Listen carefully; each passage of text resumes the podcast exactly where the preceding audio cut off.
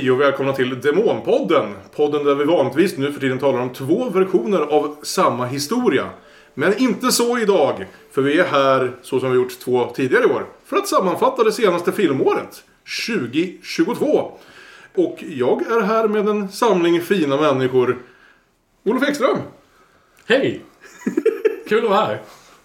Björn Waller Good morning. och Fredrik Adolfsson. God dag. Som ni märker så saknar vi tyvärr vår kära Aron Eriksson som ju har varit med och gjort den här podden och kan, eh, nästan lite särskilt skulle jag säga de här listorna väldigt roliga under de tidigare åren. Men han kunde tyvärr inte helt enkelt i år. Så vi fick vår bästa ersättare Fredrik Adolfsson på plats istället att ta Ta hans roll vill vill, kanske vi inte ska säga för jag vet inte hur mycket du och Aron delar filmsmak men Jag tänkte så ni får, vi, vi får nöja er. vi får det vi får. Vi kanske får nya perspektiv på lite andra filmer än vad Aron skulle ha spelat. Beg- kan jag tänka mig. Beggars can't be choosers. Eh, och som ni säkert hör på ljudkvaliteten för att det låter lite annorlunda än vad det brukar. Så är det här ett av de här avsnitten som vi tycker om att göra ibland. Där vi faktiskt träffas på riktigt. Och inte bara umgås via datorerna och sitter i ett och samma rum vid ett och samma bord. eh, Med mikrofon i mitten. Och det tycker i alla fall jag känns väldigt trevligt. Vi är som sagt här för att sammanfatta filmåret 2022 och kanske framförallt vad som var bra under filmåret 2022. Vi gör detta genom att låna det så kallade systemet från vår favoritpodd Screen Drafts. Ett, vad ska vi kalla det, strukturerat sätt att göra topplistor. Där vi kommer gå runt bordet kan man säga mer eller mindre och i tur och ordning eh, välja en film som ska in på specifika platser på en 20 i topplista. Så det som ska hända är alltså att vi ska besluta vilka de 20 bästa filmerna var från år 2022. Hur det går till är att eh, jag har en lista här eh, på 20 nummer från plats nummer 20, den 20 bästa filmen, till den bästa filmen, plats nummer 1. Och de har olika färger. De kan vara grön, rosa, blå eller vad jag försökte hävda var röd men som Olof definitivt ville kalla för rost. När ett nummer i den färg som varje person har, liksom, har tillgivits dyker upp så kommer den personen få spela en film på den platsen. Men det är inte bara att spela precis vilken film som helst, var som helst. Det finns nämligen även veton i det här spelet. Var och en av oss har två veton och om någon av våra vänner spelar en film som vi antingen känner är skitdålig och inte alls hör hemma på listan. Då kan vi spela ett veto i förhoppningen att eh, personen i fråga eh, ska spela någonting bättre. Men man kan även göra så här att om till exempel Fredrik försöker spela min favoritfilm från året på plats 19 eller något dylikt. Kan jag lägga ett veto för att jag känner att nej, den här måste ju ligga mycket, mycket högre upp på vår lista. Plats 19 duger inte alls.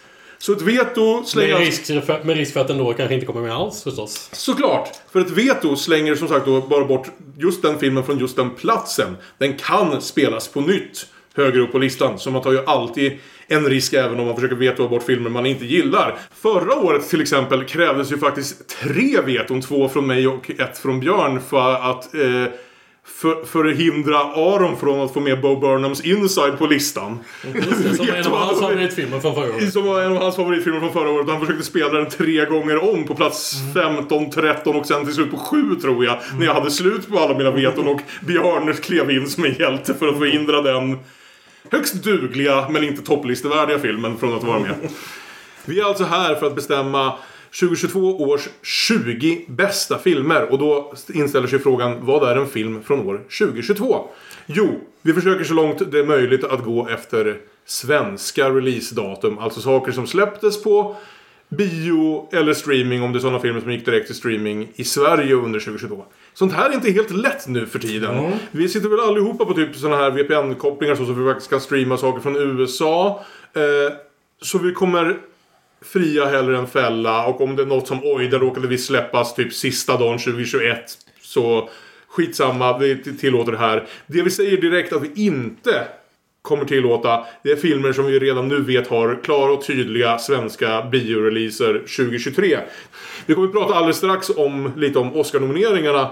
Eh, och flera av de filmer som fick många Oscar-nomineringar har ju faktiskt inte haft svensk release förrän 2023. Jag tänker till exempel på The Banshees of Inisherin, After Sun, The Fablemans, Tar. Tar. Min älskade The Quiet Girl och så vidare. Så de filmerna kommer inte dyka upp. Kanske dyker de upp om vi gör det här igen nästa år. Men vi kan väl också gå runt bordet och höra lite. Fredrik fick ju det här beskedet att han skulle få, få spela det här spelet lite sent. För bara, vadå, två veckor sedan kanske? Ehm, Det var ju strångt. det är väldigt starkt måste jag säga att ställa upp på det med, med så lite förbehåll. Men hur många filmer har ni hunnit se från året tror ni? Ska vi börja? Jag vet att Olof såg, du var pappaledig inför förra årets lista och hade sett en väldigt imponerande mängd filmer från, från det året, 2021. Hur har det gått i år? Jag har, jag har sett en hel del nya filmer i, i år också faktiskt. Kanske delvis för att jag går på en del festivaler och så. Ja. Så blir det, så blir det väl att jag klämmer en del nya filmer. Eh, på min lång lista av sånt som jag trodde kunde vara acceptabelt så har jag 127 filmer. Åh jävlar vad du jobbar! Men, eh, men jag har säkert inte sett alla som ni har sett bara för det. Nej. Nej. Ja. Björn? Jag ligger någonstans runt... Någonstans mellan 85 och 90. Jag är, Fredrik Adolfsson? Ja, jag är lite, lite mer blygsam. Jag tittar väl mer, generellt mer på tv-serier nu för tiden än på film tyvärr. Även om jag hade ett rätt bra generellt filmår förra året så var det inte så mycket nytt. Jag tror jag fick det till runt 23. Okej. 24 kanske. Men ändå fem som du känner att du med säkerhet kan spela som jättebra filmer. Ja. Ja. Jag hade inte heller lika bra som förra året. Jag blev lite rumphuggen här på slutet av livet. Eh, jag landade, tror jag, på 62 till slut, giltiga filmer. Eh, jag tror jag var över 70 förra året. Eh, det fanns sä- lätt 25 filmer till jag hade velat hinna se. Men sånt är livet. Och då börjar man välja sådana här saker som Björn har säkert sett den och om den är bra nog kommer han säkert att spela den. och det är ju lika Ja, saker. det är sant. För, för att det är, ju, det är ju det också att man försöker ju tänka både vad man prioriterar att se men också vad vill man prioriterar att spela här nu. Vad, vad som... Vad har de andra gillat? Precis, det blir, det blir ju lite strategi här att om det är någon film till exempel, det har vi sett exempel både hos oss och Screen Drafts att om det är någon film man vet kommer att hamna på listan men verkligen inte tycker om då kanske man ser till att spela den på nummer 19. Bara så att den är ur vägen. Vi ska också förvarna att det finns filmer. Vi sitter här i Kalles stuga vid Indalsälven och det kommer säkert att finnas filmer som får åtminstone en av oss att resa sig upp, ringa efter en taxi och hoppa på nästa tåg söderut. Eh, var, varje nämnande av eh, positivt omnämnande av filmen Moonfall kommer att leda till automatisk di- diskvalificering. Nej, vad i- vad i helvete! Då, då, då, då, då kan jag säga direkt att på slutet av det här, om vi orkar, om vi inte är fiender på slutet av den här listan, eh, kommer vi ta en liten, en liten diskussion bara om andra bra filmer. Eh, Som vi har sett det här året och som vi vill rekommendera även om de i slutändan inte fick plats på listan. Och kanske andra dåliga filmer. Som Ja just det, vi brukar faktiskt även snacka, snacka lite stolpskott. Det är sant. Det vi kommer göra nu först är att ha en liten frågesport för att få bestämma vem som ska få spela filmer på vilka platser. Så jag kommer ställa en fråga. Frågan har ett numeriskt svar med andra ord. Kommer, vi kommer behöva skriva en siffra som jag väl i alla fall kan säga är någonstans i hundratalen på det här kortet. Jag kan inte svaret på frågan själv såklart så att jag ska kunna vara med. Så när vi alla har skrivit vår gissning på ett kort så kommer jag kolla upp svaret på den här frågan. Och den som var närmast kommer få välja sina platser först. Och sen den som var näst närmast kommer få välja sina platser sen och så vidare. Tills alla har fått sina nummer där de kommer få spela sina av årets favoritfilmer. Frågan som jag ställer er. Nu när vi spelar in det här så tidigare i veckan så eh, släpptes Oscarsnomineringarna till den 95 Oscarsgalan.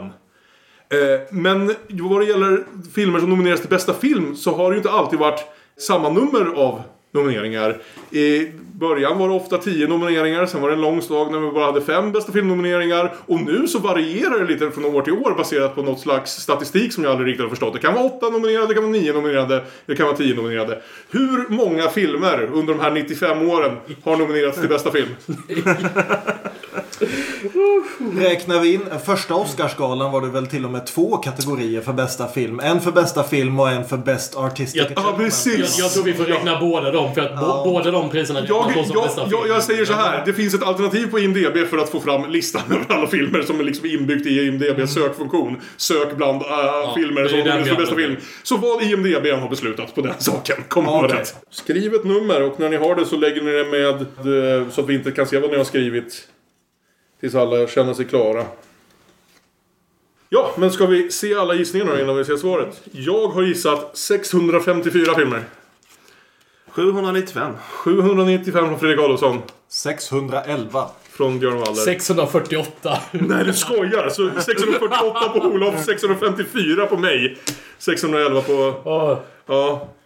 Då så, då trycker jag på knappen. Och ser vad det rätta svaret är. Rätt svar! Vi var hö- högt allihopa. 594.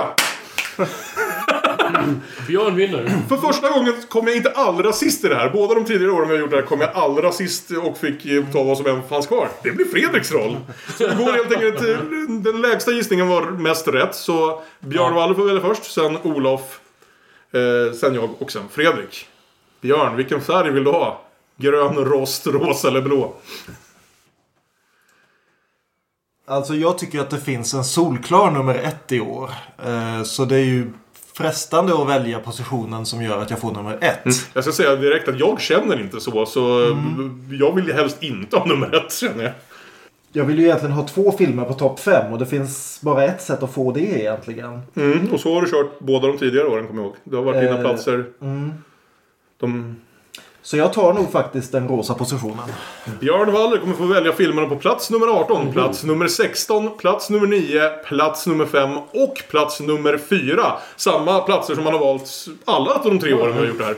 Att det finns en solklar etta vet jag inte riktigt om jag heller känner igen mig Jag vet inte riktigt vad det skulle vara. Nej. Jag har ju oftast brukat få ut till den nummer ett, ja. Ja, vi har ju alltid haft samma platser båda de två tidigare åren. oftast för att Björn inte vill ha den. Jag säger så här. Jag vill inte heller ha nummer ett. Så frågan är ska vi låta vår gäst och gode vän Fredrik Adolfsson få avgöra årets bästa film? Men det kanske skulle vara kul.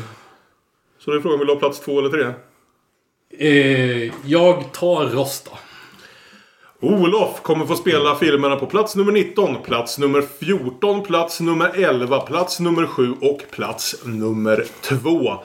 Då tar jag, precis som Björn Waller, samma färg som jag har haft, eh, eller samma platser som jag har haft varje år och väljer de blå platserna. Så jag kommer få spela film nummer 17, film nummer 15, film nummer 12, film nummer 6 och film nummer 3. Och det lämnar Fredrik Adolfsson utan ett val, men med möjligen de bästa platserna. För han kommer få välja. Ja. Vilket passar mig eh, utmärkt för jag gillar inte att välja. Så. Ja. Ja. Så Fredrik kommer få de gröna platserna och välja, ja, välja film nummer 20, film nummer 13, långt hopp där, film nummer 10, film nummer 8 och film nummer 1, årets allra bästa film. Vi får väl hoppas att vi håller med honom om den saken. Annars kanske någon av oss har sparat veton. Ja, hörni, då är det väl inte mer än att vi drar igång det här med Fredrik Adolfssons val av film på plats nummer 20. På plats nummer 20 så har jag valt att eh, eh, spela en film som jag egentligen tycker förtjänar en högre plats. Men det är väl också lite, lite där eh, så att säga, strategiska. Att, att, eh, eh, för mig är det viktigt att den får plats på listan än, än eh, att den hamnar högt, eh, lika högt som min privata lista. Ja, jag kommer ju spela mina fem favoritfilmer från, år, eh, från Ja. året. Även om liksom då den första kommer landa på plats nummer 17 och det är ändå min film nummer 5. Liksom. Ja. Så är lite naturen. Jag räknar inte så mycket med att andra ska spela mina filmer. Och, och här, här hamnar jag på en film som jag faktiskt som jag inte trodde att jag skulle tycka om till att börja med. Som en film som ingår i en speciell typ av Hollywood-tradition kan vi kanske säga. Och som till skillnad från de flesta andra faktiskt lyckas göra det riktigt bra. Eh, kanske den enda som lyckas göra det riktigt bra. Den första som lyckas göra det riktigt bra sedan Who Framed Roger Rabbit. Okej. På plats nummer 20 har Fredrik spelat?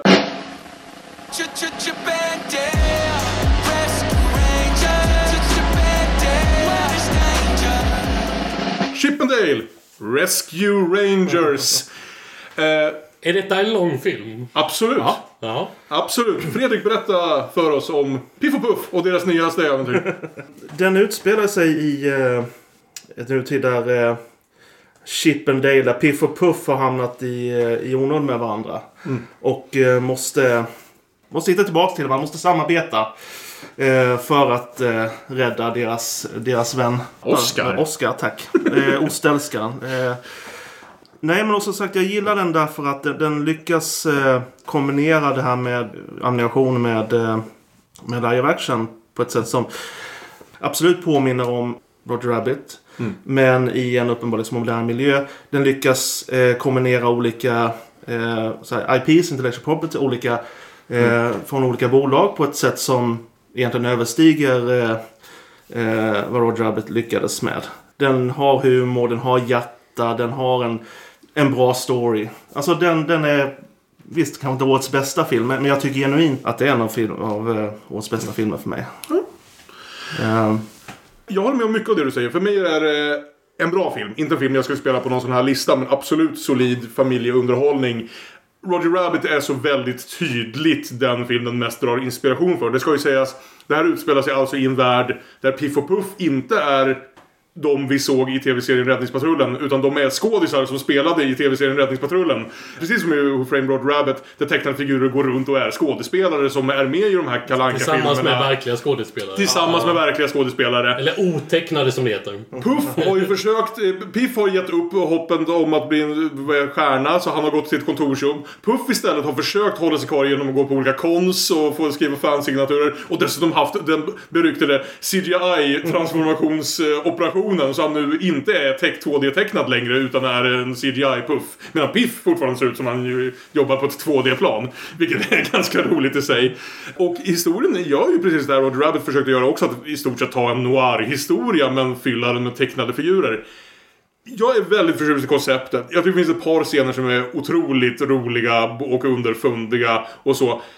För mig tappar den lite luften någonstans. Bryta fjärde väggen brukade kännas väldigt anarkiskt och spännande och så. Nu för tiden är det lite standard till den graden att jag kanske inte blir lika liksom upphetsad över det. Who Framed Roger Rabbit är verkligen en av mina favoritfilmer. Kanske liksom... Ja, verkligen tycker jag är en av 80-talets bästa, bästa familjefilmer. Så den här når inte alls för mig upp till samma höjder men det är en väldigt solid trestjärnig underhållning. Så jag har inget emot att ha den... Hade den börjat dyka upp liksom på topp 10 hade jag kanske börjat klaga men plats 20 har jag inga problem med. Olof? Jag har inte sett den här filmen. Jag hade nog eh, missat att den fanns kanske enligt överdrift. Jag känner igen det nu när, när vi pratar om den. Att, att det är en film som finns. Och jag känner väl så här att jag... Eh, jag gillade Chippendale TV-serien väldigt mycket. När jag var mindre. Och jag tycker det, det här låter som en jävligt kul uppdatering. Jag, Jag tror du skulle gilla den. Bara det jag, av- sku, av jag skulle nog kunna gilla den. Eh, och det, det känns som ett väldigt oväntat... eh, Jag hade inte väntat mig den här filmen på den här listan. Eh, men jag tycker att det... Fan, det är kul att ha med den. Så känner jag. Det, det, det skulle jag också vilja tillägga att det är någonting jag, jag också tycker är jättebra. Att den leker med just den här att den leker just med nostalgin också. Nostalgin finns där och det finns en respekt för nostalgin. Den talar till nostalgi, nostalgin utan att vara överdrivet respektfull för den heller. Den, eh, den håller en bra balans där. Det är ju Lonely Island-killarna som har gjort den så det finns ju en koppling till, vad heter det? Lego Movie är egentligen den filmen jag känner kanske av de senare årens filmer som ligger närmast i ton och liksom humor och så vidare. Och det märks att Så det är Lego? Lego, Ja. The Lego Movie. Och den gillade jag ju också. Så. Eh, jag såg den här efter att Fredrik hade ravat om den vid tillfälle. Jag tyckte inte om den. Nej. Eh, nej men jag tycker att det som störde mig mest av allt tror jag är väl att Disney gör en film år 2022 där skurkarnas stora brott är att de använder samma public domain-historier som Disney har, alltid har stulit ifrån. Och att detta målas upp som det mest skurkaktiga du kan göra. Att du stjäl från deras IP. Och, och det är liksom... Jag, jag såg det och sen så började jag hata filmen. Ja, okej. Inte så mycket att jag tänker lägga veto på den. Jag tycker inte det här är en bra film. Jag tycker det finns roliga saker i den. Men jag tycker att det är en film som verkar säga rakt ut. Vi är Disney, ni tycker om Disney. Därför kommer ni att tycka om den här nostalgin. Därför att vi i Disney kan inte göra något fel. Och för mig i alla fall var det en ganska tondöv film. Liksom var, var filmdebatten. Men, men som sagt, det är inte en film som är tänkt för filmvetare det här. Utan det, det är en underhållande familjefilm. Och som sådan fungerar den säkert. Men, men jag kom på helt fel fot med den och jag började hata den filmen. Så För mig ligger den här bland årets sämsta filmer. Men det, det, det är min åsikt och jag, tänk, jag tänker inte liksom lägga in något annat på det. Så den- Inget den får- veto i alla fall. Nej, det, jag sparar mitt veto till högre upp. Jag gillar att Fredrik tycker om den här. Jag Ja. kan inte göra det. Nej, jag tror du sätter lite fingrarna på varför den inte är, är liksom en riktig fullträff för mig heller. Eh, jag kan liksom se mellan, se mellan fingrarna då istället med, med en del av det. Men, men jo, det blir lite obekvämt vid något tillfälle. Också sagt, framförallt tycker jag den tappar luft lite allt eftersom. Eh, men, men, den är låst och fast. Plats nummer 20, Chippendale Rescue Rangers. Då rör vi oss vidare till plats nummer 19 och Olofs första val. Som plats nummer 19 så har jag valt en mexikansk skräckfilm.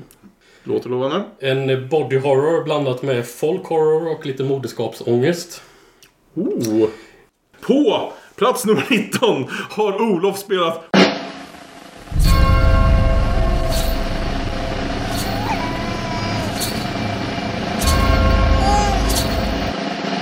Huesera, the Bone Woman. Eh, det handlar om eh, Valeria som äntligen har blivit gravid efter många och jobbiga försök. Eh, Efter pilgrimsfärder för att be till den heliga jungfrun om hjälp och, och så vidare. Men eh, det känns inte riktigt bra i magen. Hon känner sig plötsligt kvävd i kärnfamiljen. Eh, och med sin mysiga och men äckligt korrekta kille. Och eh, hennes familj eh, hånar henne ständigt och antyder att, eh, eller säger ibland rakt ut att hon är så självständig och egoistisk så hon borde ju egentligen inte bli mamma. Och hon börjar ju misstänka att hon har rätt, de har rätt och att hon blir mer och mer avståndstagande mot sin kille och mot sin familj. Och drivs tillbaka i i, till sina punkdagar när hon stod vid sidan av samhället med sin lesbiska älskare Octavia. Som hon till slut drivs tillbaka in i en relation med. Vilket får henne att känna sig friare på vissa sätt men ångesten över situationen växer och manifesteras. Det är då hon börjar förföljas av Huesera. En, eh, som är en mexikansk folkhorrormyt om en kvinna med magisk makt över allas ben. Och alltså då deras skelett, inte, Deras det, inte, deras extremiteter. Deras skelettben, exakt. Och eh, Valeria börjar drömma otroligt verkliga drömmar om, eh, som fokuserar på benen i hennes kropp. Hur de går sönder eller, eller, eller hon ser det hända med andra. Och eh, hon ser den här Huesera bryta sig in i, sitt, i huset och sätta eld på saker. Men det är bara hon som ser det.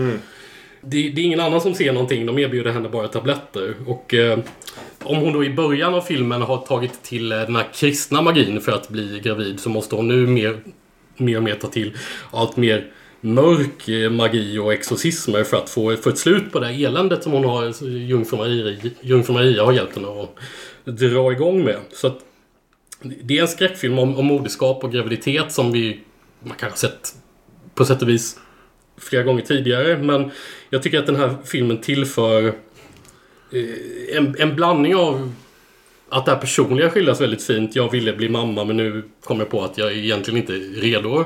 Eh, blandat med en folkhorrormyt som är, är kul för att det är något väldigt spe- specifikt mexikanskt i en mexikansk film. Även om jag inte visste något om, om myten sedan tidigare så, funkar, så funkar det ändå väldigt bra. Det är en bitvis väldigt otäck film. Även om det är en monsterfilm i, i någon mån så är det liksom inte en, en film om, att, om några, med några jump scares eller en monsterfilm på det sättet. Utan mer en så här krypande, eh, obehaglig eh, spänning. Och eh, det är en film som undersöker ur ett feministiskt perspektiv vad det innebär att vara mamma och kvinna i en modern tid med det här bokstavligen mångtusenåriga bagaget av kulturella föreställningar. Vilket blir ty- tydligt både i familjens bemötande och de här exorcismerna som hon eh, utsätter sig för. Jag tycker det känns som ett fint tillägg i filmhistorien till så här, Rosemary's Baby och eh, The Babadook och så vidare. Ja, precis. Ja, men ver- Och, eh, verkligen. Björn, har du sett eller i alla fall hört talas om den här? Nej, det har jag inte. Så det här låter ju jättekul. Ehm, jag har varken sett eller någonsin hört talas om den här filmen. Uh, ska jag säga, den är ju regisserad då av... Det glömde jag eh, faktiskt säga. Ja. Mi- Mi- Michel Cervera. Ja. Aha! Eh, och jag, jag tycker här, Jag blir jättespänd på att se den här. För jag tycker det är fantastiskt hur mycket kvinnor som har kommit fram som regissörer av skräckfilmer på senare år.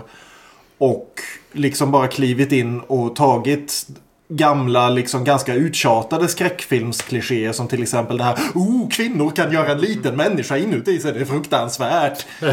Liksom David. Cronenberg har milkat, liksom mjölkat för flera stycken skräckfilmer. Eh, och så liksom vända det utåt istället. Jag tänker på Prevenge till exempel som kom för några år sedan. Och det har kommit flera filmer på samma tema. Och den här låter ju väldigt, väldigt spännande. Så nej, jag vet ingenting om den här filmen. Men den låter jättekul. Så ja. Eh, jag känner att jag måste bli bättre på att springa på filmfestivaler igen. Ja. Eh, nej, jag har inte heller inte hört talas om den. Eh, jag blir intresserad av den. Jag, jag eh, har inga problem med att se den på listan. Utan jag... Nej, jag kan bara instämma med de andra. Jag tror jag har hört titeln, alltså jag har sett den på så här listor över intressanta filmer som har kommit så här. Men det är inte en av dem som jag har gått in och närmare på eller så här. Men allt det här låter ju ganska fantastiskt och det är lite, det är väl ett tema som börjar dyka upp nu, om vi kan säga nu tredje gången vi gör de här eh, listorna att Olof är den som kommer komma in med val som vi andra inte ens visste fanns. Eh, och det älskar jag. Det Det, det, det, hände med Feathers förra året och jag tror det hände med Bait, som i och för sig inte slutade upp på listan. Men, men med Bait året innan dess, att det var filmer som vi andra helt hade missat ens fanns och som du fick, fick promota. Och jag menar, det har ju, har ju funkat bra hittills, Ja. så jag litar på dig även nu. Det, det är mitt bidrag till listan. Jag kommer med det oväntade. Ja. Ibland funkar det. Ja men toppen! Känner vi oss redo att röra oss vidare till plats nummer 18 som är Björns första val. Jo, nej, men förra året gjorde jag ju bort mig rätt rejält med att vara den enda människan i hela västvärlden som inte hade sett världens värsta människa. Det är var- Bard making you. Ja. Eh, det, det har jag gjort nu och den förtjänade ju verkligen första platsen vi gav den förra året. Det är en fantastisk film. Men jag tänkte jag skulle försöka haka på lite grann samma... Det här är ju liksom definitivt kopplingar till den. Men det är också en eh, film som lyfter fram att vi kanske... Lite grann som den filmen att vi alla förtjänar den här titeln Världens värsta människa. Men på ett, på ett mycket svartare sätt så att Ja. säga. Och så därför har jag valt den här filmen. Toppen! På plats nummer 18 har Björn valt Micke Persson. Slut mamma.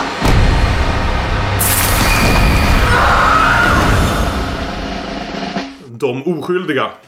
Precis. De oskyldiga av Eskil Vogt som ju skrev eh, eh, Världens värsta människa. Ja. Ja. Till... Ja. Eh, det här är, jag vet inte om det är hans regidebut möjligen. Det, det har varit Tror kanske inte det, men... Nej, men det har varit väldigt många Ja. bra regidebuter i år. Jag tror kanske det här inte är en sån. Men den här utspelar sig ju då också i Oslo.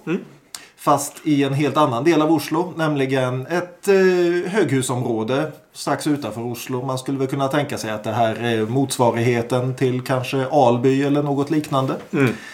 Där ett gäng barn som har hamnat här från olika delar av landet och olika delar av världen blir kompisar.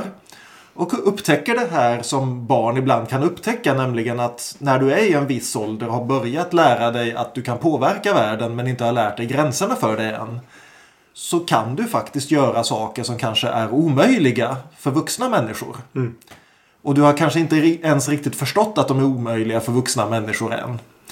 Men det du också inte har lärt dig det är gränserna för vad du får göra och vad du kan göra. Så det här börjar som en väldigt söt historia om fyra barn som blir kompisar på en lekplats i eh, en förort till Oslo. Och tar sen vägen till platser som är bland det mörkaste jag har sett på bio i år. Just därför att den här titeln, De oskyldiga. När du är oskyldig så är du inte bara... Det betyder inte att du är att du omöjligen kan göra dåliga saker. Det betyder bara att du omöjligen kan ta ansvar för dem. Det är först när du lär dig vuxenvärlden och får petas in i de här lådorna som tar koll på oss som du faktiskt lär dig att vissa gränser kanske inte bör överskridas.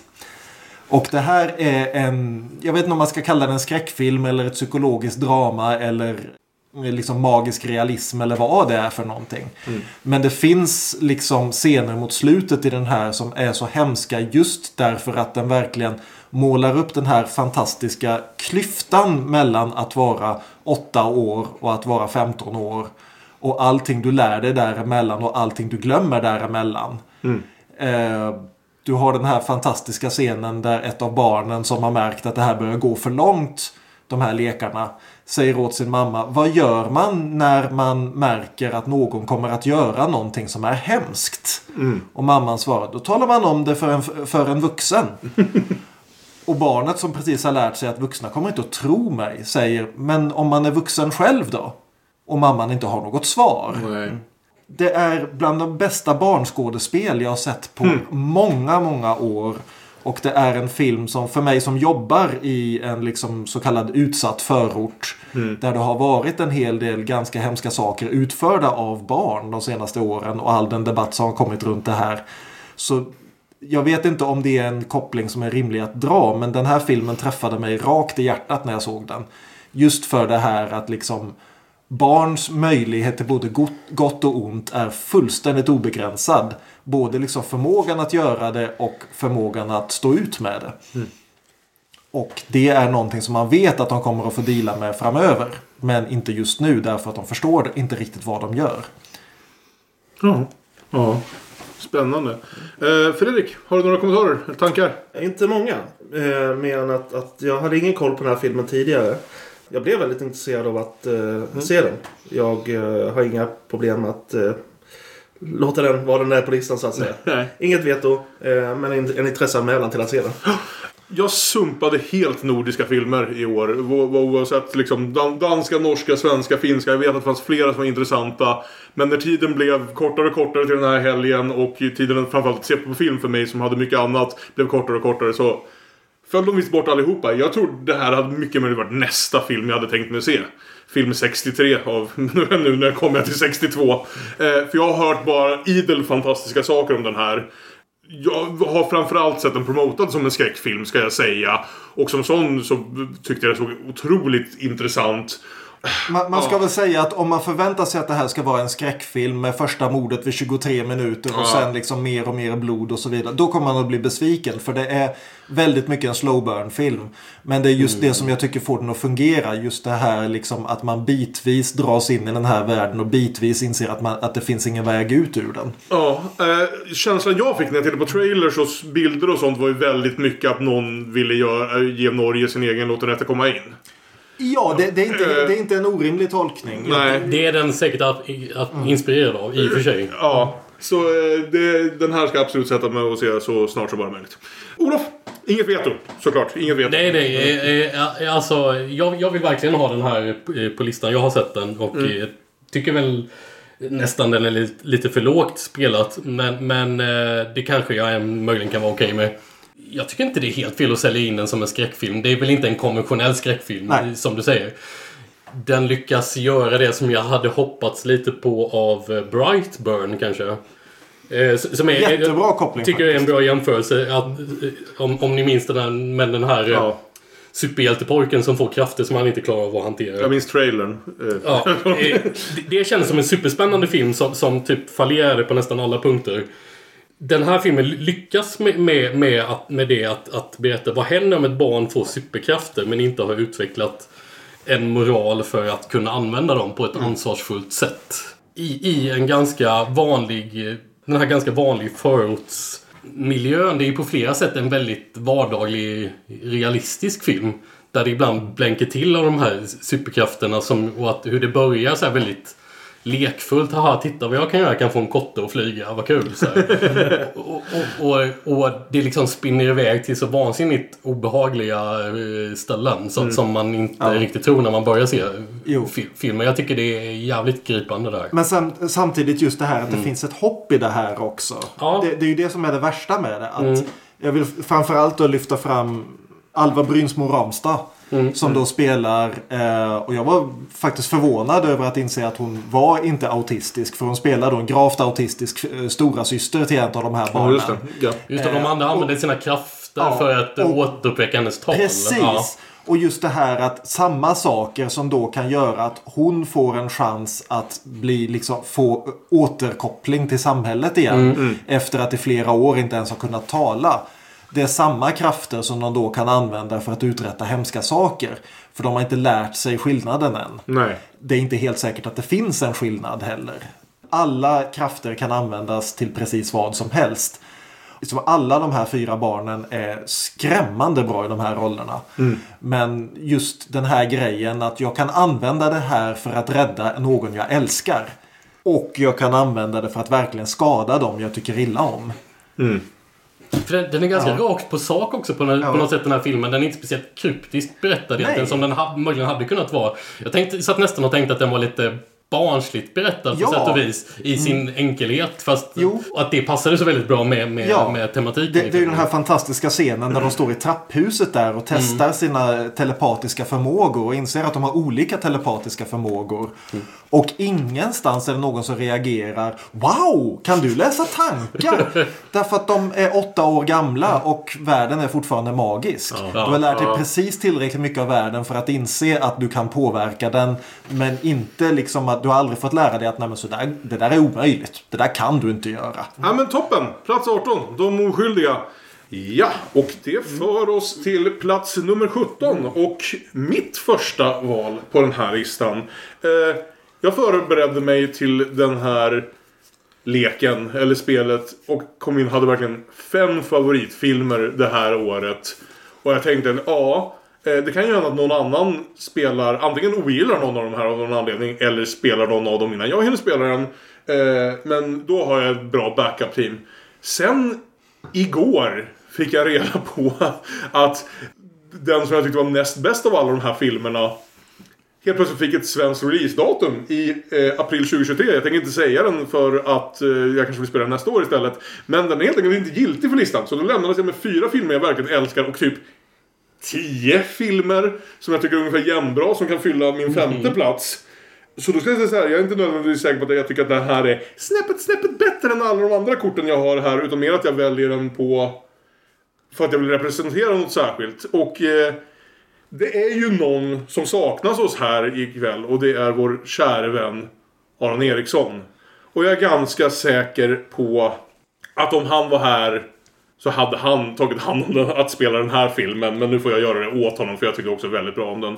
Eh, på plats nummer 17 spelar jag It has meaning, very potent meaning, and many, many people respond to it. David Cronenbergs Crimes of the Future. Den hade absolut Aron spelat. Det är det jag tänker. Så som ett Aron-hyllningspick Ja. när jag ändå hade typ 10 filmer som jag tyckte var jämvärdiga. Så väljer jag Crimes of the Future. En film som förvånade mig något enormt därför att jag förstår inte hur jag kan bli förvånad av David Cronenberg vid det här laget. Man liksom går in beredd på, oför, beredd på att vara oförberedd att något oväntat kommer hända. Hela grejen var ju dock att hela kampanjen runt den, all hype, alla trailers och spelar upp Oh, det här är så mycket Cronenberg som något någonsin kommer ha. Den här snubben har öron överallt. Och det finns en massa, det finns en massa dissekeringsscener. Och det finns eh, liksom, det är så mycket jävla gore och eh, fysiska kladdiga effekter och ni kommer inte tro. Och så är det Cronenbergs mest hjärtvärmande film sedan 80-talet. En film som faktiskt någonstans tycker och tar ställning för människan som mer än bara vad vi liksom fysiskt är byggda för och som jag har sett folk som försöker få det till ett abortnarrativ men jag väljer mer att tänka på det som ett transnarrativ. om det är ett abortnarrativ så ligger det lite längre bort från mina egna personliga föreställningar om världen. Det, det har jag Eh, svårt att köpa, men... Ja, precis. Jag har sett folk som försöker få det till, till ett abortnarrativ. Ja, men däremot om jag väljer att läsa det snarare som ett transnarrativ och sen så är det alltid en fara att lägga det här filmen betyder det här.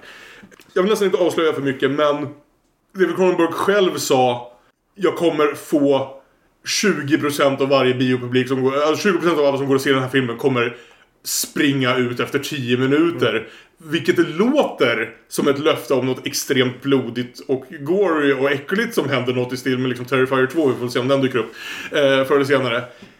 Det visar sig att det som händer de första 10 minuterna är så obeskrivligt sorgligt. Att folk, kanske om de lämnade, gjorde det därför att deras hjärtan var krossade och det var, var too fucking real man. Så att bli en film om att låta människor vara människor och vara de människor de vill vara oavsett det var så de föddes eller något de liksom efter tid utvecklades till.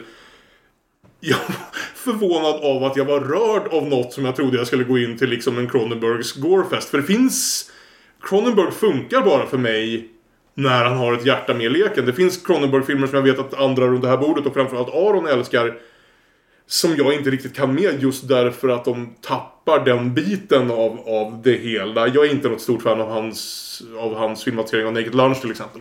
Eh, precis. Men det här slog mig jävligt hårt. Och jag var lite rädd för att recensionerna var väldigt blandade. Att jag tänkte att det här kanske blir en rycka på axlarna trestjärnig film för mig. Men nej, det blev en fyrstjärnig film på väg till en femstjärnig film i de bästa ögonblicken. Och som jag är glad att kunna få spela här nu till slut. Olof? Ja, jag har sett den. Eh, ja, riktigt så bra som Kalle hissat den, hissade den där nu misstänker jag att jag inte tyckte om den. Men, men, eh, men jag tyckte om den. Men jag, jag tror kanske att jag hade lite fel förväntningar på den. Att, att det skulle vara den här eh, gory body horror-filmen. Att man skulle förfasa sig över alla öron som du sa Kalle. Eh, och, och, och, Jag måste bara säga, det roliga med öronsnubben är ju att han även i filmen är en karaktär som folk säger Han gör bara de där jävla grejerna för att få uppmärksamhet. Det är, det, det är en jävligt rolig scen i sig. Och alla, alla bara nej nu kommer han med alla öronen. Vad ska, vi, vad ska vi göra? Han vill att vi ska titta på honom. Jag tyckte, det- jag tyckte det var väldigt kul. Men det här, filmen har ju sina äckliga sekvenser. Men det, och det ryckte jag nog lite först på axlarna åt. Men jag tänkte också sen en bit in i filmen att okej, det är kanske inte riktigt det här som är poängen ändå. Nej. Det är ändå någonting mer här. Det, det finns den här eh, ganska fina historien om att eh, nu har vi fuckat upp den här planeten. Vi- Det finns inget vi kan göra för att rädda planeten. Okej, då får vi väl ta lite ansvar och, och ändra oss själva så att vi passar in på den här planeten nu då. Precis. Eh, och det tyckte jag var ganska spännande. Ja. Eh, när jag insåg att ja, okej, det är väl kanske ändå det som är det viktigaste här. Eh, och det andra är mer kul öron och grejer som man kan ha lite, som man kan ha, som man kan ha lite roligt åt. Men, men, men eh, vid, vid sidan av. Men det är inte det som man ska fokusera på egentligen. Och eh, när jag insåg det så, så, så kände jag ändå att ja, men jag tycker ganska bra om den här. Det är ändå en ganska... eh, Det finns lite hjärta här som du sa. Ja. Det, det tog nog ändå en bit in i filmen för mig, för mig att inse det. Ja, absolut. Ja. För det följer ju som ganska många Cronenberg-filmer liksom lite av en konspirationsthriller-struktur någonstans. Ja. Det finns en thrillerhandling med till och med Gissar jag, liksom några hemliga agenter som försöker infiltrera olika Ja. liksom, enklaver av olika liksom ideologiska grupper och så vidare. Och det, det är ju någonstans liksom skelettet till handlingen. Men jag tror att man går in, det finns en risk att man tror att David Cronenberg ska vara mer cynisk än man faktiskt ganska ofta är. Och jag tror det var det som förvånade mig så mycket. Och jag håller med, det är först i andra halvan som allt det här klickar ihop. Och jag vet vilken film det är jag tittar på någonstans. Men, Ja. men, men, eh, ja. Ja, Björn. Ja, jag är så glad att någon spelade den här. För jag skulle inte ha gjort det. Jag tycker det här är en solid Cronenberg-film. Jag tycker inte det är bland hans bästa. Jag är jätteglad att han liksom har fått göra en film till åtminstone. Eh, för det var ju ett tag sedan den senaste. Jag tycker inte den håller som sagt riktigt samma klass som när han är som bäst. Men jag älskar just som du säger liksom hur någonstans optimistisk den är i all, i all svärtan. Den filmen jag tänker på när jag liksom har gått, funderat på den här efteråt. För att liksom, om vi verkligen ska snacka remakes på ett tema. Så är det ju Hasse och Tages gamla Ägget är löst. Oh, Det är en intressant. bra koppling. Ja. Ju-. Just den här människan som isole- isolerad från mänskligheten hittar ett Ja. sätt för mänskligheten att fortsätta leva i en förstörd värld som vi själva har saboterat. Och som även har en ål som kompis, vilket känns aktuellt. Nej, men jag gillar den här. Det är ju, du sa transtema, det är ju väldigt mycket en transhumanistisk film. Absolut. alltså inte bara liksom en fråga om kön, utan Nej. också om mänskligheten som Ja, art. Absolut. ja, det är ju på flera plan. Hur vi Ja. liksom inte bara vill utan också måste förändra oss till en värld som förändrar sig. Det här persongalleriet han tar med där, Kristen Stewart som är med som en av de mest hysteriska roller hon har gjort i hela sin karriär. Kristen Stewart som alltid har gjort en grej av att underspela varenda roll spelar här över så det stänker om det. Och jag älskar det just därför att man, man, varenda, varenda karaktär fungerar egentligen som den här öronmannen. Att man måste någonstans bedöma hur mycket fattar den här människan vad som pågår och hur mycket missförstår den precis allting. Ja. Eh, och jag är inte säker på att någon har ett säkert svar. Det som stör mig med den här filmen det är att eh, Cronenberg har varit öppet med det här att han skrev det här manuset för 20 år sedan. Och när han nu äntligen fick filma det så ändrade han enligt egen utsago inte ett kommatecken i Mm. den. Och ändå så känns den så väldigt aktuell. Ja. Vilket...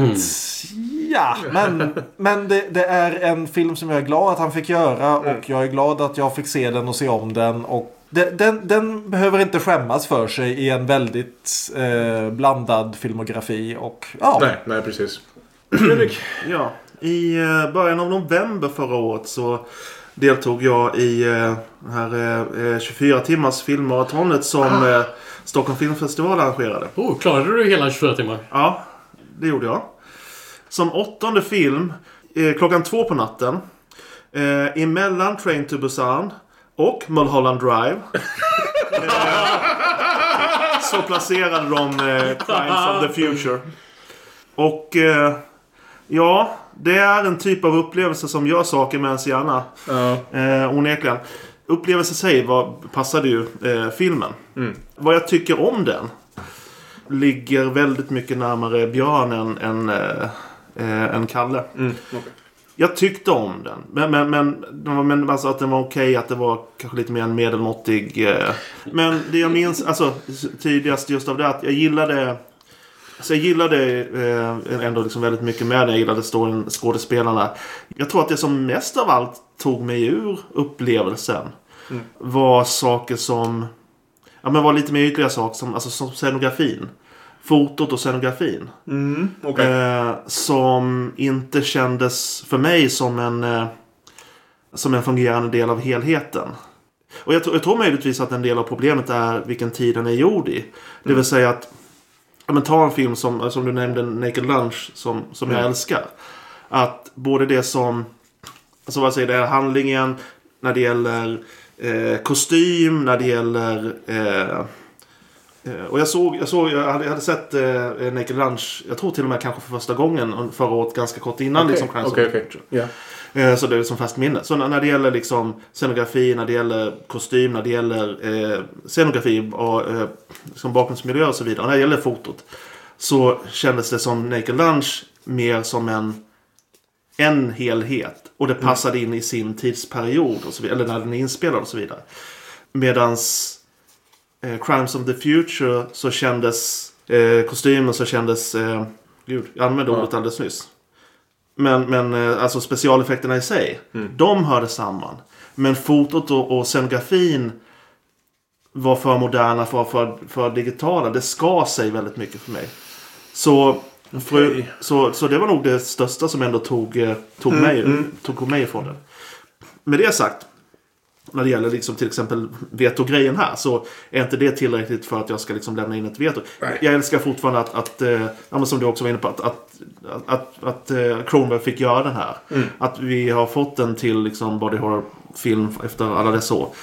Eh, så jag känner ändå rätt fint att den är med på listan. Men eh, det är inte en topp 20 för mig i år. Nej. Egentligen. Nej. Ja, det Björn sa om Kristen Stewart som ju framförallt tidigt i sin karriär liksom på Twilight-tiden fick mycket liksom, kritik för hennes små konstiga tonårstics och grejer och så här. Och så här bara liksom vapenför dem. Och gör dem tio gånger så stora. Och varenda av hennes konstiga små liksom eh, smackande med läpparna och klia sig i ögat och så här gör hon så stort hon någonsin har gjort det. Och, det, och det är så, jag finner henne hysteriskt rolig. Och det är ju inte en rolig film överlag. Så hon, varje gång hon kommer in blir det... Det är bara så kul att se henne göra någonting sånt här. Eh, vad gäller Fredriks poäng om scenografin så tänkte jag också på det här att hur lite de gör med scenografin. Nästan till den graden att om det här bara är en känsla han ville få fram eller om det faktiskt var så att Ja David, du får göra den här filmen till slut men budgeten är kanske inte monumentalt stor. Så då går den istället på de specialeffekterna som folk kommer prata om. Alla kroppsdelar som plockas ut ur andra kroppsdelar och de här stora levande sängarna och eh, sådana saker. Och det kanske inte finns jättemycket pengar kvar till de mest spännande scenografierna. Ja, Ja. men jag tror, jag tror det. det, det, var det jag tror det. Alltså, för Mm. att det var det som var en av grejerna för mig är att jag tyckte att det kändes som mer av en budgetgrej än någonting annat. Inte som en genomtänkt medvetet val utan det var här vi hamnar. Det- det- det- liksom för vi har, det är det vi har råd till. Jag kan absolut tänka mig att det är sanningen. Samtidigt som kanske det också säger något att eh, att de här människornas liv handlar så mycket om vad som är inuti dem att de knappt bryr sig om vad som finns runt om. Alltså rummen de lever i och så. Allting är väldigt grått och platt och liksom li, lite det här du vet att all, hälften av alla halvbudget actionfilmer är inspelade i lagerlokaler. De här människorna bor i lagerlokaler allihopa eller betonghus. Men, men jag, tror, jag tror ändå, och det här, det här är... Och det, det är möjligt att det är ett resultat av att, jag- eller en effekt av att jag håller Cronenberg ganska högt. Han är en av mina favori, absolut favoritfilmskapare. Eh, men jag tror att om det hade varit det han ville få fram, om det hade varit poängen. Då hade det... Då hade det märkt så att säga. Då hade, Ja. På ett annat, på ett annat sätt än det hade märkt. Ja men toppen! Inga veton på den. Crimes of the Future på plats nummer 17. Hoppas det är bra med dig Aron. Vi saknar dig. Så då är vi tillbaka till Björn på plats nummer 16. Ja, och vi har ju nu snackat en eh, bizarr body horror-film som tog 20 år att få gjord. Så då tänker jag att vi stannar på temat och snackar om en annan bizarr body horror-film som tog 20 år att få gjord. Ah, på plats nummer 16 har Björn spelat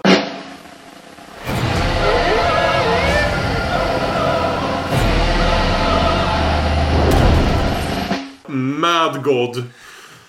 Yes, Mad God av Phil Tippett. Mannen som gav oss specialeffekterna i till exempel Star, the original Star Wars. I original Jurassic Park. Etc, etc. Det här är en av de stora liksom, specialeffektskillarna i Hollywood. Som i 20 år då har jobbat på den här filmen. I claymation stop motion. Det är alltså allting är gjort. Det finns säkert några CGI-effekter där inne någonstans. Men på det stora hela så är allting gjort med stop motion. Och han har tagit så lång tid på detta att jag är ganska säker på att handlingen i filmen har ändrats flera gånger under det här arbetet. Vilket passar väldigt bra ihop med filmen. För det här är en film som hela tiden, varje gång man tror att man har förstått vad den handlar om så rycker den undan mattan under fötterna på en och tar en någon helt annanstans. Det här är inte en film som går att summera handlingen i på något vis överhuvudtaget. Den handlar om en lönnmördare som skickas in i en mardrömsvärld för att förstöra den här världen. Tror man i alla fall. Eh, och sedan färdas genom den ena tablån efter den andra som skulle få Dante Alighieri att verkligen dra sig till... Ja, men så hemsk är inte världen. Gud hatar ingen så här mycket. inte ens Judas. För att se vad människan gör mot sig själv hela vägen. Och det är en film som är så fantastiskt gjord i alla små detaljer. Och så äcklig och så pessimistisk över mänskligheten att man sitter och vill försvara sig mot den. Och varenda gång man tror att man har byggt upp något lite försvar så hittar han ytterligare en grej att sticka in i en och ytterligare någonting att äckla en med eller att få en att gråta över som är något så fantastiskt. Och sen i andra halvan när det faktiskt börjar, när det visar sig att handlingen inte alls är den vi tror den är. Så någonstans så stiger den här upp till nivån av, skulle jag säga, stor filmkonst. Jag vet inte om det här är en film som... Jag vet att det här inte är en film som alla kommer att tycka om. Eller ens kommer att kunna se till slut. Därför att det är en så bizarr och så osammanhängande och så... Det, det är en film som verkligen utmanar en varenda steg att resa sig upp och gå. Men jag tycker så mycket om att han till slut fick ihop den efter att ha suttit med sina le- lergubbar i 20 år och göra den här. Och att han får ihop det till något som är så fantastiskt på något vis sammanhängande i sitt kaos. Och har så många scener som verkligen man bara sen vill gå och börja med heroin för att få bort i skallen. Den, den där titeln känns som en utmaning. Vem är den här onde guden egentligen? Och finns det någon av oss som egentligen kan säga sig inte vara galen i den här världen? Fredrik, har tankar om Mad God? Eh, nej. Nej, inga alls. Jag har inte, inte sett den men den finns på min radar och jag är väldigt eh, peppad på, på att, eh, eh, se den. Med tillfälle ges. Eh, jag har ingen anledning att ge veto på den. Nej. Det, vi ska säga den, den får väl lite bredare release i Sverige under nästa år. Den har visats Om det är år- eh, fe, fe, festival... eh, Ja, Det har varit lite festivalvisningar ja festivalvisningar och annat. Fler borde se den och det, det är nog faktiskt... Det vore jättekul att se den på storskärm. Eh, men det är också en film som jag har liksom någon gång i år bara satt på i bakgrunden. Bara för att någon gång titta dit och tänka Men vad i helvete! Yes. eh, när jag var en tonåring så eh, hade vi en period där jag och mina bästa vänner var helt fixerade vid hårdrocksbandet Tool. En, och en av orsakerna till att vi älskade Tool var deras extremt coola och häftiga musikvideos som ganska ofta var fem minuter av stop motion monster som gjorde helt oförklarligt äckliga saker mot varandra. Eller med sina kroppar eller andra saker. Och eh, min... Jag är absolut inte lika förtjust i den här som Björn är. Men för den stora känslan tog vi iväg med det här. Vet ni vad vi aldrig tänkte? Vi tänkte aldrig tanken, tänk om den här Tool har gjort långa låtar, men tänk om den här Tool-musikvideon var 80 minuter lång. och det var väl min kvarvarande känsla av Mad God, att jag sveptes inte upp i handlingen inom kaninöron, eller alltså vad det här faktiskt betyder eller så på samma sätt. Men som Björn säger, det går ju inte att komma ifrån hur fantastiskt jävla gjord det är. Vi ska säga också, Björn nämnde inte det. Det är inte en stumfilm, men det är en film utan dialog. Det är en tyst film. Nä, nästan, Nästan det, det, det, helt. fi- det finns någon enstaka liten... Precis. eh, dialog. Tänk, tänk Picassos äventyr. Ja, ja, nej men Om vi precis. ska fortsätta på Hasse och Tage. Ja, exakt. Vilken Hasse och Tage-film är ditt val? Eh, Men så, så är det absolut eh, Picassos äventyr i helvetet. Eh, Jag uppskattar den här filmen mer än vad jag tycker om den. Man tittar på den och det går inte att liksom förneka att någon har jobbat så extremt mycket och länge med att få varenda detalj rätt i den här konstiga, konstiga, konstiga jävla filmen. Jag ska också säga att det är den minst amerikanska amerikanska film jag någonsin sett. Om du sa till mig att det här var... var Det är något östeuropeiskt Exakt, om, det var någon, om någon sa till mig att det här var vad Jan Svankmajers demente kusin gjorde bakom muren 1986. Innan de, innan de låste in honom och på Och, mentalsjukhus. och, och, och att allt, allt, allt, allt handlar om Sovjetförtryck så hade jag ju förmodligen trott mig. Om någon hade presenterat den här filmen liksom utan att jag visste vad det var. Det, det, det är just det jag gillar med filmen. Att den hela tiden, varje gång du tror att ja, men det här är en metafor för det här. Så kommer något monster och är värre. Och det är just det här att den, den kan inte handla om någon specifik liksom, politisk eller samhällelig situation. Utan den här handlar bara om en av de mest pessimistiska tolkningar av vad den mänskliga naturen är. Eh, jag är inte helt säker på att jag håller med den. Jag vill gå i dialog med den. Ja, så i slutändan det är en film jag beundrar mer än tycker om. Men jag beundrar den väldigt mycket. Ja. Eh, så jag tänker inte spela något veto. Så. Jag hade möjligen börjat fundera på veton om vi pratade om Björn hade försökt få in den på liksom topp 10 någonstans. Men, men på plats 16 har jag inga problem med att den finns här. Det är ett sånt jävla otroligt genomförande av filmkonst som jag fortfarande inte har en aning om vad som hände i eller vad det betyder. Ja, men eh, det, det går väl att beskriva den här handlingen. Alltså, eh, I ett eh, postapokalyptisk värld försöker en mördare utföra sitt uppdrag att spränga en stad. Han misslyckas, blir tillfångatagen, blir levande opererad på och föder Eraserhead-babyn. Ja, Ja. Vi- vilket, vi- Wow, spoilers! vi- vilket i sig kanske är, gör det till en liksom anti-2001. Men Det, det, det går inte... Eh, det, det, det är lite grann som att spoila en Tool-låt. Det, det, det, det är liksom... det, var Billy Hicks hela tiden. Ja. nej, jag, jag, jag, jag, Ma- jag, Maynard kommer att skrika. Åh nej, varför talar du om det för mig? Nu kan jag inte lyssna på den. Det, ja. jag älskade nog inte den här filmen men jag hade någonstans förutsatt att Björn skulle göra det. Ja, jag visste att Björn skulle spela den här sen i somras tror jag. Och, och, eh, Jag, jag tror ju att jag kommer älska den. Ja. Att den saknar konventionell handling, det har jag nog inga problem med.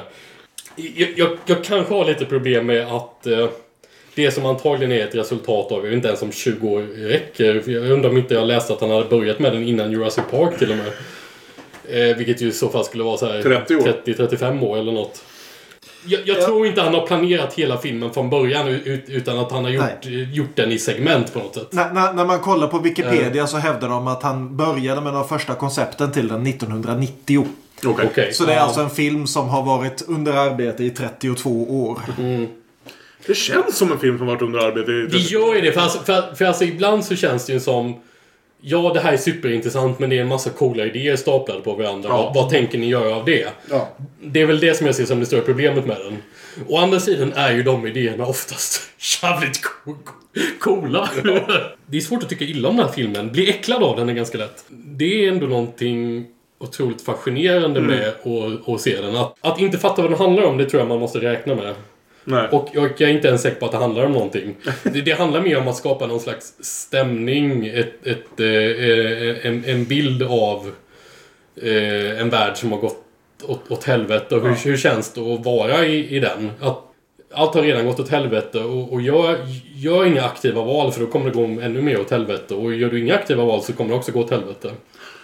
Ja, nej. Så, så trots att jag tycker att det här är liksom en trestjärnig film på väg mot en fyrstjärnig film. Ska jag ju säga att... Det finns jävligt mycket att, fun- att, att fundera Absolut. kring. Och jag förmodligen skulle tycka om den mer på en omtitt och Ja. att eh, jag satt och verkligen pumpade näven och Ja. hoppades att den skulle få en nominering för bästa animerade film på Oscar. Vilken tyvärr inte fick, men... men Jag, jag, jag satt också och tänkte mycket, Ja. precis det du säger nu, det var, det var jävligt svårt att ta in den här. Jag har sett den Ja. en gång. Det var, det var Ja. nästan lite svårt att, att, att ta in den på en, på en tittning. Så om man orkar kanske man borde se den mer än en gång. Jag, jag, jag tror Eh. att det är en film som enda sättet att ta in den det är att typ ha den på en konstant loop i bakgrunden i en månad. Men du, jag tänker- men, men, men jag tror jag rekommenderar verkligen inte att göra det för jag tror inte det är hälsosamt. Jag tänkte någonstans att du vet, ibland går man på liksom konstutställningar där de spelar en film Ja. mot en vägg i bakgrunden för att ge stämning till Ja. det andra som pågår i rummet. Och Mad God känns väldigt mycket som en film som skulle kunna spelas Det gör den. mot en, mot en vägg i ett Den konstmuseum. skulle funka som en någonstans. Ja. konstinstallation. Det skulle, det skulle den faktiskt. För, för att man... Medan man liksom, all, hans, medan Det- liksom montrar av hans stop motion kreatur sitter liksom runt om. Vi går Och och tittar delvis, på dem. delvis funkar, skulle den funka som en konstinstallation för att eh, Just eftersom den inte riktigt har en handling. Du behöver egentligen inte se den från, från början till slut. Du, du, du skulle kunna börja i, börja i mitten och se andra halvan först och sen se första halvan. Det skulle ge en annan upplevelse men, Ja. men, men, men, kanske, men, men kanske inte fel upplevelse. Nej, nej, nej men alltså, alltså, jag håller inte med om att den inte har någon handling alls. Det är bara Nej. väldigt svårt att reda ut exakt vad den handlingen Okej. Ja, ja, nej, okej. precis. Det, det är inte kan- så att du kan var lite hårt, Du kan men, inte eh, se fem minuter här och fem minuter där. Däremot Nej. håller jag med om just det här att om du skulle se den se alla de här scenerna i en annan ordning. Så skulle det ändå funka, eller hur? Det skulle bli en annan film. Ja. Inte en ogiltig film på något vis. Men det skulle bli en annan film just i och med att det finns ändå någonstans liksom en resa från A till Ö i den här Ja, filmen. ja. Så, som slutar i någon form av klimax eller eh, antiklimax. Men min, slu, min slutsats är, är, är väl att jag... Ja, du vet, då är det inte. Nej, jag, jag, är, jag är ändå rätt fascinerad av den här filmen. Ja. Jag, jag är inte säker på att jag förstår den riktigt. Ni, ni, men, eh, ja, det, Jag det- tror inte det är en film man ska förstå. Jag, jag tror det är en film som är menad att ta in med ryggraden snarare än med hjärnan. Så, så här ser listan ut än så länge. På plats nummer 20, Chippendale Rescue Rangers. På plats nummer 19, Huesera, The Bone Woman. På plats nummer 18, De Oskyldiga. På plats nummer 17, Crimes of the Future. Och på plats nummer 16, Mad God. Plats 15 ska Kalle välja. Jajamän, det ska jag. Det är ju alltid roligt ändå. Särskilt, jag menar, vi är, ju, vi är ju fyra personer som alla kanske inte skriver så aktivt. Men vi alla följer någonstans film, Twitter och alla debatter som uppstår hit och dit och fram och tillbaka. Och ibland är de fullkomligt idiotiska och ibland är de ganska intressanta. Det fanns två väldigt tydliga läger kring den här filmen. Jag skulle säga så här att nästan alla jag såg som såg den här filmen tyckte den var jättebra i 75 minuter. Och sen så fanns det en tydligt uppdelad skara i de som faktiskt också gillade den sista timmen och de som tyckte att filmen helt tappade bort sig 75 minuter in och ald- aldrig kom igen. Jag pratar om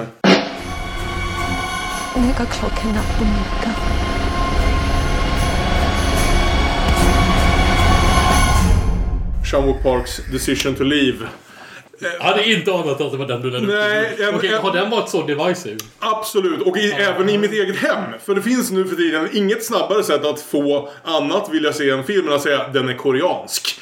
Vi är ganska överens, jag och min fru, om att den koreanska filmen har varit kanske den mest spännande filmkulturen under det här millenniet hittills. Just i det här att komma från det fanns säkerligen koreansk filmkultur under 1900-talet. Jag är inte säker på att jag har så bra koll på den och sen så mycket på grund av Chan-wook Park eh, exploderade den fullständigt och har ju sen gett oss inte bara uh, Chan-wook Parks många mästerverk utan såklart Bong Joon-Ho vad heter eh, han som gjorde Train to Busan och otaliga andra. Eh, en helt alltså strålande spännande filmkultur med intressanta regissörer, intressanta skådespelare och jag måste hålla med min fru. Jag ser ju allting hela tiden. Hon är mycket mer sparsmakad i ens att börja titta på en film men eh, koreanskt just nu har en klang av något lite extra spännande. Och har haft det eh, som sagt i 20 år ungefär. Mycket på grund av Chan-wook Park. Eh, som kanske är min favorit av nu levande regissörer. Alltså det är få personer som blir så exalterad när jag vet att han har en ny film på gång. Eller något nytt på gång. Ska du försöka förklara handlingen i den här då? Jag kan absolut försöka göra det genom att säga att det är en av de filmerna där det är nog ganska bra att veta så lite som möjligt om handlingen. Det är ju eh, stilistiskt Jean-Luc Parks försök att ta upp en genre som var otroligt populär på 90-talet och som nästan inte har funnits under två sedan millennieskiftet, nämligen den erotiska thrillern. Som några har gjort några liksom försök till men som aldrig någonsin igen har blivit en populär genre så som den var på Sharon Stones tid. Väldigt kortfattat. Ett gift par verkar inte vara helt sams. Eh, mannen tycker om att klättra i berg som sin hobby. En dag faller han av berget han klättrar på och är död. Och ganska snabbt börjar polisen som ska undersöka allt detta att misstänka hans hustru som att hon på något sätt, trots att hon verkar ha ett väldigt vattentätt alibi, kan hon ändå haft något att göra det. Problemet såklart, precis i bästa Michael Douglas Sharon är ju att hon är ju också otroligt attraktiv. Och naturligtvis eh, blir han mer än lite förtjust i henne under undersökningens gång. Och Han kan inte sätta dit henne så han gör det näst bästa. Sätt, sätter på henne. Sätt- sätt- Sätter på henne istället för att sätta dit henne.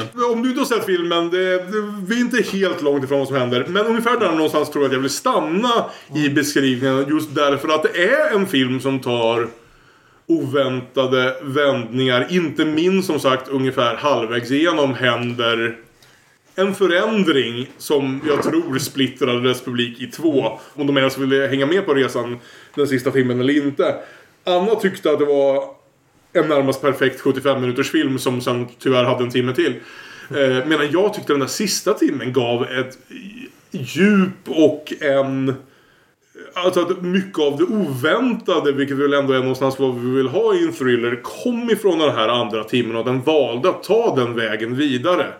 Eh, För jag kan någonstans hålla med om att den här filmen hade kunnat börja spela eftertexter vid 75 minuter och varit närmast perfekt. Men kanske ändå inte riktigt haft, varit så djuplodande. Då hade det varit en riktigt spännande liten liksom exploitation-film någonstans. Otroligt välgjord.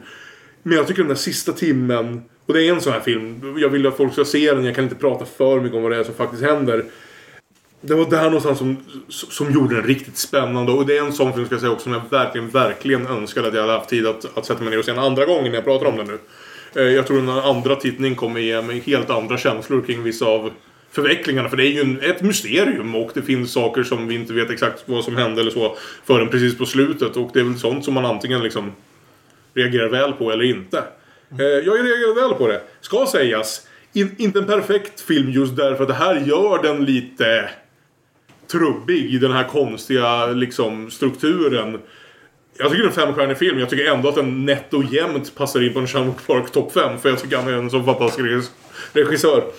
Så det är inte hans bästa film på något sätt. Eh, det är faktiskt till och med liksom hans förra film, The Handmaiden, var bättre. Men The Handmaiden var då också en av de bästa filmerna på otroligt länge. Men eh, det är en film som jag inte har slutat tänka på. Det är en film som jag längtade efter att få se igen.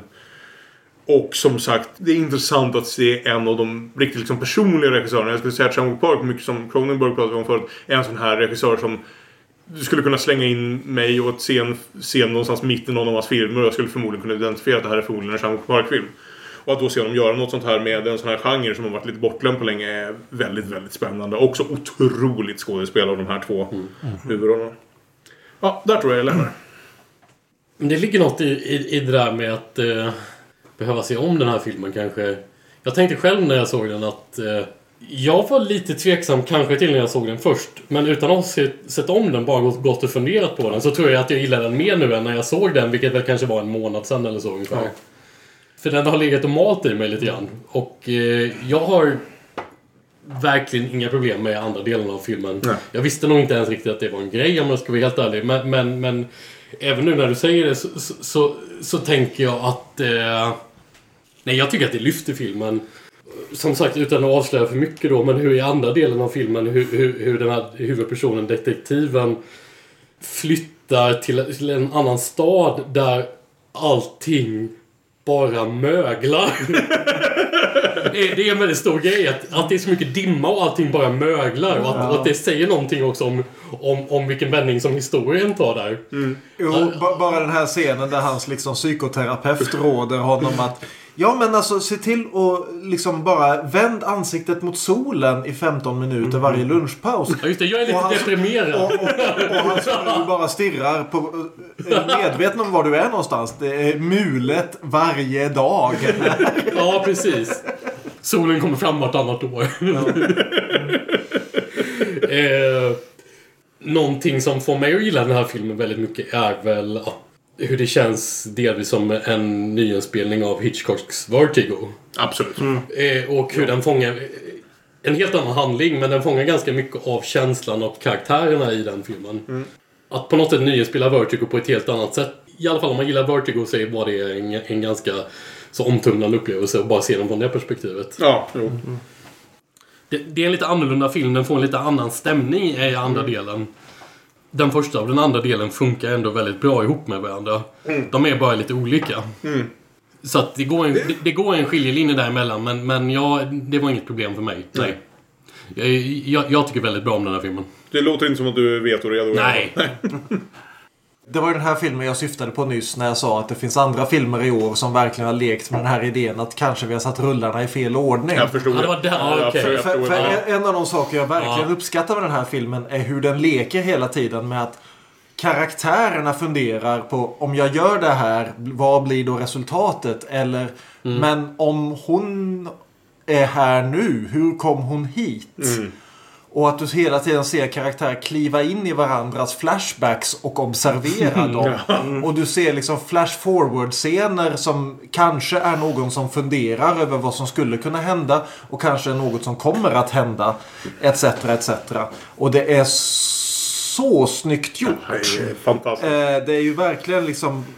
Den här filmen är på många sätt och vis tekniskt perfektion. Och den, just dialogen den har med hela liksom, eh, klassiska deckargenren. Jag älskar att en av de grejerna som Park Chan-wook använder då för att etablera liksom, personligheten hos vår liksom, eh, kriminalkommissarie är att han har en komplett utgåva av alla tio banden av Beck-serien. Jag vet! Liggandes på skrivbordet. Oläst. Det, det, och, och även liksom att jag tycker att den, just hela den här strukturen nickar ju väldigt tydligt också åt en av mina favoritdeckare. Nämligen då Friedrich Dürrenmatts eh, Kommissariens löfte. Okej. Som också har filmats ett par gånger senast av Sean Penn för en 20 år sedan någonting. Som eh, The Pla- Pledge. The Pledge. Ja, jag älskar The Pledge. Ja. Just det här, vad händer efter att du har misslyckats med att lösa ett fall och måste leva vidare med alla de här olösta fallen. Som är någonting som etableras väldigt tydligt om den här karaktären eh, tidigt. Att han har liksom en vägg hemma i lägenheten med alla olösta fall. Och det är det som gör att han inte kan sova. Och det är det som gör att han snubblar in i fler olösta fall och tar åt sig de här. Och filmen ser så oerhört fantastisk ut. Men samtidigt, för mig, så är det det här. Eh, Olof nämnde Vertigo och det är ju väldigt den absolut tydligaste kopplingen till deckarhistorien är just Hitchcock här. Att det här är väldigt mycket en liksom modern Hitchcock. Och som någon som inte är så överförtjust i Hitchcock så satt jag genom hela den här filmen, vad är den, 2.40 någonting. Två- Nej, 2.15 bara. Någonting, tror jag. Okej, ja men en bra bit över två timmar i Ja. alla fall. Så satt jag och tänkte att ja, men det här är jättesnyggt gjort. Det här är jätteimponerande. Men jag, jag dras inte till det på samma sätt. Han har gjort andra filmer som jag tycker bättre om. Även om den här filmen på många sätt och vis är perfektion. Ja. Så den når mig inte på samma sätt. För jag stör mig så mycket på det här just att Ja men det här Hitchcockska. Att det finns uppenbara sätt att lösa det här om du bara hade kunnat liksom lämna, ö- liksom lämna över någon liten bit. Eller ta ett steg tillbaka eller någonting Ja, men det är sådant. passionen har. Jo, precis. Jo, precis. Absolut. Jag, jag invänder inte det. Men jag sitter hela tiden och stör mig på det. Ja, okej. Så absolut en enormt bra film. Förtjänar att vara på den här listan. Den är inte i närheten av min topp 20. Men den absolut väldigt imponerande film. Eh, jag vet inte exakt vad jag tycker om den här filmen. Okej. För jag har bara sett den en gång. Alltså, ja. ja. men alltså, och egentligen vet jag inte om jag kan tillföra så jättemycket vad som redan har sagts. Därför att... Nej men som sagt, jag skulle behöva se den en gång till åtminstone. För att vara helt säker på vad jag tycker. Men jag är ju ett, ett stort fan av, av, eh, av regissören. Jag är ett stort fan av Hitchcock och Vertigo. Så det är också Ja, liksom en, en grej jag uppskattar. Jag tror att om den här filmen funkar för mig så är den ett mästerverk. om den här Nice. filmen inte funkar för mig så är den lite mer med. Men en titt räckte inte för att avgöra det eh, eh, med någon större säkerhet. Med det sagt, liksom, tills vidare så jag, jag gillade att se den. Alltså jag, jag tyckte om den. Jag tycker den var absolut skitsnygg. Och som sagt, tekniskt sett. Mwah. Eh, det, fanns, det fanns liksom mycket med den som, som, som jag uppskattade. Som jag tyckte var väldigt intressant. Om det slutar med att jag älskar den så kommer jag älska den både för liksom Alltså Hitchcock-vibbarna men även liksom det lynchianska i den. Så det är absolut en film som jag inte har några problem med att se på, på listan. Jag, inget veto med andra ord. Eh, jag gillar att se den här. Jag tycker den är värd att ha för, för diskussionen om inte annat. Ja, nej. Men, men jag kan inte ge ett slutgiltigt betyg. jag, jag är lite själv så bara att jag startade så, så väldigt högt upp sådär. Jag är, vet inte heller, det kan hända att jag tycker det här är liksom en av hans bästa filmer nästa gång jag ser den. Eller om ett par gånger jag har sett den. Eller att den, att, att den kanske faller för mig på någon titt. Men jävligt fascinerande känner jag. Det är det. Konstant. Och det är också det här, jag, menar, jag, jag köper att jag hade inte... Jag, visste inte om att den var så, eh, så splittrat mottagen. Eh, men däremot kan jag förstå det. In, in, inte utefter uppdelningen som du nämner, Kalle. Nej. Men utefter hela filmen i sig så kan jag förstå att den är liksom... Det här är inte allas tekopp, absolut. Nej. Toppen! På plats nummer 14 har det blivit dags för vår vän Olof att spela sin andra film för kvällen. Det här kan ju vara en vattendelare kanske. Okej, men vi, vi köper det här. Om jag säger Tilda Swinton som blomsterhandlare. Vad säger ni då? Ja, okej. Coolt. På plats nummer 14 har Olof spelat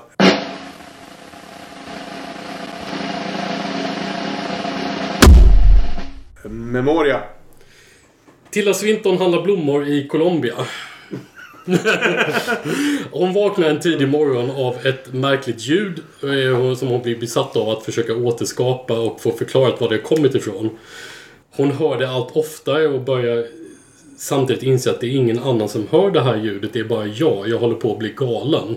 Och hon tar hjälp av en ljudtekniker och försöker få hjälp att återskapa det här ljudet och eh, hon har någon slags romans med honom men han försvinner i tomma intet.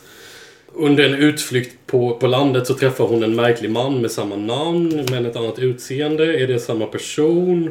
Eh, eller inte? De har långa och märkliga samtal om, om döden och livet och eh, minnets konstruktion. Och eh, det här är en film som flyter på något sätt fram och tillbaka utan någon riktig handling.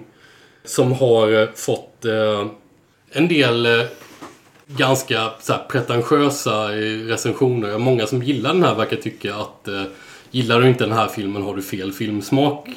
Och en, en del gillar den inte alls. Jag, jag gick nog in i det här med ganska låga förväntningar för, att, för att jag, jag tyckte att det verkade bara eh, väldigt pretentiöst. Eh, men eh, jag tycker att det är en film som, som, som bollar väldigt framåt mycket och tillbaka med vad, vad, vad, är, vad är verkligt, vad är inte verkligt, vad, vad är livet och döden och, och allting flyter in i varandra. Och det var en film som jag sögs in i och inte kunde motstå på något sätt. Det, det är en film som är svår att förklara om ni inte har sett den.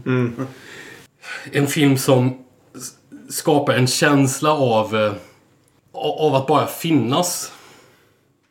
Och eh, av, att, av att vara någonting att eh, sugas in i och bara, och bara vila i. Och det var en... Eh, en, en, en, en film som jag tror inte, inte funkar för alla. Jag tyckte att den var otroligt häftig. Spännande. Björn, har du några tankar om Moria? Jag har inte sett den här filmen. Och jag tror att jag börjar få slut på ursäkter nu. Därför att det här är ju gjort av eh, Apichatpong Veresatakul. Han som gjorde Farbror Bon Mi och en bunt andra filmer. Eh, och jag har inte sett någon av hans filmer faktiskt. Därför att jag hela tiden känt som att det där är en regissör som så många hyllar och som jag vid något tillfälle vill ta liksom fem av hans filmer och se dem. Eh, Så när det kommer en ny så tänker jag oh, ja, men det här är en ursäkt att äntligen gå tillbaka och börja om och sen så har det inte blivit av. För jag tror säkert att jag kommer att gilla mycket av det här eh, som han har gjort. Jag har ingen koll alls. Ja, Det är kul att den är på listan. Jag har ingen uppfattning alls om den här filmen. Förutom att Tilda Swinton är alltid Tilda Swinton och det finns ingenting som hon kan göra som är helt fel. Jag, jag, jag, jag, jag håller med Björn. Förutom att eh, jag inte hade någon koll på, på, på regissören, eh, på filmskaparen. Och, där, där, och därmed inte planerat att eh, eh, kolla på fem av hans filmer. Eh, men ut, eh, utöver det så håller jag med Björn. Instämmer han. Så därför har jag liksom ingen anledning till veto heller. Jag varken bu eller bä där. Jag såg väldigt mycket fram emot den här filmen och utan att bli för personlig här mitt i en liksom, lista över filmer kan vi säga så här att eh, jag har de, den senaste månaden jag har haft en del stresspåslag i mitt liv.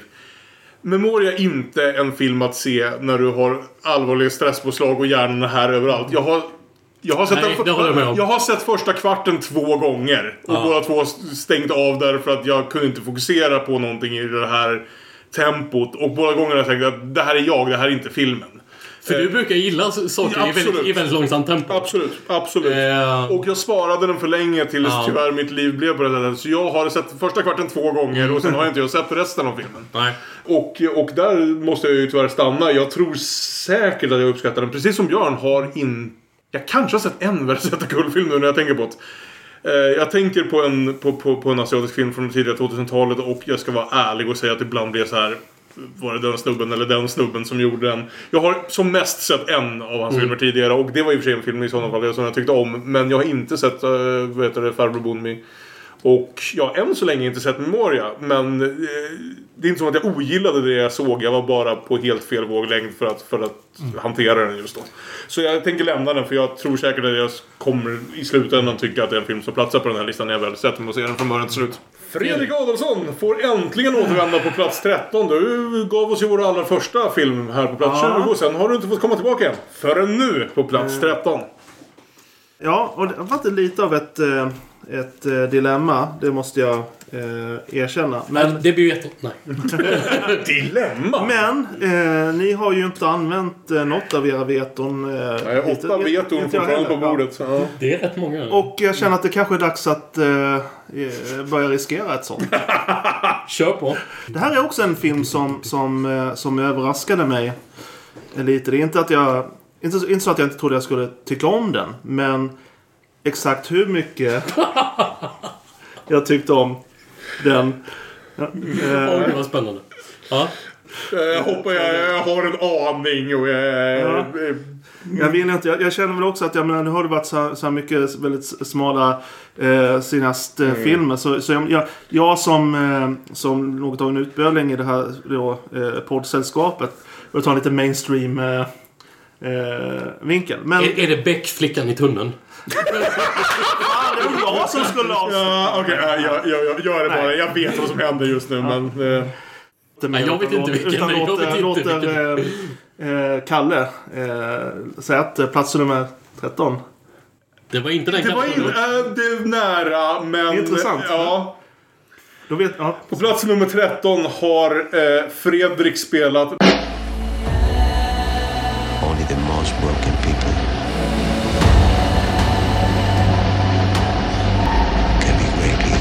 Black Panther, Wakanda Forever. Nej, och det gör jag för, för att... Eh, eller för det första. För den som inte, inte, vet om det. Jag är ett stort Marvel-fan. Jag är ett stort eh, fan av, av eh, MCU-filmerna. Och den här liksom pågående fjärde fasen har fått väldigt mycket kritik. Den har varit, inte varit lika positivt mottagen som, som de tidigare faserna. Jag tycker att, att den här fasen har egentligen är en av de liksom mer intressanta, eller kanske den mest intressanta fasen. Eh, den har inte alltid, liksom filmerna eller tv-serierna här har inte alltid lyckats 100%. Men de har åtminstone försökt göra lite, ny, lite nya saker. Försökt testa lite liksom olika gen- genrer. Och, och det, det bör premieras. Eh, vad gäller specifikt Wakanda Forever eh, så ändrades ju den storyn och dess bana av Chadwick Bosemans eh, död av titel... Han som spelade titelkaraktären. Den filmen... Den är, vad är den? Två, den är nästan två och en halv timme lång va? det, Ja. precis. Och å ena sidan så kan jag absolut tycka att den är för lång. Å andra sidan så förtjänar den all den tid den, den, eh, den använder. Eh, den börjar med, med eh, det är liksom ingen spoiler i sig. Eh, den börjar liksom med Black Panthers T'Challas. eh, T'Challas eh, död. Och tar sin avstamp därifrån. Och sen har du liksom, du har ju absolut en, en, en, en story, du har liksom Melamor och, och allt det där. Men filmen handlar ju så mycket om, liksom, om sorgen och bearbetningen av sorgen. Och en av de här grejerna som gör att jag uppskattar den så jävla mycket som den är. En av grejerna som gör att det här blev en av mina favorit MCU-filmer. Är hur den behandlar eh, sorgen. Hur den tillåts ta sig tid att behandla sorgen. Med liksom karaktären och så vidare. Ja, det, det var en eh, stark upplevelse för mig. Ja, jag är jätteglad att jag sitter först och får prata om den här. Känner jag nu bara blev så av att vi roterar runt bordet och jag sitter direkt efter Fredrik. Jag tänkte nog säga det här rätt ut. Normalt sett är det väl lite praxis att inte nämna filmer som inte liksom har tagits upp på ett kort på något sätt. Men jag bara känner att chansen att den här filmen nu kommer spelas är väldigt låg överhuvudtaget. Jag såg dig skriva några så orimligt positiva saker om Thor Love and Thunder när det hände. Och det är en film jag hade slängt ett veto på snabbare än att du hade hunnit uttala titeln. Vi tar det en annan gång. Men jag trodde det var det du byggde upp mot. Jag, ska, Jag- flik, jag, ja. ja. in. Ja, ja, precis. Du såg mig. Ja, men som sagt, jag älskar Love and Thunder. Och jag var liksom... Eh, inte... Det hade inte varit omöjligt, men... men eh, Mm. Även om jag tycker att den också ger mig, själv, eh, ger mig väl liksom väldigt mycket så eh, har inte den tyngden som, som Wakanda Forever. Eh, Nu kommer Olof Kockos att spela Love and Thunder på plats nummer tre här. Men eh, vad heter det? Jag har haft en liknande tanke som du när jag gick in i den här listan. Och är, är vore det inte kul nu när vi är ute efter pandemiåren. Bio har öppnat på riktigt igen.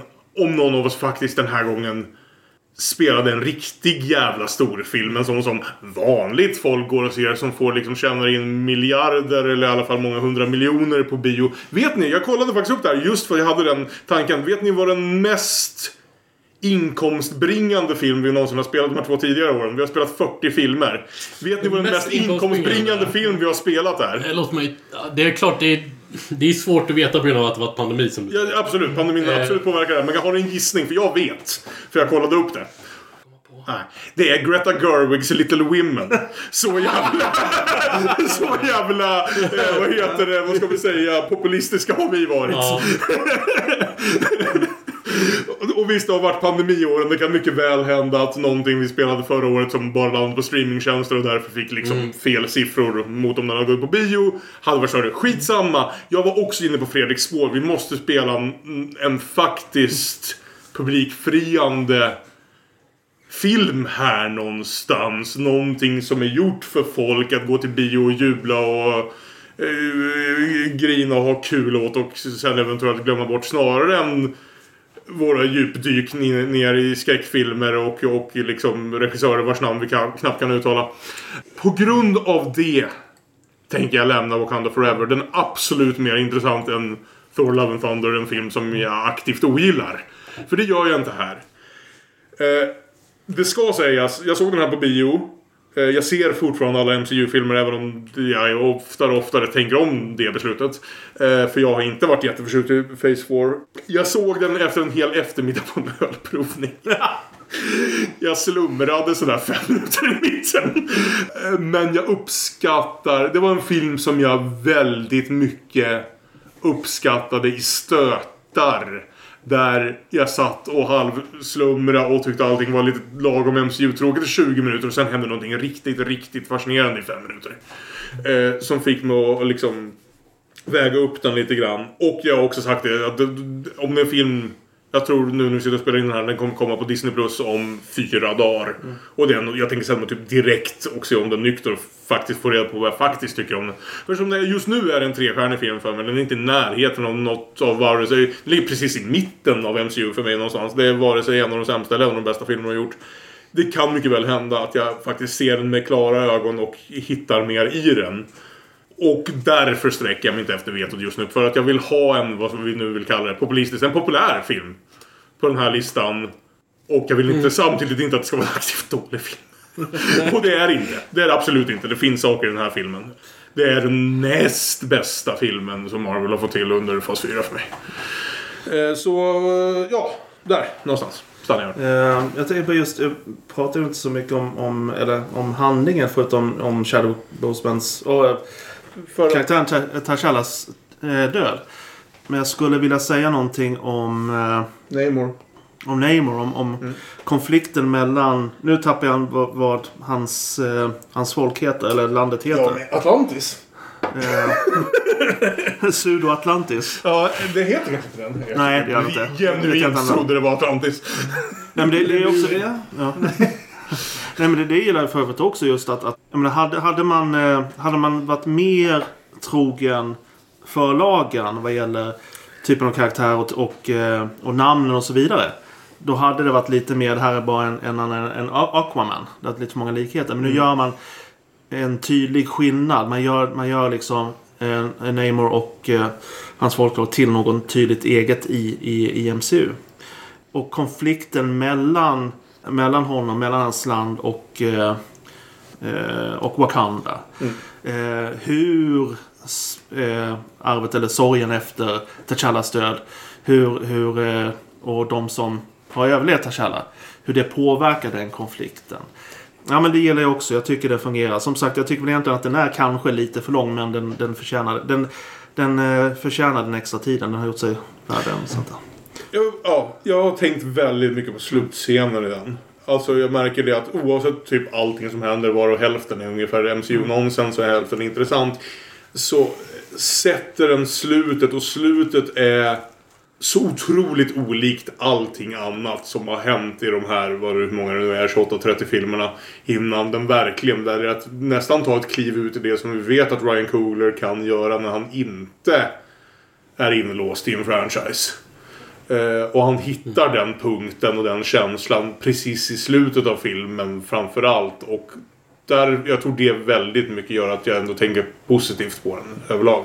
Olof! Olof, jag brukar inte se alla MCU-filmer på bio. Men det händer ju att jag gör det. Så att jag är, jag är inte anti-MCU på något sätt. Eh, jag såg den första Black Panther på, på bio och älskade den. Jag såg även den här på bio. Faktiskt, på grund, delvis på grund av den eh, liksom, stora upplevelsen som jag hade med den första filmen. Och eh, det är, ju, det är ju delvis ganska mycket av samma som den första filmen. Men jag tycker också att den, den bygger vidare ganska snyggt på vad som väl ändå är en av mina favoriter i MCU, den första Black Panther. I, i ett år utan min absoluta favorit Ant-Man.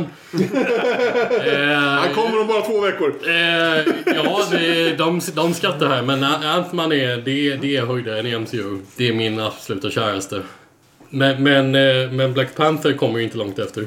Det är en värdig uppföljare och det, det är en väldigt fin hyllning till, till bortgångne Chadwick Boseman eh, som spelade förra panten och jag kan bara berömma valet att, att, att inte försöka ersätta honom utan att, utan att försöka göra filmen på det här sättet. Att istället försöka i filmen bearbeta den verkliga förlusten av att han Ja. har, har dött tycker jag är ett, det är ett jättefint val och de, de löser det väldigt snyggt.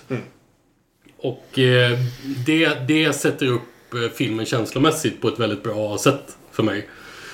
Jag, jag är inte helt såld på hela de här Atlantis-prylarna. Eh, det är inte det som funkar bäst för mig i den här filmen. Men jag gillade Wakanda-bitarna tillräckligt mycket för att ändå tycka att det här var en häftig bioupplevelse. Så eh, jag känner nog inte att jag vill lägga något veto på den, nej. Nej. Eh, som den som är öppen här med att jag tröttnade på MCU för flera år sedan och inte har följt det sedan dess. Så hade jag liksom förberett mig här med att liksom sitta och håna alla MCU-fans. Ja, men hur går det med ert fina liksom, superhjälte-franchise? Vad släpptes 2022? Oh, liksom Doctor Strange 2. Vilken jävla grej. Sam Raimi du. Ja, Den var kul! och, och, och så liksom Morbius. Oh, ja men den här sto- största, sve- största svenska thrillern någonsin. Men, eh, och så trots att vi satt liksom i morse och diskuterade i eh, förtäckta ordalag Ryan Cooglers eh, bästa film, Fruitvale Station. Så, hade, Nej, Creed stavas det. så, så glömde jag ju helt av att den här kom i år också. Som sagt, jag har inte sett den. Jag har inte sett föregångaren. Liksom som eh, representant för den här filmserien så absolut. Det låter bra att de liksom verkligen inte bara har plockat in någon som ser ut som Chad- Chadwick Boseman och fortsatt som vanligt utan att de faktiskt plockar upp det här. Inte minst med tanke på all diskussion som har varit runt svartas utsatthet. Liksom att Ja. Du ska inte bara kunna döda en och ersätta med en annan. Nej. Utan att du måste faktiskt låta det här ta plats. Eh, så jag har ingen åsikt. Nu är ju vägvalet här. Kommer någon Jag av tror att vi er... kommer spela filmer. Ja, men kommer någon av er spela de här tre filmerna som jag vill ska spelas? Eller kommer jag behöva ta ansvar för dem allihopa? Och är någon av dem så frustrerande att någon faktiskt skulle slänga ett veto? Testa och se vad som händer. Eh, jag har ganska många filmer jag gillar som jag tänker att Björn borde spela. Ja. Jag, jag, jag, har en, jag, jag har en känsla av att det här är ett sånt här år där vi allihopa tycker det finns mycket bra filmer. Att de är typ jämnplaniga så att ingen kanske sitter och vet nej den här filmen ska vara högre och kastar veton på sånt. Utan snarare att det är om jag råkar pricka något som någon av någon anledning faktiskt aktivt ogillar. Nej, jag, jag har nog inte jättestora åsikter om exakt vilka platser filmer jag gillar hamnar på i år kanske. Det här är den filmen som kommer vara svårast för mig att prata om av den enkla anledningen att det har gått nästan ett helt år sedan jag såg den. För eh, som sagt, i det här stressiga upp, uppförseln till, till, till den här inspelningen. Jag har försökt se så mycket ny film, jag måste se så många filmer och så här. Så den här tanken på att ens gå tillbaka och se någon av filmerna jag redan sett en andra gång fanns liksom inte riktigt. Vi har kommit in på Oscar-nomineringen en del tidigare också. Och en av de bra trenderna som har hänt sedan Oscarsjuryn blev större och tog in mer internationella eh, deltagare. Och så är ju det här faktum att vi nästan varenda år nu i alla fall på sistone eh, kan se fram emot i alla fall en internationell nominering till bästa film. Och förra året när Koda vann. Eh, var det en den filmen som förmodligen i mitt tycke borde ha vunnit av de som var nominerade.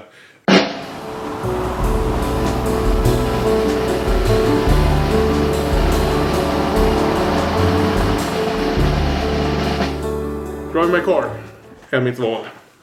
På plats nummer 12. Och det är en film som jag sitter här nu och känner att jag har väldigt ömma känslor inför Ja, men eh, jag har ömma känslor för en öm film. Dock en film som jag såg för 11 månader sedan. Och jag försöker komma ihåg vad det var som slog mig så hårt. Jag tror det var just ömheten. Att den handlar om väldigt tunga saker men inte känner behovet av att trycka dramatiken längre. Den behöver liksom inte gå till extremer. Det är en öm, lugn film som håller väldigt sorgsna känslor på det planet. Den är, är sorgsen snarare än krossande. Men det är också en bra sak någonstans. Därtill så är det något, och det här tror jag är många filmnördars grej och det kan hända att det dyker upp andra filmer där vi pratar om det här. Eh, om, om, om vi börjar prata om dramatik i våra liksom, privata liv försett handlingen till folk som försöker skapa drama. För det här, eh, jag antar spoilers för början av Drive My Car handlar om en teaterregissör som genomgår en livskris och hans lösning på det är att köra sin Saab 900 halvvägs genom Japan för att sätta upp Onkel Vanja. Och, och som sagt, ett tema som jag har sett flera andra filmer som har skött det här också bra och intressant i år. Att hantera sitt eget livs drama genom att faktiskt bokstavligt talat regissera och skapa drama på scen eller på film. Eh, mycket bra film om att göra film och mycket bra film om att göra teater i år. Dock ingen bättre än den här. En film. Jag, jag, tror, jag tror det är ganska väl beskriver mina känslor utan att nödvändigtvis beskriva för mycket av vad som händer i den. Delvis som sagt för att det var en stund sedan jag såg den nu. Också, late title drop. En, en, en trend som jag vill säga började i tv-spel blev oerhört populär där. Och som sen har nu verkligen slagit igenom en film där vi inte får liksom filmens titel förrän 45 minuter in. och det är då det känns som den startar på riktigt. Jo, nej, Jag har ett det- par bra sådana. Den här är ju i princip decision to leave baklänges. Det är fan, ja! Det är liksom, du har en jätte, Ja. jätte, jättelång första akt och sen så har du tidshopp. Fan. Och sen börjar Ja. filmen. Medan den har liksom en jätte, jätte, jättelång första akt. Och så ett Tidshopp. tidshopp. och sen så slutar filmen. Ja, jag, jag lider också av att det var ganska länge sedan jag såg den här. Men, men låt, eh, jag ska försöka. Jag tror att jag också slogs av den här... Jag, jag, är- jag är glad att du spelar den här, Kalle. Jag tror att jag också slogs av ömheten i filmen. Jag tror i och för sig att jag satt och tänkte en del på att den ibland balanserar lite på gränsen till det tramsiga. Att, att, att huvudpersonen bara kan, kan prestera på gränsen till orgasmens rand och sådär. Att han, han måste ha sex för att kunna eh, sen sätta sig och skriva och sånt där. Det, det var vissa sådana grejer som, som, som fick mig att sucka lite. Och, och eh, som kändes lite eh, sådär onödigt murakamiska. För det är väl en, en Det är en murakami... Murakami-historia. ja. Haruki Murakami ska vi säga. Inte Ryo Murakami som är mycket roligare. Ja. Och, och jag funderar också på om det är så att man skulle ha ut mer av filmen om man, skulle, om man hade bättre koll på Onkel Vanja, och, vilket jag nog inte riktigt heller har. Nej, inte jag heller. Det är någonting med, med den här filmen och eh, hur den skildrar eh, relationer mellan, mellan människor. Människor som ofta är eh, påtvingade varandra. Som den här teaterregissören och, och då chauffören framför allt. Men det är även en del mindre historier. Sådär, jag vill inte riktigt ha med dig att göra men nu ska jag försöka få ut det mesta. Liksom, nu får vi göra det här så bra som möjligt hur filmen lyckas mjölka ganska mycket intressant eh, drama ur det. Trots som sagt att jag ibland tycker att eh, det, i en ganska lång film så är det vissa saker som ibland blir lite fåniga eller som jag inte eh, förstår riktigt varför de hör hemma här. Men eh, huvuddragen i filmen eh, gillade jag väldigt mycket. Ska vi säga att då har han ju ändå lugnat ner sig lite. Eh, vad heter det speltidsmässigt? Eh, Raisuke Hamaguchis senaste film innan eh, Dubbelbullen han gjorde det här året var ju Happy Hour som var 5.40! Det, jag, har fått, jag har fortfarande inte sett Koda för jag vill erkänna. Men, men jag har ju svårt att tro att den är bättre än den här. Jag är inte, jag är inte en av hatarna mot Coda. Det var bara så tydligt inte den bästa filmen av de nya. Det var, Jag- jag- den, låg mitt, den låg mitt i packet. Det är inte en dålig film. Jag, jag har sett filmen som Koda bygger på och, Ja, jag, och jag är inte så sugen på att se en nyhetsspelning av den. Nej. Så så känner jag. Men, Björn! Ja! Den- den Björn visar just nu upp kortet där han har skrivit Drive My Car Ja. också. Jag trodde han skulle visa upp vetokortet igen. Nej. Så då hjärtat stannar lite grann. Eh, Drive My Car var väl inte riktigt på min topp 5 men det är en väldigt, väldigt, väldigt solid film. Eh, det är en av de filmerna som verkligen i år fått mig att få ganska liksom våldsamma, känslosamma reaktioner trots att det är en tre timmar lång film där väldigt mycket liksom går ut på att jag, jag älskar just det här att Onkel Vanja som de ska sätta upp en rysk pjäs i Japan med liksom en multikulturell uppsättning skådisar från hela Ostasien. Så du har folk som talar kinesiska, folk som talar koreanska, folk som talar japanska, folk som talar koreanskt teckenspråk. Det hade jag nästan glömt. Ja, det, det, är en väldigt, det är en väldigt bra aspekt på filmen faktiskt. Et- etc. Just det här. Och att det känns dels som ett litet långfinger till Ja. västliga filmfans som Ja. liksom har väldigt svårt att hålla reda. Är Park Chan-wook japan eller korean? Ja. Så på så vis gillar jag den verkligen. Men det är också just det här sättet han långsamt, långsamt bygger upp det här runt två människor som bär på någonting de inte har kunnat komma ur. Någonting de sitter fast i. Som också lirar väldigt bra med Onkel Vanja. Som också lirar väldigt bra med allting Murakami någonsin har skrivit. Fördelen med att se filmatiseringar av Murakami. Man slipper 20 sidor av hans utläggningar om e- exakta formen av tonårsbröst. Eh, det som verkligen fick det att brista för är den här fantastiska scenen. Bara den här liksom bildberättandet mot slutet. När du ser en karaktär då gå över en parkering efter att allt det här och ingenting egentligen har lösts. Alla har bara lärt sig att gå vidare med sina liv.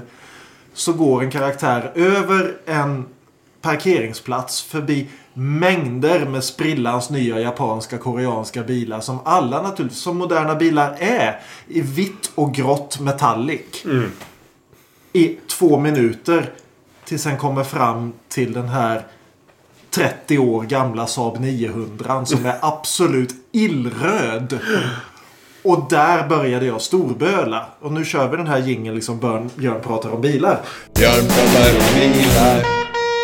Bildspråket i den här filmen är så fantastiskt. Och jag tycker att det är en film som verkligen förtjänar att vara tre timmar lång. Det är inte många filmer som är det, men den här verkligen lyckas med det. Och att den har liksom såna här misshandelsfall och mord och alltihopa i sig. Den har liksom otrohet och eh, liksom allt drama som kommer runt det. Och den tar det i ett tempo som gör att du hinner ta in det. Det är inte bara en chock utan det är liksom någonting du måste, måste sitta i i den här filmen. Så det är inte riktigt bland mina topp fem i år men det är en för satans bra film och jag är så glad att den är med här. Mm.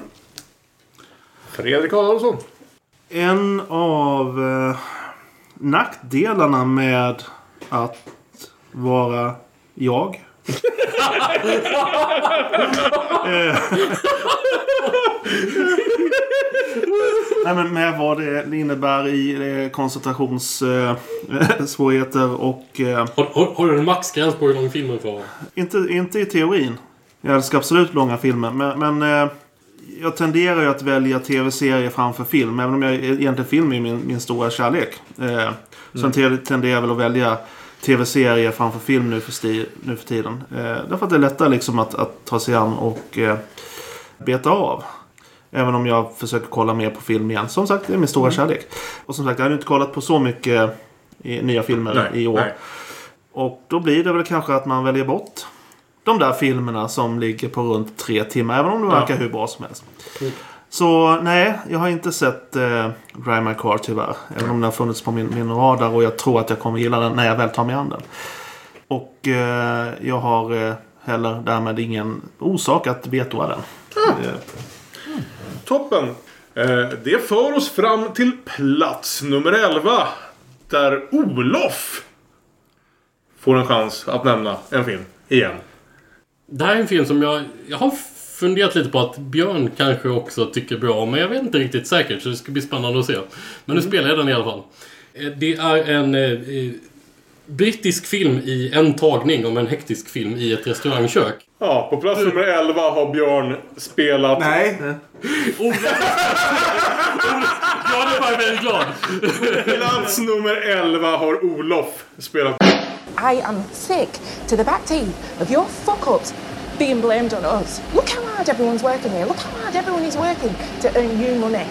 Boiling point. Ja, eh, som sagt, som jag sa, det är en film i en tagning. Och det, det här med filmer i en tagning, det kan ju vara lite grann av en, eh, en gimmick, ett, ett, ett risktagande. Det kan, det kan stanna vid att bara vara en kul gimmick. Och ibland kan det klaffa jävligt bra.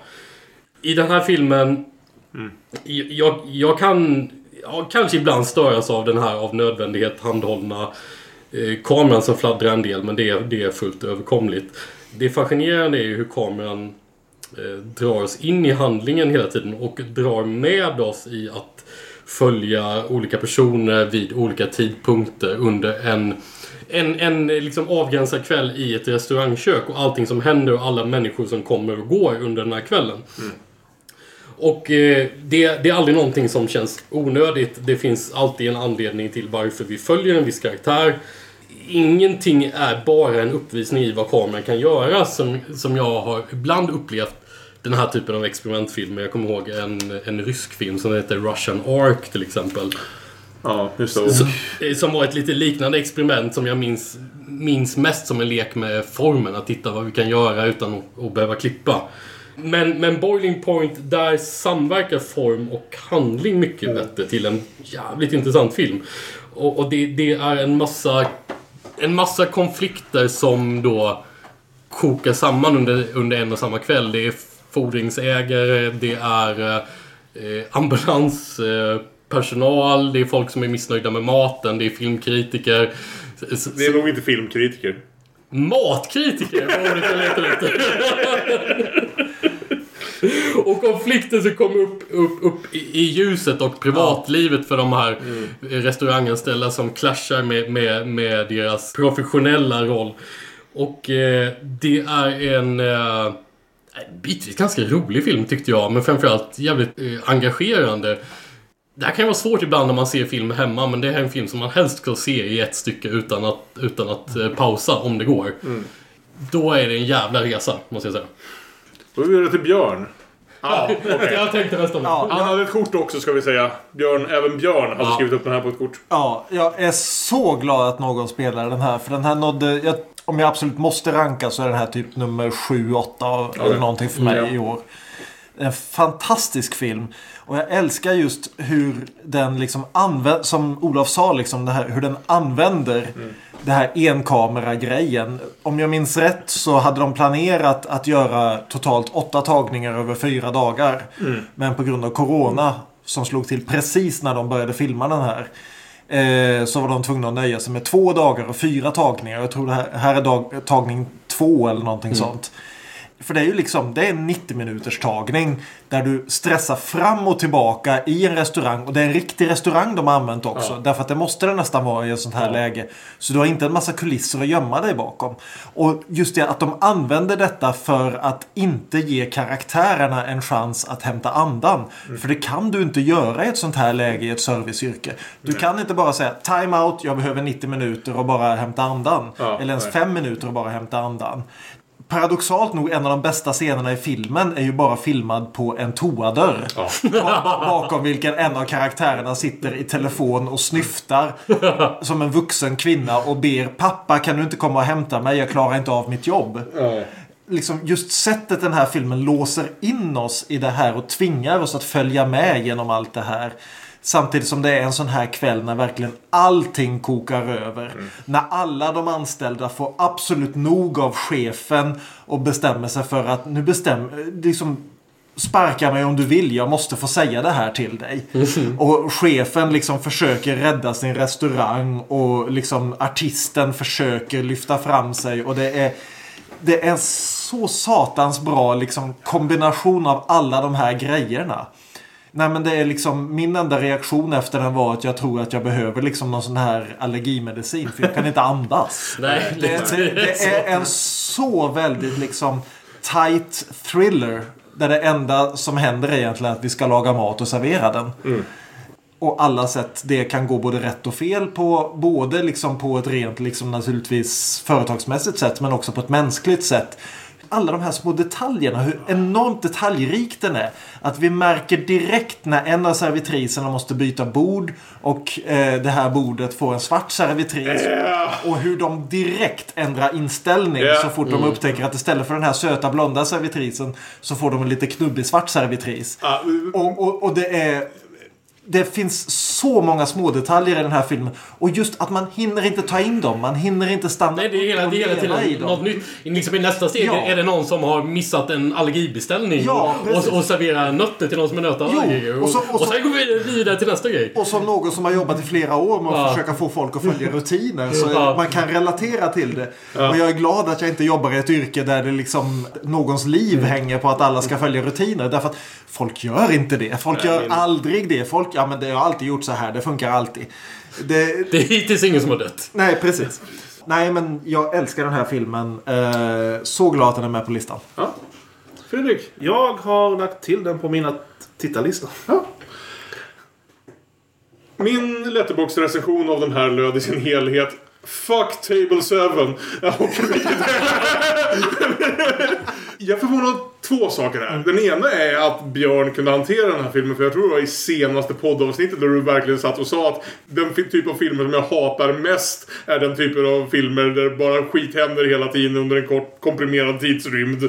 Och saker bara blir värre och värre och värre hela tiden. Vil- Vilken film sa han Vi det om? pratade om After Hours, tror jag. det, det, det är inte så mycket det att, att det inte går att hantera utan mer det här att när filmer utspelar sig över en längre period och ingen gör något försök att bryta sig ur det. Ja, ja. I, i, just det här läget där liksom folk hela tiden hittar ursäkter för att stanna kvar i det här Ja. istället för Ja, att bara, ja. bara säga fuck this, I quit.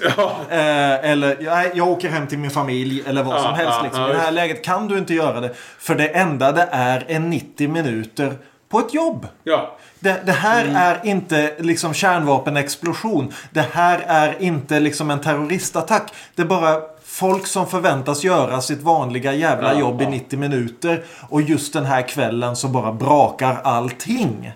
Och, och på något vis blir det mer ångest än om det handlade om en kärnvapenattack. Därför att är det en kärnvapenattack då kan man acceptera att folk bara skiter i sin lön och går hem. Det kan du inte göra när det bara är en tisdagkväll på jobbet. Nej.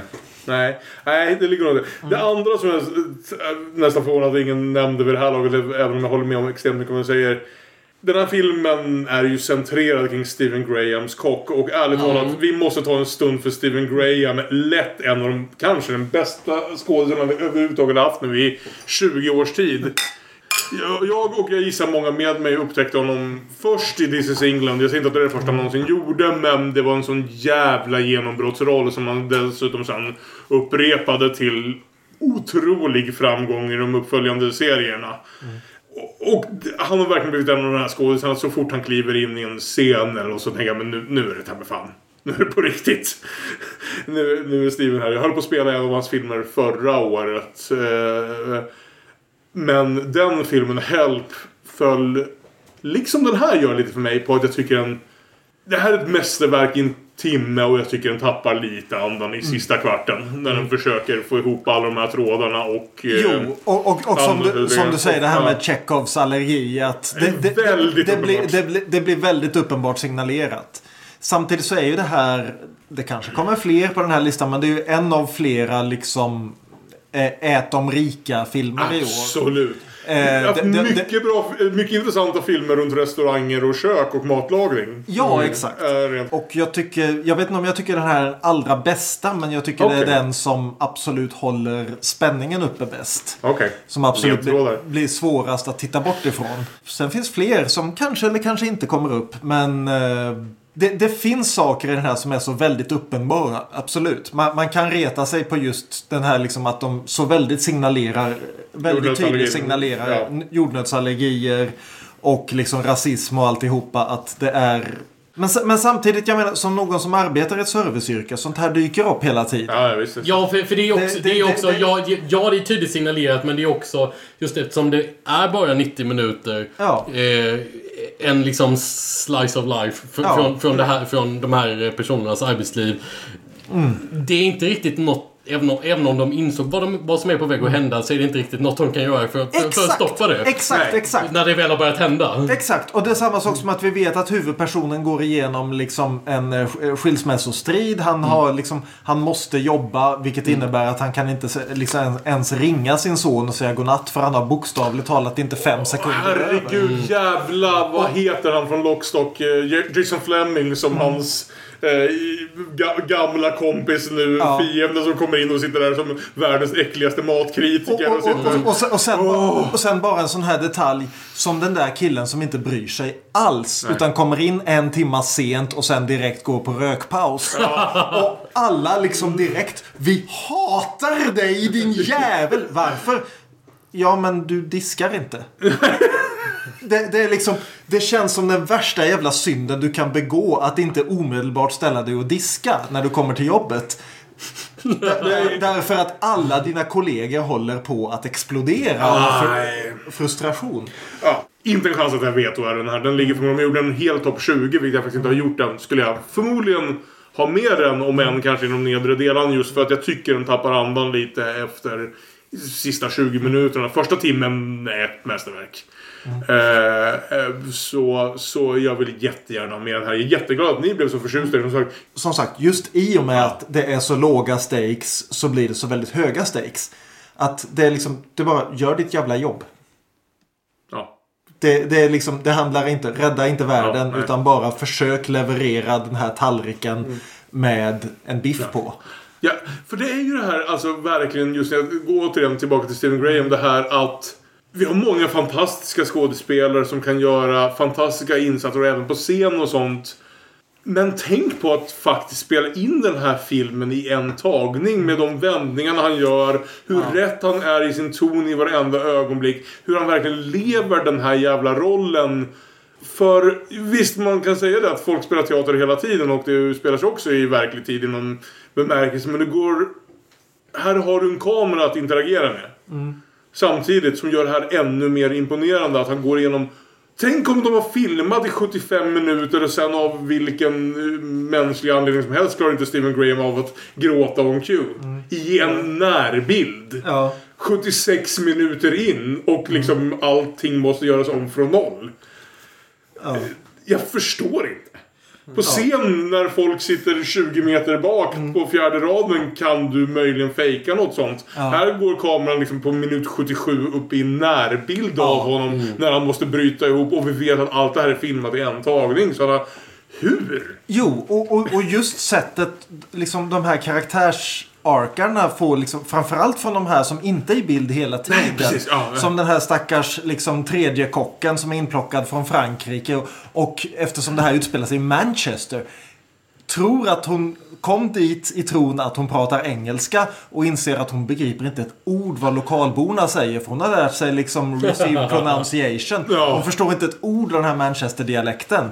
Eh, Eller eh, ja, men Vinette Robinson Ja, som, spe, ja, som ja, spelar ja, ja, andra ja. kocken. Hon är så som, jävla som bra. är, har liksom totalt Det, det kanske... är hon som vill ha löneförhöjning. Ja, eller? precis. Som har kanske totalt en kvarts eh, liksom, eh, screen time genom hela filmen i liksom 90 sekunders hack. Men som genom hela det här går igenom den här arken från liksom att jag måste backa upp den här killen till ja, fuck this, jag måste göra hans jobb också. Till ja, men jag får åtminstone löneförhöjning till Jag får till en poäng. och, och, och liksom de- den scenen där hon verkligen bara bryter ihop. Och det är, ja, nej men... Ja, nej, otrolig film. Ja, nej men satan vilken bra film. Ja, helvete. Och det är ett jävla, besök, jävla betyg åt 2022 att den här då hamnar på plats nummer 11. Nu är vi ju halvvägs. Vi är halvvägs igenom vår topp 20 för år 2022. Och det ser än så länge ut på följande vis. På plats nummer 20, Chippendale, Rescue Rangers. På plats 19, Huesera, The Bone Woman. På plats 18, De Oskyldiga. På plats 17, Crimes of the Future, Hej Aron, vi älskar dig. På plats 16, Mad God. På plats 15, Decision to Leave. På plats 14, Memoria. På plats 13, Black Panther, Wakanda Forever. På plats 12, Drive My Car. Och på plats 11, Boiling Point. Vilket lämnar oss med en topp 10 att skapa. Alltså ju mer jag tänker på det. Desto mer älskar jag att jag fick med Chip and Dale. Jaha, vad händer nu? Det är Fredrik. Fredrik Adolfsson händer. Fredrik Är du- är Adolfsson. du redo, Ja. eller? På plats nummer 10. Jo, men jag är väl så redo som, som, man, som man kan vara. Och jag tror jag landar på den här. Eh, jag landar på den här. Och jag tycker väl också, alltså det känns lite eh, tematiskt. Korrekt också rent alltså, listmässigt sett med tanke på att vi just pratade om en film med eh, matlagning och diskuterade Eat the Rich och hela den där grejen. Det här är en film som jag såg, eh, jag såg den ganska nyligen. Som jag uppskattar mycket för att den eh, den tar, ja men återigen, jag tror jag var väl inne på det här tidigare. Om inte annat, till exempel när det gäller Chip and Dale faktiskt. Att, att den tar en eh, ganska klassiska välanvända genre eller, lite- eller, eller typ av karaktärer och gör någonting eh, eh, ganska nytt och fräscht utav den. Mitt val? Plats nummer 10 har Fredrik spelat I came looking for you. I smelled you. You can smell me half a mile away. Bones and All. Eh, Okej. Som... Eh, det, här också, egentligen så är det liksom lite knepig film att beskriva så tillvida att jag skulle nog helst rekommendera att man eh, eh, att man går och ser den utan att veta någonting innan. Ja, det kan jag Det tror jag liksom ger mest. Men det kan vara lite knepigt att diskutera en film med de förutsättningarna. Men vi följer liksom i, i början av filmen en, en ung kvinna som, eh, som bor med sin, med sin pappa. Och eh, är väl lite liksom...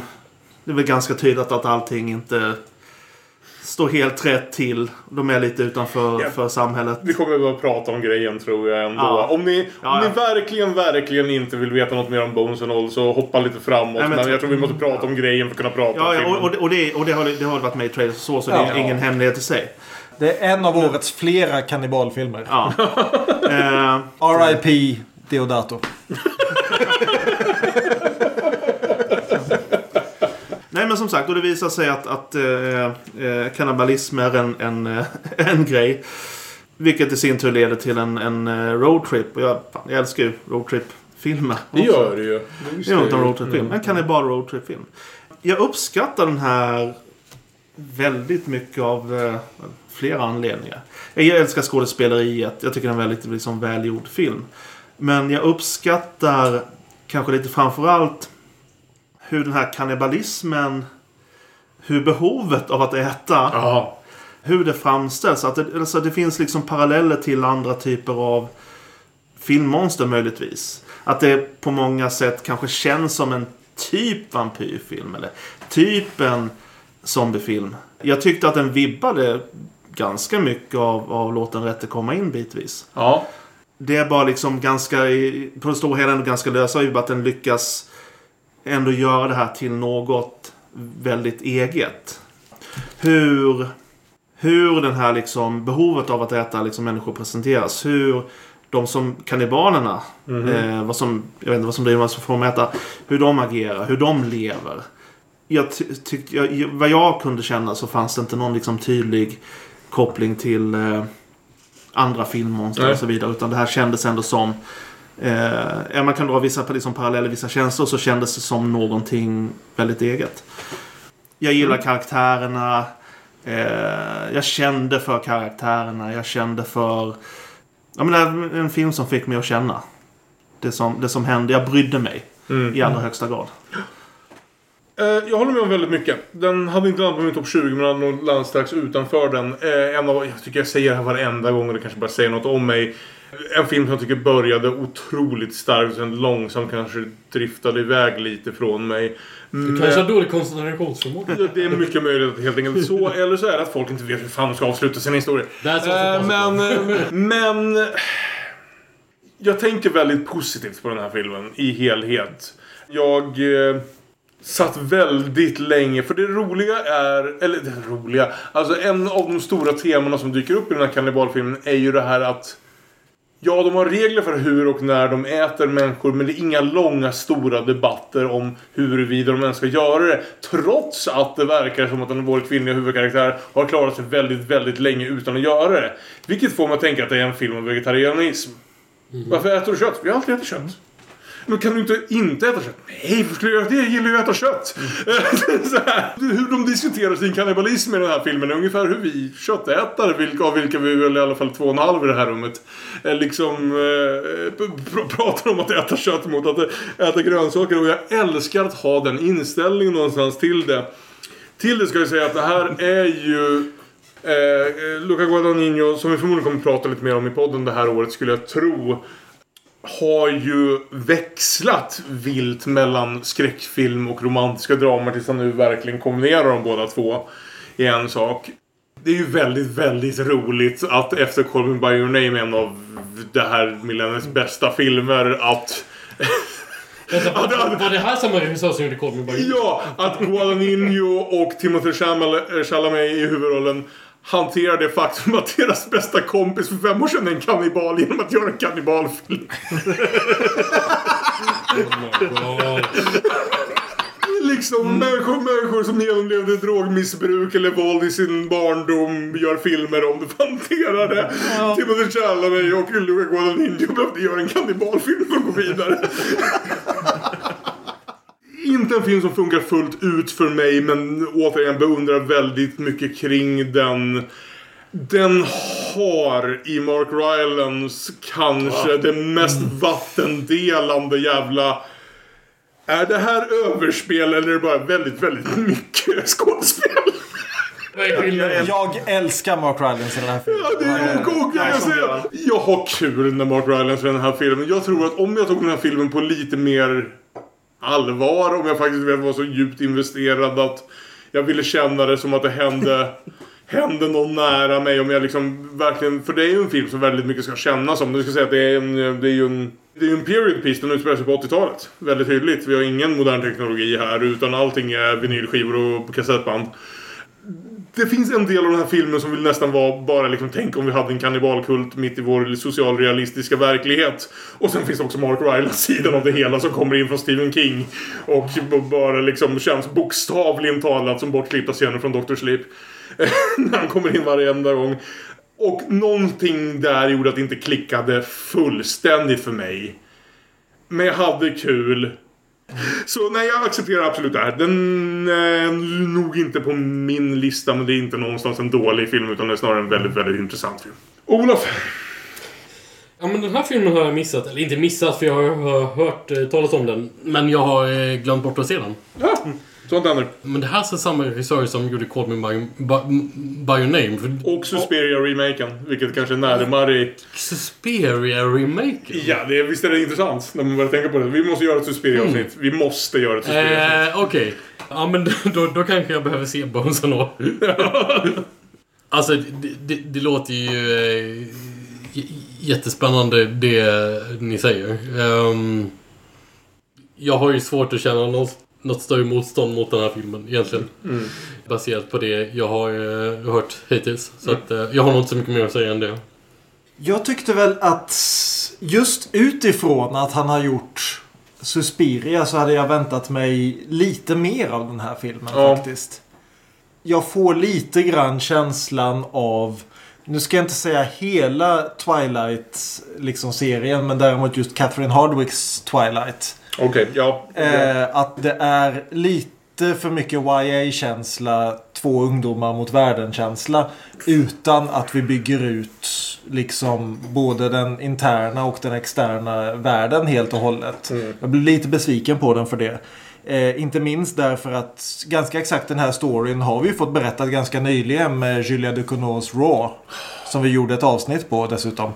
Eh, passa på att lyssna på Demonpoddens back eh, catalog. Som jag tycker är en starkare film därför att den, den tacklar sa- exakt inte exakt samma frågor men i stor del samma frågor men gör det hårdare. Jag tycker den här filmen gör väldigt mycket väldigt bra. Och jag tycker framförallt att Taylor Russell gör en Just det, huvudrollen. fantastisk jävla insats. Absolut ett jävla Det, stjärnskott. det, det, det är eh, liksom, hon har varit med i massa grejer. Hon det? Eh, sen, inte sett se, henne förut. senast, ja, men hon har varit en sån här som har kommit in och gjort en roll här, en roll där.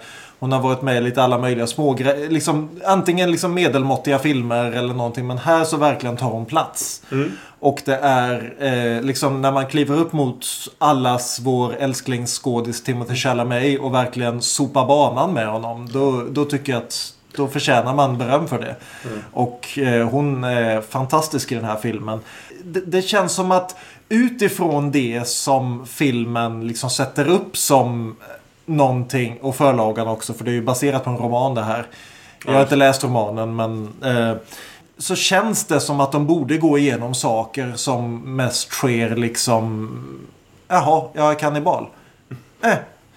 Eh, det känns som att den borde finnas något mer omvälvande i filmen än vad det faktiskt finns. Ja, Eh, sen, sen samtidigt så älskar jag hela den här grejen. Även om vi borde ha kommit ifrån det här med, liksom, med metaforer för att vara annorlunda i det amerikanska kristna samhället. Det känns som att om den här filmen hade gjorts för 15 år sedan så hade det varit en metafor för att vara gay i USA. Nu är det inte längre det därför att nu är det inte en grej men fortfarande på något vis består metaforen. Nej, nej men alltså jag tyckte det här var en bra film. Jag tänker inte protestera mot att den är här men jag tycker inte att den riktigt håller den klassen. jag är nog ganska mycket på din sida. Eh, jag, jag, jag, gillade, jag gillade filmen helt enkelt. Men jag älskade den inte. Nej, för hela det här konceptet, det som gör filmen dess titel och jag tror vi kan prata om det abstrakt utan att spoila för mycket. Idén om Bones All, att det finns kannibaler där ute som tuggar lite på människor ibland när de känner suget när de lämnar det. Men sen finns det också de här, vad ska vi säga, ultrakannibalerna som bokstavligt talat äter allt. Ja.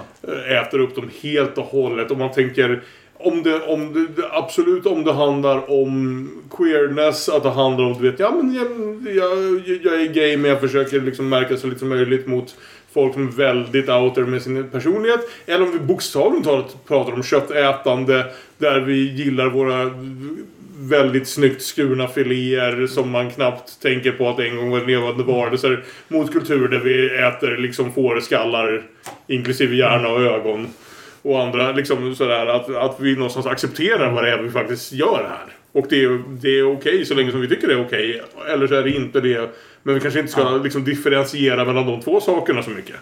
Det finns mycket som är extremt intressant med den här. Jag tycker inte den lyckas full... Jag är väldigt... Jag, jag tror jag och Björn är på samma nivå på den här. Jag tycker inte den lyckas fullständigt. Jag tycker Nej, men, den är nej men extremt absolut. intressant. Det, det, det är en film som försöker träffa trädtopparna men inte riktigt träffar. Nej, Men, men, den försöker i alla fall. Ja, precis. Precis. Och jag uppskattar verkligen det. Och som sagt, Taylor Russell vill jag se mer. Ja. Ja, var- ja, makalös. Så Fredrik får in eh, Bones and All på plats nummer 10. Ja. Det för oss fram till plats nummer 9 där det återigen har blivit Björn Wallers tur att välja en film. Det här kändes som liksom någonstans... Det är ett ämne som det har kommit många bra filmer på på senare år. Tyvärr därför att det behövs.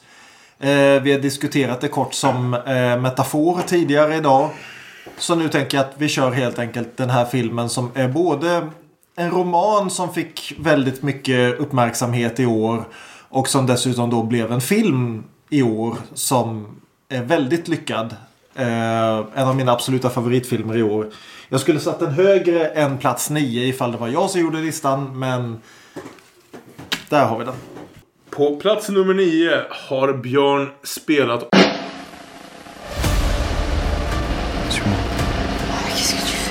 fais Embrasse-moi. Arrête, Jean On risque rien là, t'es Johnson. Omständigheter, eller. Happening på engelska. Jag vill säga att den låg som omständigheter på SVT Play. jag- Ja. Eh, Audrey Diois som har filmatiserat då eh, förra årets Nobelpristagare Annie Ernaux självbiografiska berättelse om en ung studentska som upptäcker att hon är gravid i Paris 1960 ungefär. Just i liksom början av ungdomsrevolten. Inser att jag kan inte liksom nöja mig med att bli mamma här. Jag måste fan gå, jag måste fan plugga färdigt åtminstone. Jag måste bli den jag hinner bli innan jag är färdig att vara mamma.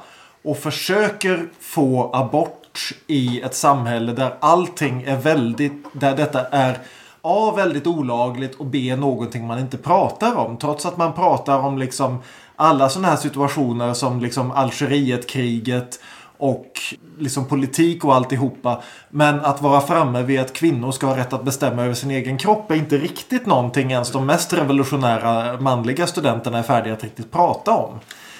Och detta då spelat av en skådis som jag aldrig har sett förut som heter Anna Maria Bartolomei. Som gör en av de mest fantastiska insatser jag har sett på film på flera år. Just det här att verkligen lyckas projektera precis allting på hennes person. Att filmen verkligen får liksom att det här är en kvinna som bär någonting som hundratusentals kvinnor går igenom. Både just i den här frågan och i annat. Att hon tar det och bär det och försöker skaka av sig det och inser att hon inte kan det. Det är en så oerhört... Det är en väldigt bra roman. Fan vet om inte bok, filmen är bättre. Och det är en så väldigt välskriven anpassning just av romanen också. Därför att de har gjort väldigt bra val, Dewan och hennes eh, medförfattare. I hur, vilka bitar ska vi ta med, vilka bitar ska vi inte ta med. Romanen plockar med väldigt mycket liksom den nutida, liksom 65-åriga Annie Ernaux som går omkring och jämför med det hon ser i samhället just nu. Med flyktingkriser och så vidare och hur hon då som 20-årig studentska eh, upplevde liknande saker och hur långt samhället har kommit eller inte kommit. Medan däremot filmen verkligen skär ner det till just bara den här handlingsförlamade unga nätt och jämnt vuxna kvinnan. Mm.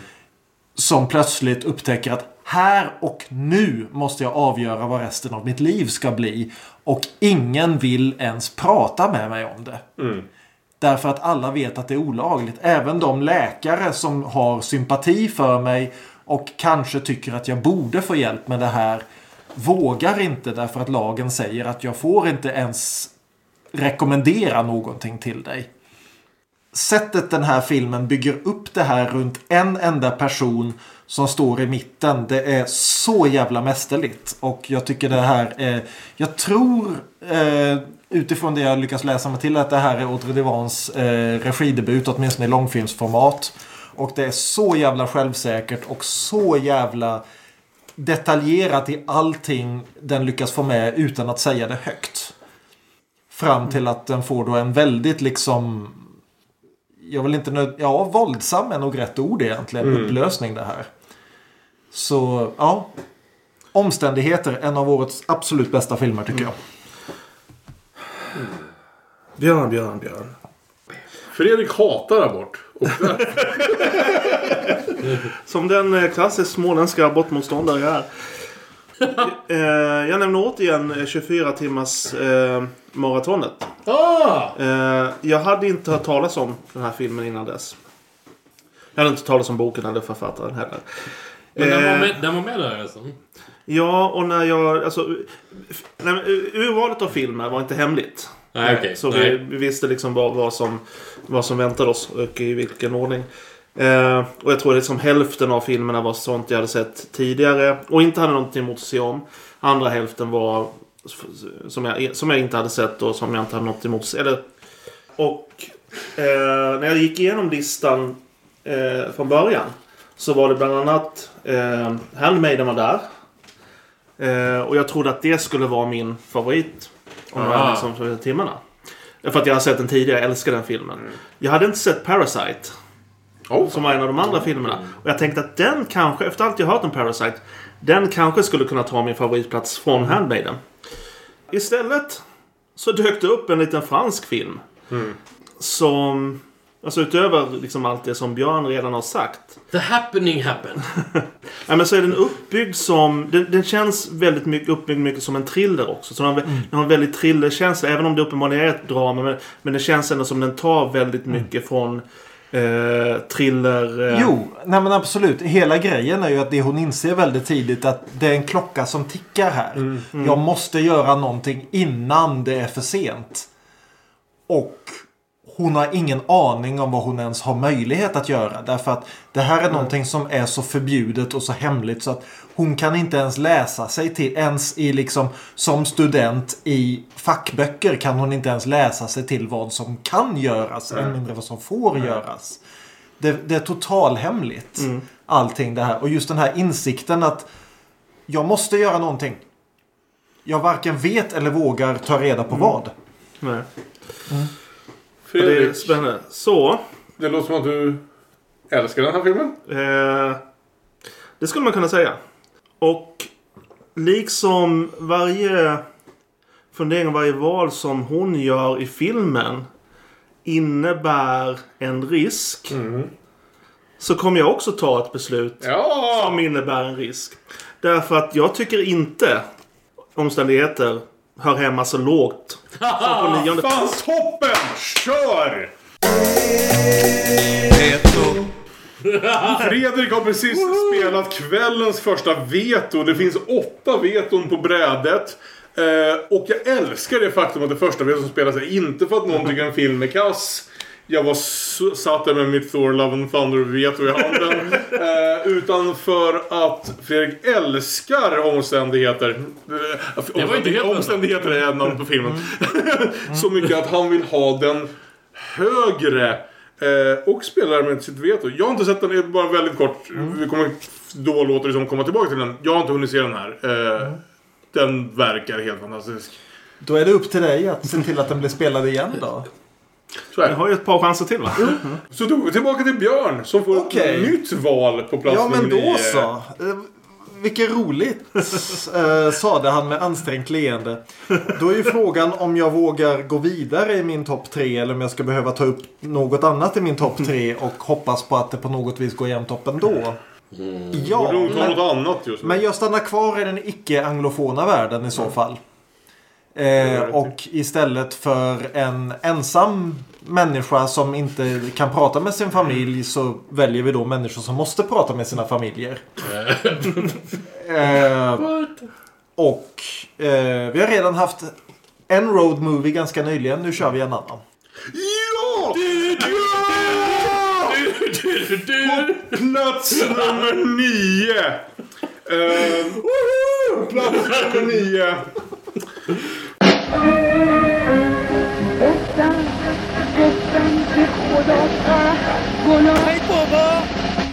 Snälla Björn, hit the road. Hit the road. Och jag blev så till mig så jag höll på att börja prata om filmen. Men jag tar upp till Björn Ja. och börja. Eh, regidebuten från Panna Panahi. Eh, son till Jafar Panahi som ju... Kalle har den också i, sin, i sitt däck här. Som ju till eh, Irans regims eviga skam nu sitter i fängelse för att han haft fräckheten att spela in film. Hans nya film No Bears kommer ju till Sverige under våren. Gå och se den för guds skull. Gå och se allting vad Jafar Panahi har gjort för han är en fantastisk eh, filmskapare. Hans son är inte samma filmskapare. Han, han har gjort en, en film som känns på ett sätt väldigt iransk och samtidigt väldigt världslig. Men som inte alls känns som hans fars filmer. Inte minst därför att hans far har ju senaste tio åren blivit tvungen att göra filmer som han på något vis kan hävda inte är filmer. Eftersom han har haft yrkesförbud. Eh, Panna Panahi har då gjort en väldigt, på ytan väldigt enkel film om en familj. Mamma, pappa, vuxen son, minsta sonen och så inte att förglömma hunden. Hunden. Som är ute på roadtrip. De har lämnat sitt hem i Teheran och ska åka västerut av en orsak som vi till en början inte får veta. Och de åker där längs vägen och gnabbas med varandra och försöker prata med varandra över eh, tre generationsgränser. Och försöker liksom förstå varandra och pappa sitter längst bak med ett brutet ben ingipsat som ingen riktigt vet exakt hur illa det är med. Eller om han bara liksom verkligen inte vill göra någonting och låta mamma göra allt, alla de tunga lyften eller vad. Eh, medan yngste sonen verkligen inte förstår något av det som händer och bara tror att det är en rolig familjeutflykt så sitter äldste sonen helt tyst och kan inte säga någonting för han vet ju vad som är på gång. Och sättet den här jävla filmen bygger långsamt, långsamt upp förståelsen av vad de här besluten de här människorna står inför. Och sen inte minst då sättet på det det visas. Sättet han håller liksom i större delen av filmen filmat inne i en liten bil. Eller okej, det är en ganska stor bil. Det är en modern SUV. Men det är ändå väldigt, väldigt intimt. Den här fantastiska scenen när de råkar köra på en cyklist och plockar upp honom. Och han måste åka med i bilen och förklara hur, hur han absolut, hur han, hur noga det är med, för honom att inte fuska. Och hur mycket han tycker illa om eh, eh, Lance Armstrong för att han fuskade. Och förresten, här kan ni släppa av men nu har jag kört förbi alla mina kompisar. Men sen när vi väl kommer fram till det som visar sig vara klimaxen. Så kliver Panahi tillbaka och filmar med liksom teleobjektiv på 400-500 meters avstånd. Och det är alltså få filmer har drabbat mig så hårt som den här har gjort. Det är en så satans jävla bra liksom kulmen på den här filmen. Som sen till slut kommer tillbaka till den här lilla familjekärnan. Och en satans radioantenn som jag inte ens tänker tänka på därför att då kommer jag börja böla här. Men eh, just hur rolig den här filmen Ja, är. exakt. Det är så humoristisk första timmen. Och man sitter och gapflabbar åt det här väldigt typiska familjedramat som kunde... Det, det här är i princip den iranska Vi hade i alla fall tur med vädret. Ja, Fram det är till att det inte längre är det. Och sen till att det återigen blir det. Därför att det här är en värld där du måste på något vis försöka fortsätta med detta. Och jag älskar den här filmen och jag vill verkligen få ut Jafar Panahi som ju har gjort det i, min, i mitt tycke helt sinnessjuka men samtidigt fullt förståeliga valet att stanna i Iran och fortsätta försöka göra film där trots att han hade haft möjlighet att åka till vilken jävla filmbransch som helst. Och när han då inte längre kan göra det så kliver hans son in och tar över och stannar också kvar i Iran. Och gör också den här filmen i Iran med iranska skådespelare för iranska pengar. Och lyckas berätta den här historien utan att egentligen säga någonting som regimen har, har möjlighet att säga någonting om. Nej, nej, precis. Men just sättet du kan använda filmen för att berätta en historia och sen om någon från eh, Säpo kommer och knackar på och säger att nej men alltså nu har vi ju bestämt att du får inte komma här och störa vår jävla NATO-process. Då kan du säga, men vad då? Jag har ju lyft fram den här människan som en skurk. Och det är... Ja, nej men familjen Panahi har jag all respekt och ingen jävla avund för. För det, är, det de Ja. gör tillsammans är fantastiskt. Men Hit the Road är en av årets absolut bästa filmer och jag älskar den så mycket. Det låter som du flyttade upp kanske din topp två snarare än att flytta neråt från... Ja, jag har, det, finns, det finns fler bra filmer i år. ja. Fredrik? Jag har lagt till den på mina tittarlistor. Ja, okej. Ja, ni som har lyssnat på de här årsavsnitten tidigare vet ju att vi brukar komma till punkten när Kalle börjar gråta och det finns en risk att det här är den mer än någon av filmerna jag faktiskt spelar själv. Jag gissar att jag hade spelat den själv om jag hade sett den tidigare på året. Nu såg jag den tyvärr i min stressperiod vilket gjorde att jag kanske inte riktigt kopplade så hårt som till den som jag borde ha gjort. Jag, tror inte... Alltså det är klart att det finns nationella filmkulturer. För vi pratade nyss om det här med att koreansk film är allt intressant. Iransk film är en... Alltså, och jag tänker inte ens, Jag tror inte jag ens tänker gå in på, på kontroverserna kring den som har dykt upp det senaste året. Eh, tillsammans med all annan kontrovers kring Iran. Eh, men... Det här ögonblicket när jag gick ifrån att inse åh! Iranier gillar verkligen att göra filmer som till, till huvudsak utspelar sig i bilar. Till att inse iranier gör filmer inuti bilar för regimen kan inte fånga dem om de inte har utsatta inspelningsplatser. Nej, precis. Man måste, om man ständigt är i rörelse så vet Så kan inte regimen fånga dig när du gör Nej. din film. Så, så, så det, det, är ju, det är ju en klyscha i iransk film att det är väldigt mycket... Det är väldigt mycket rum. Ja, alltså absolut. Så, va? Ja. För att gå tillbaka, jag menar för vadå? Vi har fem av de bästa Kiarostami-filmerna som är typ huvudsakligen i bilar. Ska sägas att även när Kiarostami flyttade till Japan och gjorde film där var den också mest i en bil. Ja, Taste of. Cherries. Ja. Eh, och, eh, och livet går vidare. Eh, och, men alltså... Nej, det, jag tror det här är en film som skulle, nu slog mig på grund av mig, inte på grund av filmen till 80%. Och om jag ser om den i en bättre sittande stämning skulle slå mig till 100%. Men ögonblicken som slog mig var inte... Jag uppskattar de här långa telefotobilderna när det är väldigt, vad ska jag säga, de faktiskt dramatiska, sorgsna scenerna. Vi ser väldigt mycket i den här filmen, framförallt allt som händer inuti bilen väldigt nära. Och sen när de riktiga konfrontationerna, eller de riktigt livsförändrande ögonblicken händer, ser vi istället väldigt långt ifrån. Ja, förutom just den här scenen nere vid floden som är, förstörde mig fullständigt. Jag vet inte, jag pratade om det här förut också. Jag är ledsen att dra tillbaka igen. Eh, Olof och jag är pappor. Det är inte Björn och Fredrik vad jag vet. Den här scenen, ja, som sagt, fan nu börjar det. Den här scenen när den lilla pojken ligger på pappans mage. Han har den konstigaste sovoverallen. Ja. Och de pratar om Batman tills helt plötsligt är vi i rymden. Ja. Ska jag, ska jag ta över, Kalle? Ja, nej, jag, jag, jag, jag tänker inte veto i den här filmen. Ska jag, ska jag ta över, Kalle? För att det Kalle beskriver är jättefint. Det är inte min favoritögonblick i filmen. Mitt, mitt- favoritögonblick i den här filmen är när pappan sitter med sin vuxne son Ja. nere vid floden. Ja. Och, och i det här patriarkala, i det här machosamhället så säger han till sin son Du, för fan. Tänk på, du kan inte hålla på och gråta inför din mamma. That doesn't play. så här, okej, okej, jag, ska, jag ska tänka på det så här. Ja, men alltså du kan gråta inför mig om du Nej, vill. vad han säger Ja, är... så här, Vad han säger är crying in front of your father. Punkt, punkt, punkt. Ja, okej. Men ja, just det. Men att gråta inför din pappa däremot. punkt, punkt, punkt. precis. Vad fan menar du med det typ? Nej, Jag bara liksom menar att om du skulle behöva det Ja. så är det liksom okej att gråta inför sin pappa. Då lipade jag.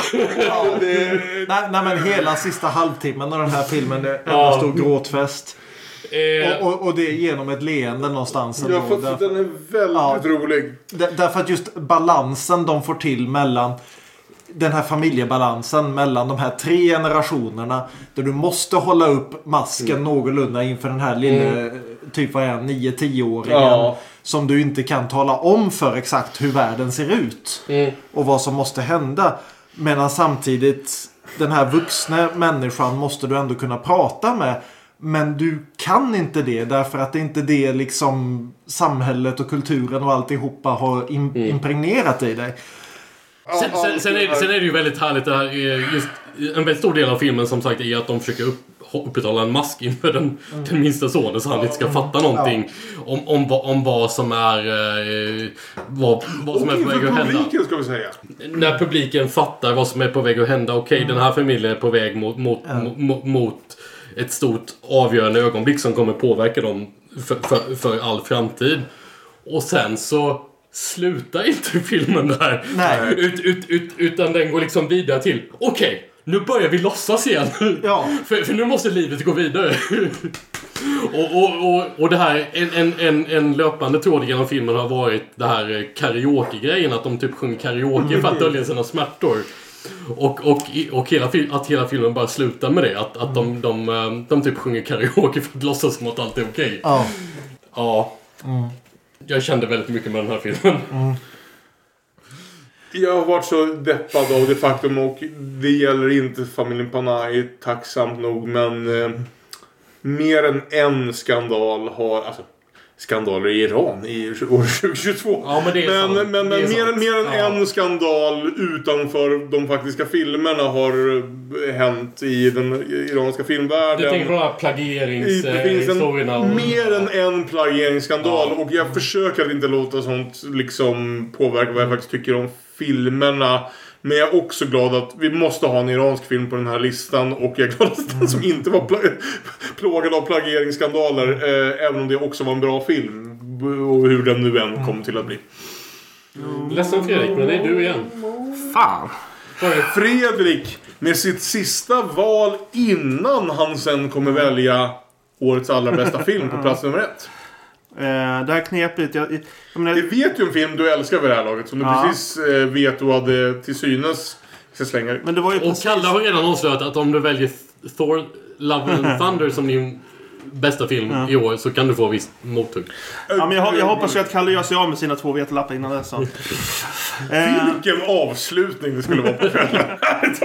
Ja, nej men eh, det, det, är- det är ju lite för tidigt. Skulle jag använt en veto på, på eh, eh, omständigheter bara för att få upp den ett steg. Det låter fel. Det låter fel. Så det tänker jag inte göra. Så frågan fuck. är... Okej, jag vet vad som händer nu.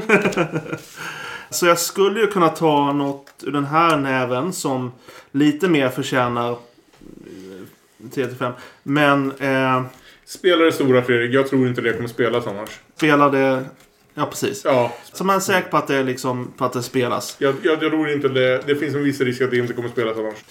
Jag tror jag vet nämligen. Jag tror jag känner mig väl nog att veta vad som kommer hända nu. Spännande. Ja. Eh, det ska bli kul att höra. Jag tror du säkert kan ha rätt. Det här är en film som, som talar till mig på en väldigt... Eh, jag vet inte om det jag ska säga basic, basic håll, men det som jag fastnar för, grejer som jag fastnar för i populär, populärkulturen mest. Ja, men när, när, när, saker som jag fastnar för när det gäller populärkultur och jag te- tenderar att uppskatta mest, eh, känna mest för, är saker som inte håller sig, alltså historier, filmer, tv-serier, serietidningar som inte håller sig i en eh, eh, in lane, man ska säga. Utan som är fler saker. Det är när du blandar gen- genrer. När du blandar det eh, normala med det absurda. När du använder ja, men de här olika sakerna och lyckas göra något liksom känslomässigt liksom, av det. När, du, när, du kommer ihåg, när, du, när du kommer ihåg karaktärerna och deras relationer eh, och har en massa konstigheter runt omkring. Och speciellt under 2022 så finns det väl liksom Ja. Ingen, go! ingen som eh, gör det bättre än den här. Plats nummer åtta. Fredrik har spelat I think when she does something weird, it helps her fight. It gives her power. Everything, Everywhere, All at Once. Slängde du vetot? Ja. Eh, Björn slänger sitt veto direkt så vi kommer säkert prata om den senare. Vilket lämnar Fredrik med en annan film. Och Jag är inte nödvändigtvis missnöjd med vetot därför att jag tror inte Björn gjorde det för att han vill ha bort den från listan. Nej, praxis i de här turneringarna är att om du inte gillar en film låter ändå folk prata om den. Om du vet varför att Ja. få upp den så kan du slänga ut den. Och, För annars skulle du få en chans att försvara den. Ja. Att slänga ett veto snabbt är ett tecken på att det där ska vara högre. Sen om det faktiskt hamnar där är ju en helt annan sak. Men det lämnar Fredrik med ett ytterligare val. Eh, men jag väljer mellan, mellan två stycken nu på min, eh, på min åttonde plats. Båda som jag tycker är eh, förtjänar och som var roliga att prata om med lite olika anledningar. Men okej, jag kommer nämna den här. Den här passar väl också in liksom lite tematiskt med, eh, med saker som eh, vi har eh, pratat om tidigare ikväll. Det vill säga filmer som har eh, varit på gång väldigt länge. Eller som filmskapare velat göra väldigt länge. Men inte har fått liksom loss. Klassisk historia men som lyckas göra någonting nytt av sin miljö. En film som är... Det här verkar av stora känslor. Jag eh, säger så här. Men gud vad glad jag blir. Eh, på plats nummer åtta har Fredrik spelat.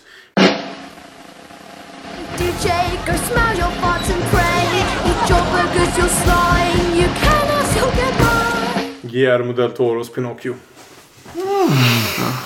Oh, I'm so relieved. Stort fan av, av Del Toro som sagt. Och liksom, han har ju pratat om den i ganska många år vid det här, i, vid det här laget. Jag har väl kanske inte nödvändigtvis det. Jag, jag kan ju liksom det, den grundläggande historien om, om Pinocchio. Och jag såg ju liksom, jag- antagligen Pinocchio när jag var, när jag var liten. Disneys Pinocchio när jag var liten. Definitivt läste den i någon sån här bilderboksform som, som vi hade. Så jag kan liksom den grundläggande historien i allra högsta grad.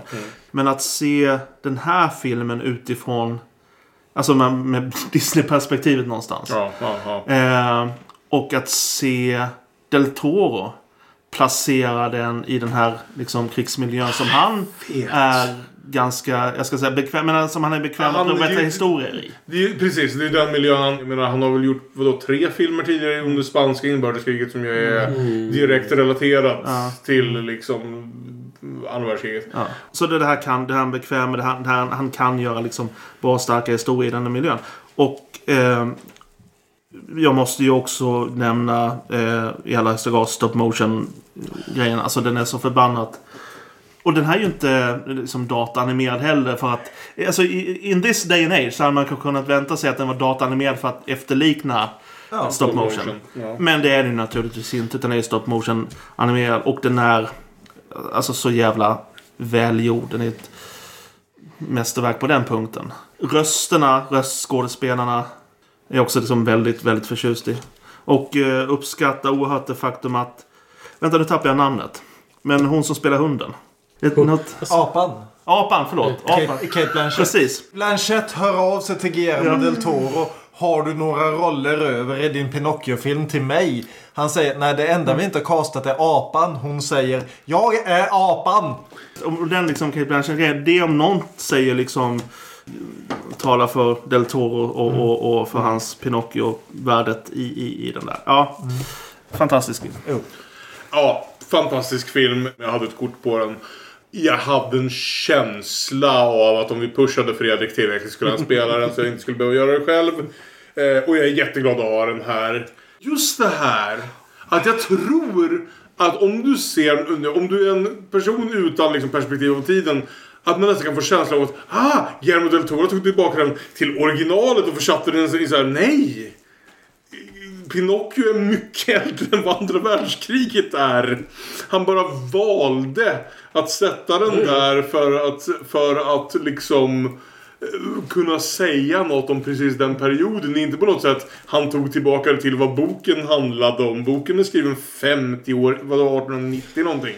1880 kanske? Ja, precis. Så han gjorde det bara för att han kände att det var där det passade bäst, där det kunde säga mest. Och alltså, det är mina favoritdelar av filmen. Extremt bra val. Tänker inte veta vad det är alls. Jätteglad att ha att, att ha dem här på listan. Och så lämnar vi vidare. Ja, nej. Jag vet inte om det... Det kanske inte är en särskilt trogen berättelse mot originalet, men, men den har ju alla de här välkända inslagen och karaktärerna i historien. Och Mm. eh, en sak som man gärna glömmer bort i, i, i när man återberättar Disneys eh, historia är ju att den gamla Pinocchio-filmen faktiskt har ett ganska stort mörker. Och jag har inte sett den nya eh, Disney-filmatiseringen. Kanske tack och lov. Men... men, men, eh, men Jag tror det jag skulle ta upp. den, den, den gamla Disney-filmatiseringen är, är en film som jag ändå har ganska kär, skulle jag säga. Ja. Som jag alltid har tänkt ha en storhet just på grund av att den vågar ha ett, eh, ett mörker på ett sätt som, som Disney-filmer inte alltid har vågat göra. Men den här eh, filmen tar ju verkligen det och, eh, och det här mörkret och springer iväg med det. Samtidigt som den har väldigt mycket hjärta och ömhet i sig också. Den vågar vara bitvis ganska eh, otäck. Och eh, vågar ta ett steg längre att, att måla med de här eh, mörka penslarna. För att också få kontrasten mot, mot ljusen och ljuset och, glä- och glädje som också finns i historien. Jag har upplevt när jag har sett om i, i vuxen ålder Disneys gamla version som lite av ett problem, ett skuldbeläggande av Pinocchios beteende. Eh, trots att han, är, trots han är, att han är ett barn som inte Ja, förstår bättre. ja, ja. Så finns det ingenting av det här och jag tycker att det var så jävla skönt. Att, att det, bara är, det bara är borta. Kopplar du tillbaka till de oskyldiga som... Ja, som ja men faktiskt. För, för att Ja. det är, det är liksom inte Pinocchios fel det som hände, det som hände mot honom. Ja, han gör en del...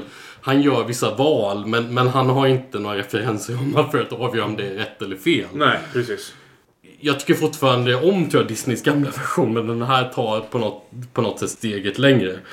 Och det, det, är en, det är en förbannat fin version av Pinocchio. Den har ju filmats massa gånger och jag har nog inte sett... eh, Det, det finns många versioner jag inte har sett. Det kom väl någon också för, för några år sedan med han eh, Life is beautiful-killen. Ja, som, jag, fan. som jag inte heller har sett. Det Nej. kanske ni har gjort. Den här filmen får mig att att känna väldigt mycket. Mhm. I, igen för den här historien. Eh, vi snackade mycket om just det här att vad Pinocchio står för i, de här frågor, i den här filmen. Liksom. Att i både originalberättelsen och i Disney-berättelsen så är den grejen Pinocchio måste lära sig är att lyssna på de som är äldre. Mm. Han måste lära sig att bli en riktig pojke genom att lyda. Ja. ja. I Guillermo del Toros version som då är framflyttad inte till andra världskriget utan till just tiden innan andra världskriget i Mm. Italien under Mussolini. Som ju tog makten 1922, 3 någonting Det sånt. tidigt. Ja, det ja. Då är vi på samma. Då är det ju en kamrat i Pans labyrint och... Exakt, och, eh, exakt. Så, så det är fullt logiskt att Guillermo Ja. del Toro gör den här berättelsen. Mm. Men det han gör då är att han låter Pinocchio stå för den här inte medvetna politiska oppositionen utan det här fuck you I won't do what you tell me oppositionen. eh, att det, Ja. det Guillermo del Toros Pinocchio når fram till. Även om det det som störde mig lite grann är att det verkar lite grann som ytterligare en berättelse om att bara du lär känna dig själv så kan du Därför att nu för tiden är vi så jävla individualistiska så att det är samma jävla lektion i alla animerade filmer. Att bara du lär dig att stå för, för dig själv och älska dig själv så kommer du att vinna i slutet. Men samtidigt jämfört med originalhistorien och jämfört med den världen han väljer att sätta det här i. Så är just det här att jag tänker inte lyssna på de som är gamla bara för att de är gamla. Nej. Jag tänker inte ta till mig den här kunskapen bara för att den liksom etablerade visheten är vis trademark. Det är liksom, jag tänker upptäcka det här för mig själv. Jag tänker pröva mig fram. Jag tänker liksom trycka på alla knappar och liksom låta allting explodera innan jag upptäcker vad som är rätt. Jag har mina åsikter om exakt hur den här filmen tar väg. Jag skulle själv inte satt det så här högt upp. Men jag älskar just de här scenerna där liksom Pinocchio dör och kommer ner till dödsriket och får återvända därför att han kan inte dö därför att han inte är levande. Så de måste skicka tillbaka honom. Och, och varenda gång så vägrar han lära sig något av detta. Fram till det att det han lär sig är att Nej men alltså det du kan lära dig av detta är bara att bli knäckt av världen. Och det enda sättet att gå vidare är helt enkelt att inte låta dig knäckas av världen. Så på så vis så älskar jag den här filmen. Jag tycker det, det finns saker den kunde ha gjort bättre men som sagt rent tekniskt är den helt fantastisk. Det är en av flera liksom stop motion filmer i år som, som jag älskat. Fast stop motion. Vilket, Eh, år för stop motion. Och... Eh, Verkligen. Ja. Nej men absolut, den hör hemma på den här listan. Fan vad fint! Guillermo del Toros eh, Pinocchio. På plats nummer åtta. Robert Zemeckis Pinocchio, ännu inte spelad. Vi befinner oss på plats nummer sju på denna topp 20-lista över filmåret 2022. Och det har blivit dags för vår vän Olof Ekström att göra sitt val på plats nummer sju. Det är här han brukar spela något finskt eller norskt som ingen annan tycker om. Traditionellt. Eh, du är inte allt för långt ifrån. Jag visste att det var allt för långt därifrån. Men, eh, men det blir indiskt. Nej, okej. Och eh, det blir något som är ganska svårt att säga på småländska, men det blir...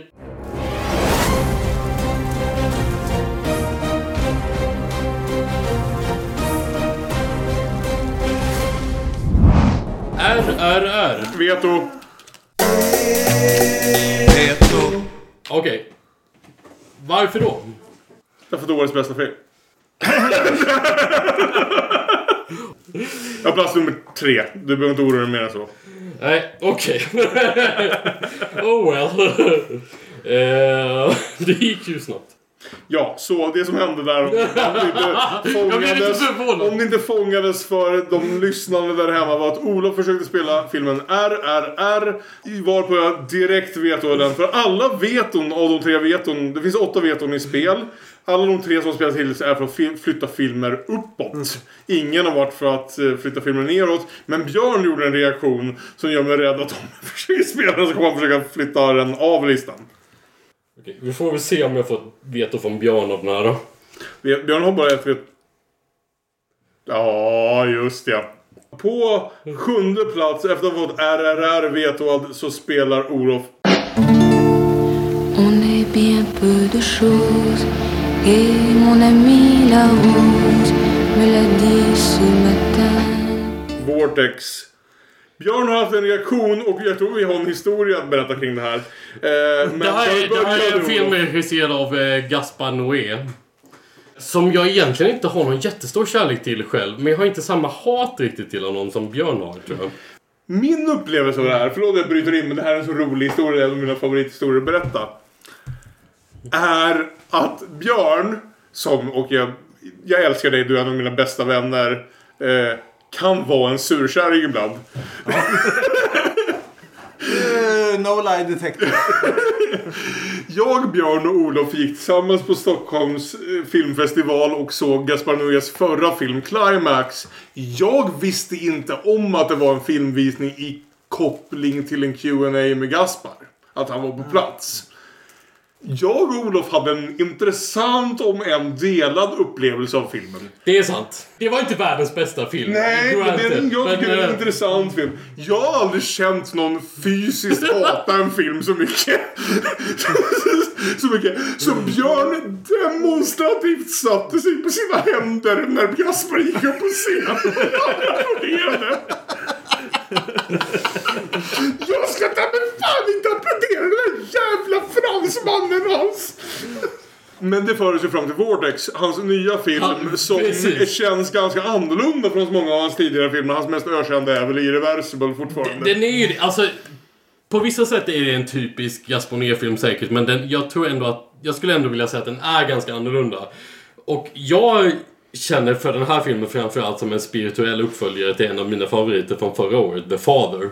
Ja. Eh, som, som jag föll väldigt starkt för och jag gjorde det, jag, jag gjorde det igen för, för, för, för eh, Vortex. Eh, för vad den här filmen handlar om är eh, att filmen från, från ett på något sätt första persons perspektiv skildrar hur det känns att, att falla ner i, i demens och, och eh, Alzheimers och inte ha kontroll över sig själv längre. Mm. Och, eh, Det skulle förklara så mycket om Gaspar Noés filmskapande så ja. Och, och det gör nog det. Jag tror att det är delvis eh, sj- självupplevt. Att han, han hade väl, tror jag, en stroke för inte så länge sedan. Och att, och att han, han väver in det självupplevda i den här filmen. Alltså, fi- filmen centrerar kring ett, till ett äldre gift par i Paris som har varit tillsammans i flera decennier. Och eh, mannen spelas av eh, Dario Argento, Ja, för övrigt. fantastiskt. Eh, I, i, i, en rätt i, intressant roll. Och i början av filmen så har paret en, en så lycklig eh, lunch tillsammans på eh, balkongen i sin lägenhet. Mm. Vilket så visar sig då snart vara en av fruns sista klara ögonblick i livet. För hon är på väg att falla eh, rakt ner i, i Alzheimers. Och därefter så går filmen över till att berättas i split screen. Att eh, mannens och fruns liv berättas i i olika filmrutor parallellt på skärmen. Och visserligen kan jag förstå kritiken från en, en som en del eh, kritiker haft att det här är ett övertydligt sätt att berätta historien som vi hade fattat i alla fall. Men, men det, det skiter jag lite grann i. Bra Olof. Eh, Även om jag i teorin kan hålla med så tycker jag inte att det håller, hade blivit lite, lika effektivt eh, annars. Och, och när ett eh, par tröstande händer sträcks över från den ena rutan till, till den andra. Det, det är jävligt hjärtslitande. Och det, och det är nästan svårt att förklara, men det är det. Om det finns saker som inte fungerar med den här filmen så är det väl att den har en del trådar som den spinner upp som inte riktigt går någonstans. Som att eh, maken har någon historia med en gammal älskarinna som, som, som han ringer som för länge sedan har gett upp hoppet om honom. Som, som är en historia som jag inte som inte riktigt går någonstans. Alltså, det, det är lite typ sådana grejer som jag inte riktigt förstår vad, fi, vad filmen eh, vill med. Så, vi, vissa sådana så, såna negativa grejer finns det. Men eh, det är en otroligt effektiv film om demens och åldrande som eh, är en superintressant film att se vid sidan av, av The Father som ju hade... Skillnaden är väl att The Father hade mer humanism i sig. Vortex är ganska nihilistisk egentligen. Men trots att den är det så är det inte en film som jag sitter och bara mår dåligt av. Utan jag, jag tycker ändå att det finns en eh, ömhet i den som jag inte har sett i Gaspar. Noé tidigare. Och jag, jag beundrade det ändå väldigt mycket. Eh, normalt går vi runt bordet, men Fredrik har begärt ordet. Eh, en annan fransk film av en fantastisk eh, fransk Det är regissör. Amour. Precis. Ja. Eh, Just- österrikisk regissör. Ah, så är jag fransk. Ja. men det är därför jag... Men visst är den på franska? Ja. ja. I och med att jag inte kommer ihåg vem regissören var exakt så eh, ursäktar jag min förvirring eh, Mm. därigenom. Eh, nej, men hur, hur ställer du den i... För, för jag har inte sett Vortex, jag har inte Oj. sett... Eh, Eh, Jag har sett Lamour, men fan det var lite... Det, nu är- jag blir lite osäker på... eh, Det är tio år sedan. Jag minns det som att jag tyckte mycket om Lamour, men jag, kan, jag, jag tror att jag inte blev lika berörd av den, nej. Men, men jag kan inte riktigt pinpointa vad det berodde på. Kände du dig färdig Olof? Ja, jag känner mig färdig. Björn, och så, så, gav du dig in i Gaspar Noé igen eller lämnade Nej. sedan? Nej, Jag tänkte misstänker att du inte har sett den. du Jag, jag, jag är färdig med, med paret Noé Hadzihailovic. Jag gillar inte någon av dem. Det, det är min grej.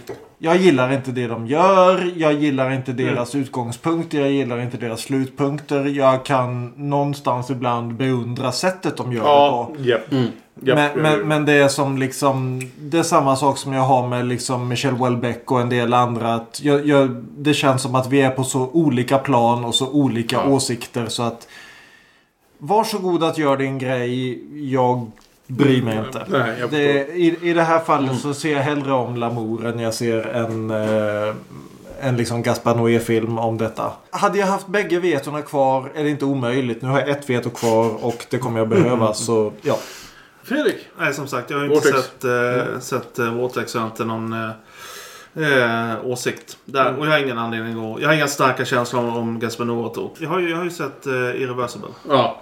Och den tyckte jag var fantastisk. Jobbig, men Ja, skitbra. ja. Anna- Annars så tyckte jag liksom just när jag pratar om, eh, om, om demens och, och så vidare. Och, och, och det vore intressant att ställa de här tre filmerna mot, mot varandra. Mm. Men själv har jag som sagt bara, bara sett Lamour av dem.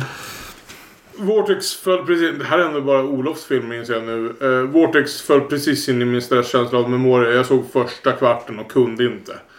Uh, någonstans. Jag var, min, mina tankar var på andra ställen. när Jag kände mig stressad. Och någonting just i det här...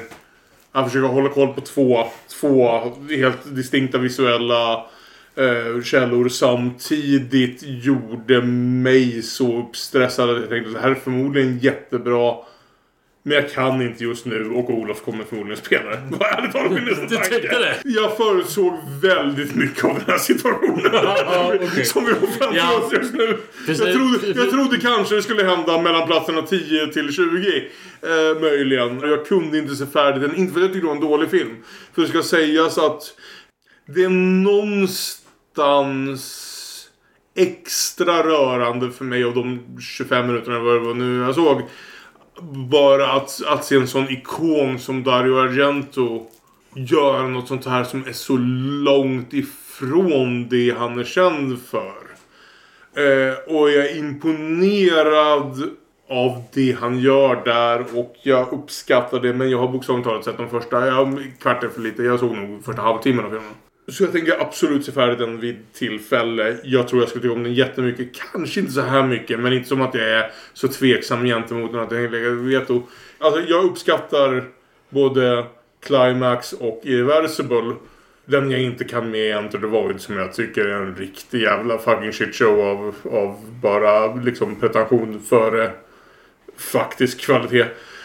Så jag är inte Noés största fan heller. Men jag uppskattar alltid att vi har konstiga jävla människor där ute som får göra konstiga jävla grejer. Och jag uppskattar att Gaspar Noé gjorde en film som på bio hade åldersgräns 11. Nej men som sagt alltså all respekt till filmmakare som tar chanser och Mm. testar vad, vad mediet kan göra. Det innebär inte nödvändigtvis att man tycker om det. Nej. Nej, men, och, och det kan jag förstå. Och eh, Mm. det, det är ju som du säger lite samma sak med, med hans fru. Vad heter hon? Eh, Lucille Hadzihalulic. Ja. Men jag tror vi låser Vortex på Ja. plats 7. Det låter som det. Det låter För det. Björn verkar ha en RRR-känsla. Tänker han bojkotta den, eller vad menar du? Det, jag tyckte han började prata om veton direkt när den dök upp. Han fick en blick i ögat när jag gjorde en sak. Och nu är det ju min tur på plats nummer 6. Och jag råkade ju tyvärr i affekt säga vad jag faktiskt tycker. Men Björn, du har bara ett veto kvar, eller hur? Ja. Plats nummer 6.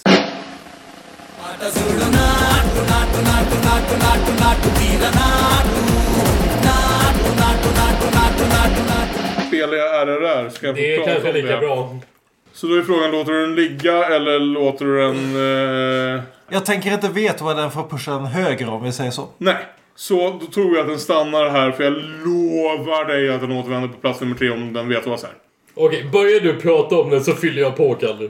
För ungefär tio år sedan så insåg jag att det var intressant det här att den indiska filmindustrin, Bollywood om vi så vill, är världens näst största filmindustri. Och ändå känns det som att den har förhållandevis lite genomslag i resten av världen. Alla ser Hollywoodfilmer. Eller i Europa i alla fall. Ja, precis. Ja. Att, och, och, och kanske framförallt tänkte jag på bland kritiker. Alltså att sånt att... Den har ju stort genomslag i typ eh, Asien och Afrika tror jag. Naturligtvis. Ja. Och vad jag menar är att om du tittar på även kritiker med, vad ska vi säga, ex, alltså kritiker som gillar att välja filmer som inte är amerikansk, alltså engelskspråkiga till sina topplistor. Du ser väldigt sällan indiska filmer Ja, dyka upp där. Det är inte liksom, det har ju naturligtvis funnits stora konstnärliga indiska regissörer genom tiderna. Fast det var typ 50-60-talet. Ja, liksom, fast med- du hade Satyajit Ray där då. Men sen har vi Ja. Mira, Mira Nairen då som Ja, går igenom. ja. Så det händer ju va. Ja. Men det är ju inte som den franska filmscenen eller den koreanska filmscenen eller den iranska filmscenen som Nej. vi alltihopa pratar om ikväll. Utan Bollywood, om vi så vill, har nästan skapat sitt eget lilla land. Och någonstans för typ tio år sedan bestämde jag för att jag skulle ändå göra ett rejält försök att förstå det här. Så jag satte mig ner och på ett år såg jag tror jag, ja men i alla fall en film i månaden. Jag såg ett dussin. Av det som liksom Bollywood-älskare och sådär tyckte var deras bästa filmer.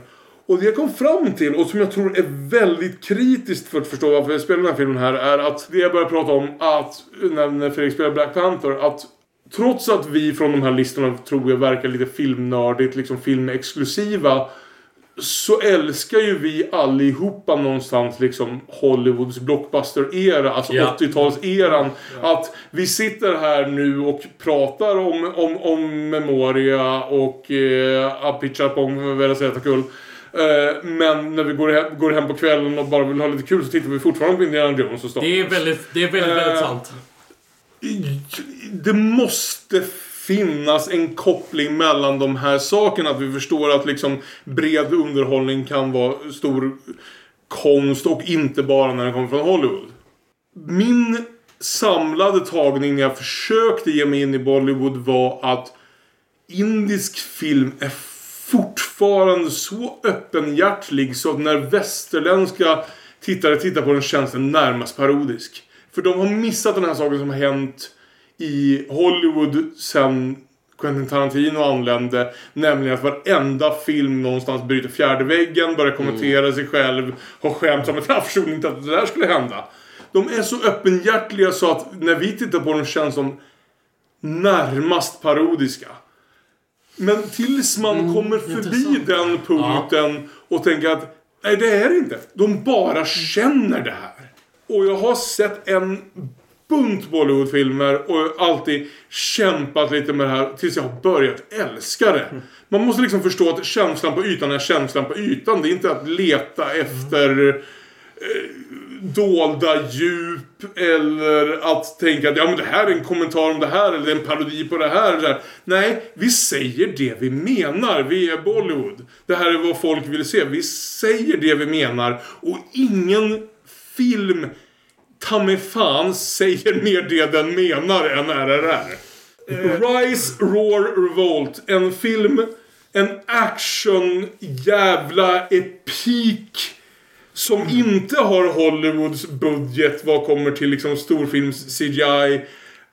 Men som har så mycket panache, så mycket kärlek, så mycket jävlar anamma. Att jag faller direkt för jag är redan lite, jag har sett till och med Bollywood att jag är på dess plan. Jag tror att om man kommer in och ser det här som sin första Bollywoodfilm på ett tag. Kan det ta hela vägen fram till, nu pratade vi redan om Drive My Car, the late title drop. 45 minuter in. När två män ser varandra på ett avstånd och bara vid en blick förstår vad de måste göra. Ser själen i varandra. Ser... Genomför ett stunt som inte är av denna värld. Och naturligtvis nästan obviously CGI. Men någon kom ändå på att vi kunde göra så här.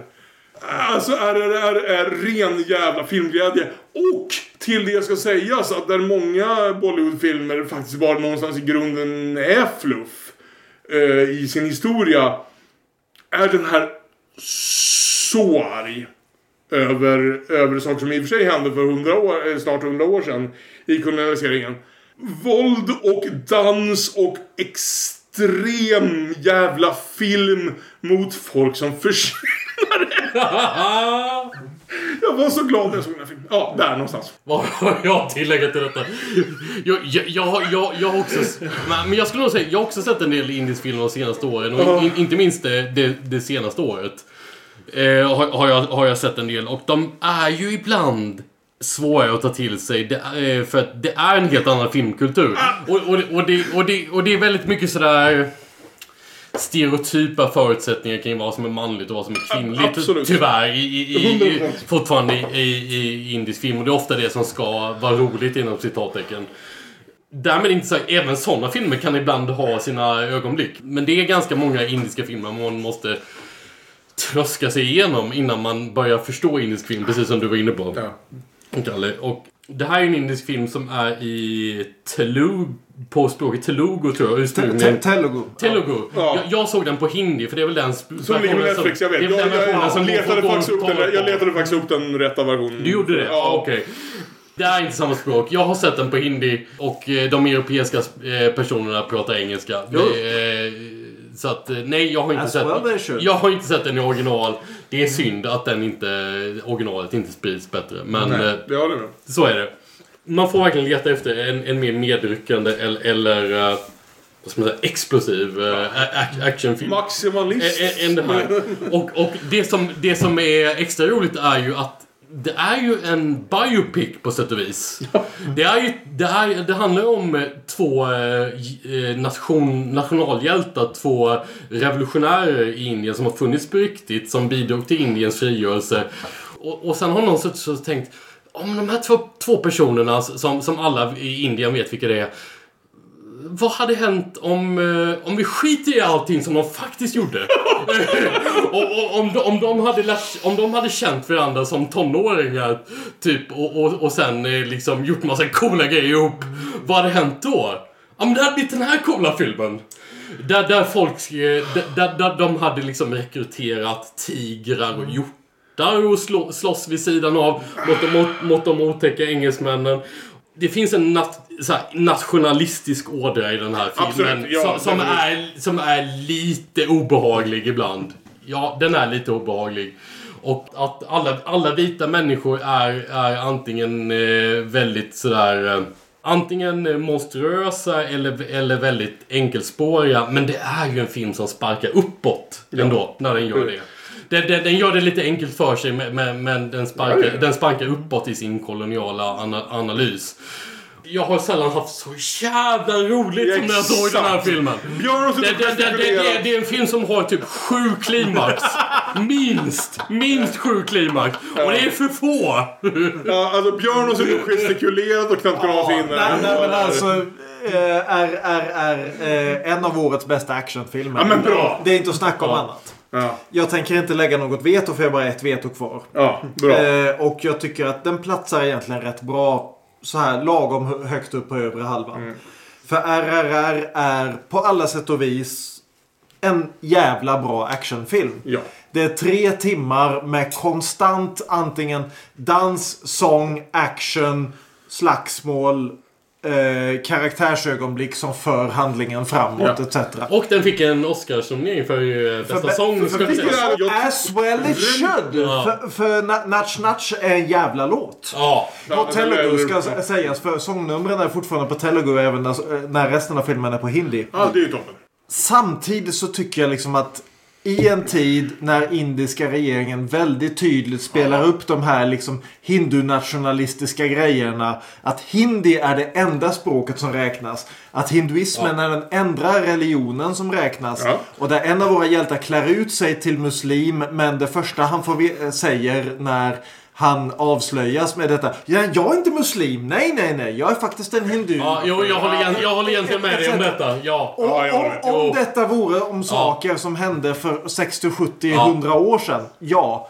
Men i en tid där Indien väldigt tydligt pushar på den här grejen. Mm. Där liksom in, indiska regeringen faktiskt får liksom stora techjättar att stänga ner alla, gre- alla kommentarer om att inte hinduismen är den enda religionen i Indien. En, en stat med över en och en halv miljard invånare. Etc. etc. Jag tycker det Ja, nej, det, det, det skaver lite grann. Absolut. Att, Absolut. att, att ha en film där vår anti, antihjälte som till en början presenteras som hjälte sen visar sig vara skurk. Eh, utan att liksom avslöja någonting om hur det slutar här. Faktiskt förvandlas till en avatar av Vishnu viftandes med en flagga. Jag, jag tycker det går över en gräns. Jag, jag, jag, jag, jag tycker att den här går från att vara eh, Sly Stallone under 80-talet till att vara Chuck Norris under 80-talet. Okej. Så, så jag själv skulle inte sagt den här, satt den här filmen så högt. Därför att jag tycker att den, den kliver över lite väl stora eh, grejer. Och den trampar, på, den trampar neråt lika mycket som den trampar uppåt. Sen är det väldigt, väldigt svårt att förneka att det är en satans jävla actionfilm. Ja. Både dansnumren och fightnumren och jag är inte säker på vilket som är vilket. För, för bägge två funkar lika bra. Nej men att, att, göra, att göra en anti-imperialistisk diskussion utifrån ett, eh, Ja, från, från ett dansnummer. Bara- absolut, jag, jag, absolut. Det är bara häpnadsväckande. I, Inget klagomål Ja. liksom. Fram till liksom två timmar in så, så älskar jag den här filmen. Mm. Sen tycker jag att den tar vägen åt håll som gör att jag har svårt att följa den. Okej. Nej men jag kan, jag kan, jag kan respektera det. Vi, vi, Ja. vi diskuterar till liksom det här Ja. som en Bollywoodfilm. Det är, inte, det är explicit inte en Bollywoodfilm. Nej, det, det är det inte. Nej, det är det den är inte. Gjord på telugu som är ett språk som talas i södra Indien. Mm. Eh, inte i Mumbai som talas i norra Indien. Mm. Men samtidigt så är det liksom, för, när den exporteras så exporteras den på hindi. Därför att de, Ja. som, de som kommer att titta på den kommer att falla i, antingen så slår de på engelsk Dubb. engelsk dubbning Ja. för att ja men jag måste begripa vad som sägs. Och jag såg den nu med engelsk dubbning och engelsk textning och det är väl, två väldigt olika översättningar av vad som sägs om vi säger så. Och andra halvan kommer att se den på hindi för man vill ju se den på originalspråk. Men det talas hundratals olika språk i Indien. Det finns 22 officiella språk i Indien. Och att man då väljer att lyfta fram hindi, det, det känns som en väldigt tydlig poäng. Det här kunde man tillämpa på typ hälften av alla amerikanska actionfilmer som någonsin har gjorts. Jag kommer inte att vetoa filmen för en sån här grej. Men Nej, den lämnar en bismak som jag har svårt att älska. Jag, jag, jag uppskattar det. Det gör mig också glad att jag faktiskt la den på plats nummer sex istället för plats nummer tre, Mm. vilket var vad jag tänkte. Jag gillar någonstans att diskutera filmer här och sen diskutera liksom de Ja. politiska... Om, om, nu har ingen ännu spelat en viss iransk film som vi kunde haft en liknande diskussion om liksom vad filmen är och vad diskussionen runt filmen är. Mm. Här borta, filmen är lika bra för det någonstans. Men det betyder inte att vi inte ska ha diskussion. Jag Nej. säger inte att vi inte ska ha diskussion, jag säger att Nej, vi kan... nej men det är det jag säger. på- Liksom, ja. Filmen är förbannat bra. Filmen är förbannat underhållande. Ja. Det är en jävla action från början Absolut. till slut. Det är tre timmar där man inte har tråkigt en sekund. Nej, jävlar mig. Men jag tycker bara liksom Tänk på vad filmen säger. Jag håller helt och, och det säger något, någonting om det här att vi i västvärlden har väldigt bra koll på alla liksom sådana här poänger när, när vi snackar om amerikansk kultur. Även när vi snackar kinesisk kultur. Det är många diskussioner runt liksom, ja men den här kinesiska filmmakaren, går han fram f- för eller mot den kinesiska regimen? När någonting kommer från Indien så är det liksom bara, vi vet ingenting om Indien. Rent politiskt så är RRR en väldigt tydlig partsinlaga och jag tycker det är värt att tänka på det. Jag, jag håller ju med. Egentligen så har jag ju svårt att säga emot det som Björn säger. För, för att det är ett problem att, eh, att det är en partsinlaga som är väldigt nationalistisk. Det är ett problem att den, den lyfts fram som en, en hindi-film när det inte är det. Ja. Det. Det kan vara svårt att sätta den här filmen i en kontext helt enkelt. Ja. Jo, nej men, Eh. nej men exakt. Det är det enda jag begär. Liksom. Sätt den i en kontext. Ja, nej, tänk, men jag håller med. tänk på vad den säger i förhållande till hur världen ser ut. Inte för 80 år sedan, utan nu. Ja. Det, det är den. Jättebra poäng. Jag är jätteglad att du tog upp den. Nu kommer Fredrik veta den här filmen och så sitter vi i skiten. Men... Eh, Eh, jag vet inte, runda slänga tio år sedan. På Stockholm Filmfestival så gick jag av någon anledning och såg... Jag tror en kompis som, som peppade på det. Jag gick med en kompis. Och såg ABCD Anybody Can Dance. En eh, ja, men, en hyfsat modern Bollywoodfilm om eh, rivaliserande... Ja, men dan, det var någon danstävling på gång. Riva, rivaliserande dansgäng. Som gav mig väldigt mycket av de eh, positiva känslor som eh, Kalle pratade om Mm. vad gäller liksom Bollywoodfilm. Så där kunde jag relatera till, till väldigt mycket. Eh, det är egentligen det enda jag kan relatera till för jag har inte sett RRR ännu. Men eh, jag kommer inte veta heller. För. Kanske årets mest underhållande film. Det Eller hur? var precis min Ja. poäng. Hörni, vi är på plats nummer fem. Så här ser listan ut än så länge. På plats nummer 20, Chippendale Rescue Rangers. På plats nummer 19, Wesera, The Bone Woman. På plats nummer 18, De Oskyldiga. På plats nummer 17, Crimes of the Future. På plats nummer 16, Mad God. På plats nummer 15, Decision to Leave. På plats nummer 14, Memoria. Känns som igår. Eh, på plats nummer 13, Black Panther. Wakanda Forever. På plats nummer 12, Drive My Car. På plats nummer 11, Boiling Point. På plats nummer 10, Bones and All. På plats nummer 9, Hit the Road. På plats nummer 8, Guillermo del Toros Pinocchio. På plats nummer 7, Vortex. Och på plats nummer 6, RRR. Arise, Roar, Revolt. Då återstår läget att jag har tre filmer som jag absolut tycker... För det är min tur nu. Det är Björns tur på både plats nummer 5 och plats nummer 4. Men- så som det har varit alla år vi har gjort det Så här. Björn. Björn, jag och Fredrik har spelat varsitt veto. Olof har båda sina kvar. Vi får se hur mycket av dem, många av dem som används. Så, så jag har, eh, nu är det det här eviga problemet med det här formatet att några av de filmer jag redan har spelat hade jag egentligen velat ha högre upp på listan. Jo, jo. Ja. Men så just därför en film som jag kanske tänker skulle hamnat något längre ner på listan tänker jag nu spela som nummer fem. Och det är en film som egentligen får stå för två filmer. Okej. Därför Okej. att den här filmmakaren då gjorde en, två delar av en trilogi samma Of år. course you did! Så då har jag helt enkelt valt en av dem men det får stå för bägge. På plats nummer 5. Jag är inte alls förvånad. Kanske möjligen att jag trodde han skulle spela något högre. Men Björn har spelat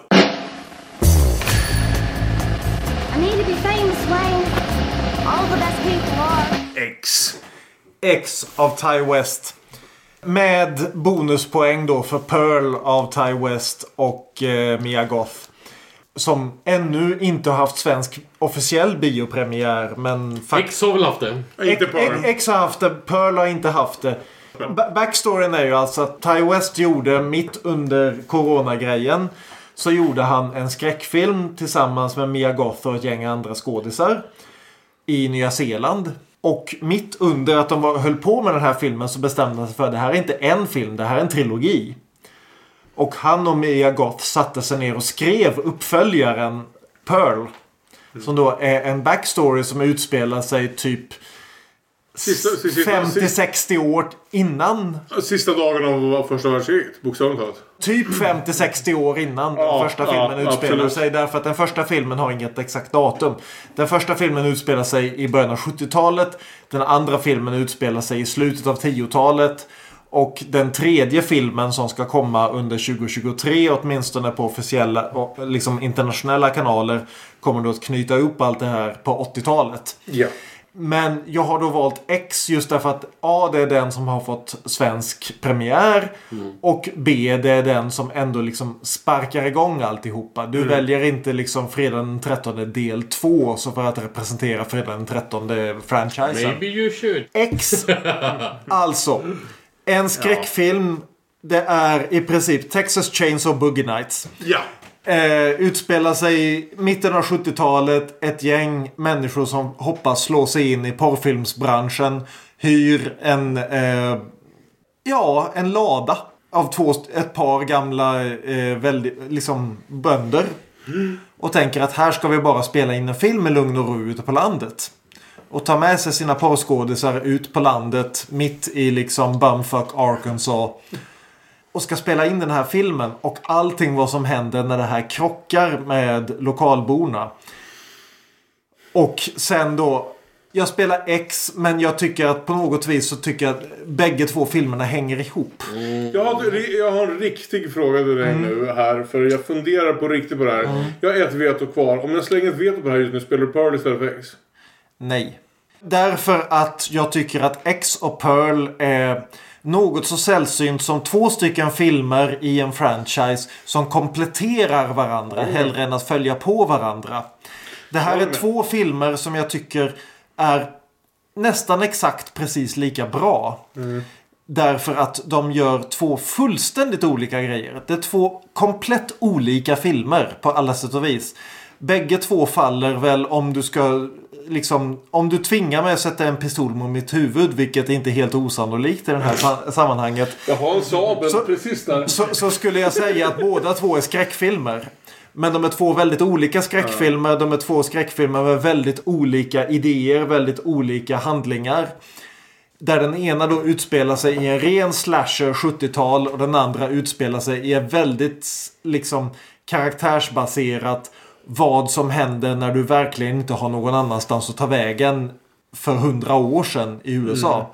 När liksom en invandrarfamilj som verkligen inte har någon annanstans att ta vägen upptäcker att ja, men dottern hör inte hemma i den här familjen längre. Hon vill, vara, hon vill vara något mer än bara ytterligare en jävla bonde i 200 generationers följd. Eh, därför att det är det samhället vi nu lever i. Så jag, jag älskar, dels där, som någon som har älskat Ty Wests filmer ända sedan hans debutfilm. Absolut Devil. Nej, är det det? House of the Devil, Ja, precis. ja. Och har väntat evighet på att han ska få sitt breda genombrott. För han har gjort många filmer, eller inte många, men han har gjort ett gäng filmer varav några har varit helt fantastiska och några har varit helt jävla usla. Men han har alltid haft idéer som har drivit honom framåt. Och nu plötsligt så hittade han den här idén att berätta den här historien utifrån av alla jävla grejer amerikansk porrfilmsindustri på 70-talet. Att bygga upp historien om vad är amerikanskt 90-tal. Mm. Eller 1900-tal. Och då utgår dels från den här idén om den här unga tjejen spelad av Mia Goth 1973. Som bara vill liksom ta en chans att det här är min enda chans att bli någon som någon bryr sig om. Och sen den unga tjejen spelad av Mia Goth 1918. Som ser det här är den enda chansen. Vem är jag? Här är min chans att ta mig framåt och bli något någon som, som någon bryr sig om. Och slår de här emot varandra. Och det är liksom att både X och Pearl var för sig är bra filmer. Men tillsammans så funkar de så jävla bra. Därför att de, liksom jag tyckte X första Men filmen. varför väljer du X över Pearl då? Därför att X är den som har haft svensk pre- biopremiär. Är det bara därför? Är det bara därför ja? Det är i första hand därför, ja. Eh, därför att, men också därför att jag tycker bägge För, två för, för jag ja. måste erkänna att jag gillar Pearl bättre än X. Jag med. Och jag, och jag tycker det är ett helt rim, en helt rimlig position att ta. Mm. För mig är det liksom dag för dag så tycker jag att antingen X eller Pearl är den bättre filmen. Mm. Därför jag tycker X är den bä- bättre slashern. Men jag tycker Pearl är det bättre karaktärsdramat. Absolut, precis. Båda två är pastischer av gamla trender. Där Pearl är definitivt mer uppenbart. X som sagt är ju verkligen en, en eh, hommage till, till Motorsågsmassakern. Ja. Av, och jag älskar vad den gör också för att se ut som en av de liksom, vad ska vi säga, liksom grunge jävla 70-talsskräckfilmerna. Men Pearl går ju ta med fan balls out med att se ut som, vi pratade ju om, om Douglas Sirk tidigare. Var det i år? Ja, det är tidigare. eh, Att, tidigare att, förra att den gömmer sig bakom Douglas Sirk-estetiken med, med, Fan, med, och med, gör med något jävla mörker eh, där bakom. Ja. Det är jävligt coolt tycker jag. Men, Ja, men, men men- samtidigt att båda driver mot någon sorts 80-tals VHS. Om man går in från fel vinkel kan Pearl nästan verka som en parodi eller en satir Mm. någonstans. Men det finns ett sånt jävla hjärta. Ja. Och uh, så, så, Sa, sa, samtidigt som jag tror att jag inte hade gillat Pearl. Jag gillar Pearl. Jag skulle säga att jag gillar Pearl är Pearl en bättre. ganska meningslös film utan X. Ja, det är ju det som är problemet. Att, att jag gillar Pearl bättre än X, men jag hade inte gillat den lika mycket utan Ja. X. Nej. Det är precis det jag menar. Att de här två filmerna tillsammans är en perfekt fusion av två filmer. Som behöver varandra. Och jag vill bara lyfta, lyfta fram det också att Mia Goth är en sån här skådis. Ja, som man har sett i flera år nu dyka upp och göra småroller i film. Hon var med i... eh, Ja, hon är med Emma. Som vi såg. Hon var med i Emma. Hon var med i... Eh, vad, vad vad heter den? Eh, Lars von Triers... Eh, Nymphomaniac. Åh fan. Var hon det? Ja. Hon är inte ett barn vid det här. Jo, jo nej, men hon spelar ju unga versionen av eh, Charlotte ja, Gainsborough. ja. Hon har varit med i alla möjliga liksom, lågbudget skräckfilmer och, så- och så vidare. Och här får hon en chans inte bara att agera utan också vara med och skriva historien. Vilket i sig är liksom metakommentar på filmen själv. Box, ja, Att, att verkligen att hon och Ty West bestämde sig halvvägs igenom X att Nej men fan, du och jag måste skriva tillsammans backstoryn till den här karaktären som dyker upp i den här filmen. Och Ja. att Ty West valde att ge henne den platsen. Att hon står med som liksom medförfattare, medproducent alltihopa. Både till den filmen och till den kommande då liksom som utspelar sig under 80-talet. Maxine Maxine. med 3X. Och, Eh, och att X kommenterar sig själv genom att Mia Goth Ja. spelar, spelar dubbla roller är också, Eh, är också Exakt, det är en sån detalj som hade varit Ja. fullständigt meningslös om den sen inte hade lett in i en trilogi av Ja, det. Ja. Eh, och och jag, jag gillar att man inom en så liksom basic grej som en slasherfilm som dessutom är en, en pastisch på 70-tals slashers. Kan göra en sån grej och sen låta det explodera och sen låta det leda vidare till något annat. Därför att så många skräckfilmer slutar med den här final girlen och sen så leder den inte vidare någonstans. Sant. Och vi har flera exempel på liksom dåliga remakes och reboots som har gjort, gjorts bara i år på det. Samma år som Texas Chainsaw Massacre H5O kommer så kommer X och verkligen lyfter fram den här Final Girlen och låter henne ta platsen både i förhistorien och efterhistorien. Och verkligen vill berätta hennes historia. Och jag tycker att, det, att du lyckas göra en bra skräckfilm utifrån detta och samtidigt berätta något mer är så jävla värdefullt. Och jag älskar den här filmen när jag såg den. Jag skulle kanske inte satt den över ja, men Hit the Road ifall jag, ifall jag hade varit den som har beställt hela listan. Men just nu så hamnar den här. Vad tycker Fredrik? Jag gick in i den här filmen och väntade. Jag, jag ska säga, för det första ska jag säga jag har inte sett Pearl. Jag har Okej, sett X ja. men jag har inte sett Pearl. Och jag gick in i X och jag tror jag förväntade mig någonting lite annat än vad det var. Mm. Så det fanns liksom en, i biosalongen så fanns det en viss liksom så att säga, adju- adjustment-period. Ja men precis. Alltså behövde liksom jag vet, eh, rätta till mina, mina förväntningar och sånt där. Men eh, det som blev, jag gillade den eh, väldigt mycket. Eh, I slutändan. Så i, i min liksom lista så var det in, inte någon som fanns liksom så här högt upp. Men jag har egentligen inga problem att, med att se den här. Den, eh, det är en bra film. Jag håller med. Ja, men jag, upp, jag, precis, Ja. jag uppskattar vad den Ja. liksom försöker göra. Den överraskar liksom bitvis. Den... Eh, jag gillar estetiken. Det är något med både X och Pearl i det här att... Jag menar för fan eh, skräckfilmer, till och med vid det här laget, retroskräckfilmer är ju fucking dime a dozen. Jag menar folk... X är en jättebra en av de filmerna och jag känner min vän Björn och han har en sån kärlek för den här genren så han kommer alltid att liksom ta bra filmer från den här genren och värdera upp dem ett steg från där jag lägger dem. Jag respekterar det och jag accepterar det. Jag tycker Pearl för mig var en mer lyckad film. Jag tycker X var ett av, en av årets mest lyckade skräckfilmer säger så jag inte sagt för mycket. Och jag hade otroligt kul när jag såg den. Med facit i hand, hade, hade, hade Björn lagt X på nian och Hit the Road här hade jag inte klagat någonting alls. Det, det, det hade nog varit min föredragna liksom ordning Mm. också. Men Ja, men nu är vi där vi är. Frågan nu för folk som har lyssnat på Screenloves länge är ju inte längre eh, tycker jag om den här filmen och tycker inte om den här filmen utan är väljer det här mot ett bättre alternativ. Och jag tror inte jag gör det om jag slänger ett veto för jag tror inte han kommer spela Pearl vilket är vad jag önskar han hade gjort som hade varit mer för min del en bättre, ännu bättre representant för den här nya coola skräckfilmstrilogin som jag gillar. Jo. Så jag gör inte det. Alltså, alltså inte för att dissa Pearl som verkligen Mm. är liksom Mia Goth som visar upp allt hon kan göra från början till slut. Mm. Som är liksom verkligen det här liksom. Det är som en bondflicka långt ut i någonst- ingenstans. Som bestämmer sig för att det här livet är inte för mig. Nej.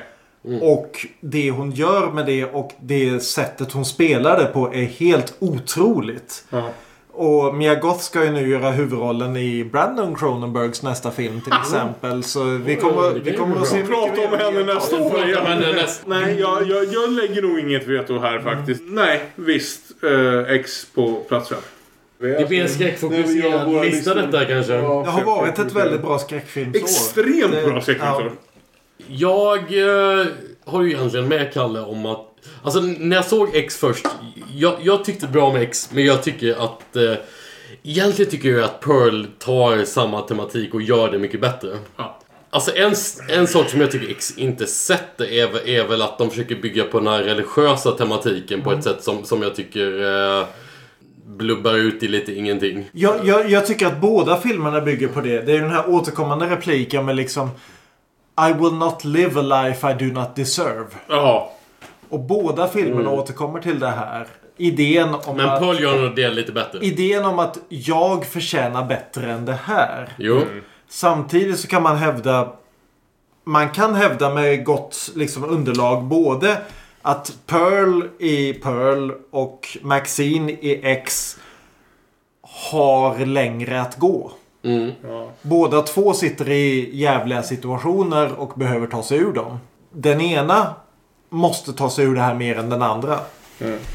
Sen, sen får man ju säga liksom just utifrån 2022 perspektivet att X har Jenna Ortega vil- vilket i sig gör det till en mer 2022-film. Ja, alltså jag kommer prata lite nu om... snackar om någon som har fått ett genombrott i år. Så... Alltså jag kommer prata lite mer om Jenna Ortega när vi kommer till filmer vi inte spelade. Hela den här aspekten med att känna sig eh, låst i en, i, i en, eh, i en roll, inte minst eh, som, som kvinna. Jag, jag tycker ändå att, att jag vill säga att jag tycker Pearl gör det bättre. Vill du slänga veto för att... För att Nej, för alltså, jag tycker inte X, X gör inte det dåligt. Nej. Bara för det. Bara för att jag tycker att Pearl är, aningen bättre. Så att det känns ändå lite, lite mm, onödigt att göra det. Ja, men då, så, då låser vi det där. Ja. Plats nummer fem är X. Björn har två val på raken så han kommer återkomma direkt med sitt val på plats nummer fyra. Så då är ju frågan. Vad kommer Björn spela som sitt sista val? Då återstår ju frågan. Ska jag spela årets bästa film och nöja mig med att den hamnar på plats fyra? Eller ska jag chansa på att spela någon annan film och hoppas att någon annan spelar årets bästa film på de tre platserna som Det beror på återstår? vem du förlitar dig på. Du vet, du hade ju en film för att få den högre. Ja. Vilket traditionellt sett betyder att du nu har ansvaret för den. Och jag säger rätt ut. Jag kommer inte spela den. Då spelar jag den. The only thing I do know is that we have to be kind, especially when we don't know what's going on. Everything, everywhere, all at once. Så vi börjar till hos Björn. Det här är ju... Ja. årets bästa film, ser du? Årets bästa film. Eh, med en liksom hästlängd. Okej. Jag absolut älskar Everything Everywhere All At Once. Av The Daniels. Det vill säga Daniel Kwan och Daniel... Reichert? Någonting sånt. Ja. Som tidigare ju gjorde den här Swiss Army Man. Ja. Som jag älskade även då. Att de då har lyckats få till den här filmen. Och att den har lyckats få liksom den cred den förtjänar dessutom. Det är det som jag verkligen älskar med den. Eller en av de många saker jag verkligen älskar med den. Jag såg den här filmen och när jag kom ut ur biografen höll jag på att ramla omkull. För jag var inte helt säker på vilken verklighet jag var i. Det är liksom den här eviga... Jag tror inte jag behöver berätta vad Everything Everywhere All At Once betyder för liksom vad den handlar om för någon av de som ens har lyssnat så här långt på det här avsnittet. Jag älskar det med den här filmen att liksom klichén är det här att den här filmen fick mig både att asflabba och storgråta och det är sant. Jag både vred mig av skratt i biosalongen och grät så att jag verkligen behövde plocka fram liksom näsdukar och snyta mig. Men inte bara det, utan att jag har, haft, jag har sett om den här filmen två gånger sedan dess. Och jag har haft samma reaktion på den varje gång. Det, det är inte bara en film som berör mig. Det här är en film som stannar kvar hos mig. Det här är en film som inte bara är smart. Enligt det här klassiska. Det är ett smart manus. Nej. Utan det känns som ett vist manus.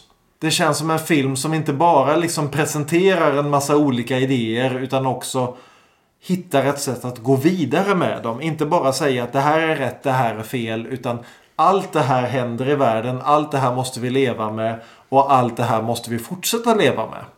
Och som ändå någonstans i motsats då till till exempel Mad God faktiskt tror att det här är no- någonting som människan kan hantera. Att vi faktiskt kan vara de här människorna som fullständigt hatar vår egen familj och älskar vår egen familj samtidigt som verkligen tror att vi kan vara fullständiga idioter och de visa, smartaste människorna i världen samtidigt. Som tror att vi kan liksom acceptera att vi kommer alla att dö inom en överskådlig framtid och vi kommer att kunna leva inom en överskådlig framtid samtidigt. Det är liksom så många av de här filmerna om vad livet egentligen betyder slutar i någon sorts pseudokristen grej om att ja, men bara du liksom lär dig att förlåta andra. Det här är på något vis en taoistisk film. Det här Mm. liksom att Ja. livet är skit men ta åt dig det som faktiskt fungerar ändå. Eller för att prata med oss som är Buffy-fans liksom att ingenting betyder någonting därför betyder allting någonting. Allting, allting till och med. Fuck Joe Sweden, he really got it that one time. Ja, precis. Och jag, jag tycker att det här är liksom Dels det här att alla de här skådisarna, Michelle Yeoh och Kay Kwan får de här rollerna som de har förtjänat i alla år. Inte minst då Michelle Yeoh. Jag menar inget ont om Kay Kwan. Han har gjort fantastiska liksom, barnskådespelarinsatser. Men Michelle Yeoh har gjort de här rollerna konstant hela tiden. Och aldrig fått cred för det. Där, därför att, ja ja men det är något, det är liksom, du, gör, du kan göra karatesparkar. Vad fan du är kines. Vem Michelle, förväntar sig något har ju varit liksom det här. Vi har ju Mm. en skala av folk som är du vet folk som vinner Oscars och sånt. Och sen Mm. har vi folk som är väldigt mycket inne i sitt fält. Ja. Jag känner, det är ju inte som att inte Michelle Yeoh har varit beundrad i sitt fält. Men hon har Nej. varit väldigt mycket i det fältet. Och att den här filmen då gör en sån jävla grej som att den hittar en ursäkt att stoppa in faktiska press, press liksom, filmer av Michelle Yeoh på liksom premiärer och göra det till en del av det här är inte allt hon är. Nej. Det här är inte allt du är. Det här är inte allt vi är. Vi är något så jävla mycket mer än bara det som någon fångar in i något ögonblick av vårt liv.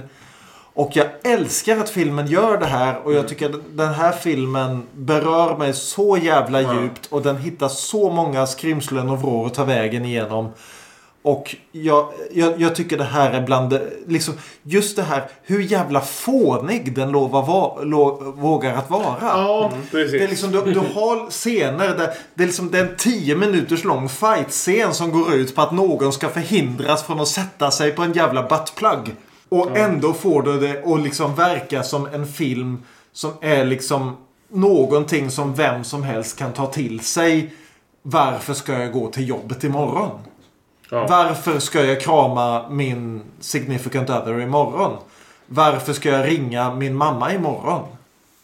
Jag kan inte tänka mig någon annan film som har lyckats göra så mycket och samtidigt få så mycket att stanna kvar.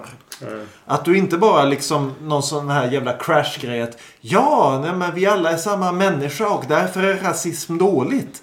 Utan att den lyckas presentera allt det här. Ja, men allting är för jävligt. Du, du kan inte lösa den här frågan. Du kommer aldrig att älska din mamma okritiskt. Men på något vis måste du gå vidare ändå. Jag älskar den här filmen. Fredrik, du försökte ju spela den förut så jag gissar att du också är ganska förtjust i den här. Ja, och eh, jag, jag, jag vet inte vad jag egentligen kan tillägga efter det. För, eh, alltså för mig så är det här en av årets två bästa filmer. Och eh, kanske egentligen ganska liksom interchangeable. Eh, Mm, mm. Vilka som hamnar högst upp. Du har ett veto kvar. Eh, ja, eh, ja, nej, nej. Jag, jag kommer inte veta vad det här är. Det är tillräckligt svåra beslut ändå. Mm. Och, jag, och jag försökte lägga fram den. Vilken plats var det? Det var på åtta va? Eh, åttan. Men det var också, det, det var inte nödvändigtvis för att jag tyckte den hörde hemma på åtta. Utan mer jag ville vara säker på att faktiskt få fram den. Därför att den är så pass bra som, som, som Björn säger. Den, den har allt det där. Eh, och som jag var inne på liksom då så det är det här som jag älskar med hela alltså ge- genre, som det kallas som genre filmer, genre tv. Man blandar Mm. genrer, eller, eller som att använda vad det, science fiction eller, så, eller fånighet eller whatever till att liksom berätta om större saker. Det är därför liksom vi älskar Buffy till exempel. Ja, ja, absolut. Mm. Det är en sån pass grundläggande del av min kulturella personlighet. Mm. Eller som, som har gjort mig till, till den jag är idag. Och eh, Everything Everywhere All At Once är ett fantastiskt uttryck för det. För allt det här. Så du har de där fåniga bitarna. Alltså du har liksom den där jävla ja, men butt, butt eh, plug fighten. Ja. Och jag, vill, jag, jag ska inte spoila den scenen men det finns liksom en scen som är otroligt enkel, väldigt fånig. Och som får mig att sitta och snyfta, gråta i biosalongen över saker som, som jag liksom inte har tro, någonsin trodde jag skulle liksom gråta över. Jo. Och, och den lyckas liksom vara allt det här samtidigt, överallt, på en och samma gång. Och det är helt mm, underbart. Nej, nej, nej, men just den här scenen i slutet när du tror att allting har löst sig. Idén om att den här enkla idén om att sy ihop alltihopa, den finns inte. Ja, det landar hos mig här nu då. Ehm, jag gjorde ett misstag här tror jag. Och det är att den här filmen kom in ganska tidigt i år ändå. Den dök upp både på bio och jag tror ganska snart på streaming. Ja, mars, april. Mars, april, maj någonstans. Men jag såg den nog inte förrän framåt jul tror jag ändå. Så jag hade liksom någonstans sett hela diskursen Mm. innan jag tog del av filmen. Vi gjorde, jag var inte del av den här första vågen, alltså återigen jävla film-twitter. Som behövde, det känns direkt när jag såg den som jag behövde förhålla mig till något snarare än att ha min egen upplevelse. Jag tycker inte det här är årets bästa film. Jag tycker nog kanske det här eh, platsar på en topp 10. Jag tänker inte veto då är det Vissa saker som jag hör nu fungerade för er är jag så glad. Alltså, mm. ingenting gör mig gladare än när, när film gör sådana här saker för människor, särskilt människor jag tycker om. Eh, men det finns saker i det här som är så referenstyngt. Den är ett snäpp för rörig för mig. Den är ett snäpp för mycket till just det här att ni båda två har pratat om buttplug-fighten som något positivt och det är lätt den biten som drog mig ur filmen. För det var där den blev för mycket liksom ett steg ifrån saker som berör mig till någon slags liksom jackass-humor som... Fair point. Fair Ja, point. och, och jag förstår, och det, bokstavligt talat. Här är vi ändå inne och liksom verkligen drar hårstrån. För, för den är så innovativ. Den är så fantastiskt rolig. Den är så välspelad. Jag uppskattar dess genrebyten och så mycket. Och, och, och vill jag lyfta Mm. fram att den här är gjord för en tiondel av samma budget som eh, Doctor Strange använder. Ja, absolut. Det är liksom att du kan göra såna här grejer bara du har berättelsen att göra det med så kan du göra liksom vad som helst egentligen idag med några, hund, några hundratusen jag, dollar. tr- jag tror bokstavligt talat om jag skulle skriva min topp 5 för i år skulle det här landa på nummer 5 eller 6. Jag skrev inte ens upp ett kort på den för jag var så säker på att ni två jävla nördar skulle spela den. Eh, så jag har inget emot att ha den på plats nummer 4. Jag gillar alla filmer jag har spelat och typ en eller två till. Bättre än den. Men, men det är klart att det är fascinerande och fantastiskt Mm. bra.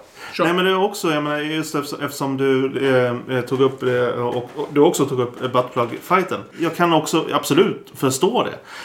I en annan film.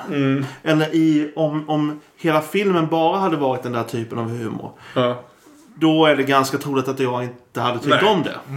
Och, och egentligen får buttplug-fighten få stå som ett exempel för, för flera andra liksom, Jag tror det också. Ja. Eh, men, det men, det, men, det men finns så- ju plural scener i den här filmen där människor använder olika former av dildos för att bekämpa varandra. plural. Men, men poängen är liksom att, att, att, att som, som de här scenerna, som den här scenen.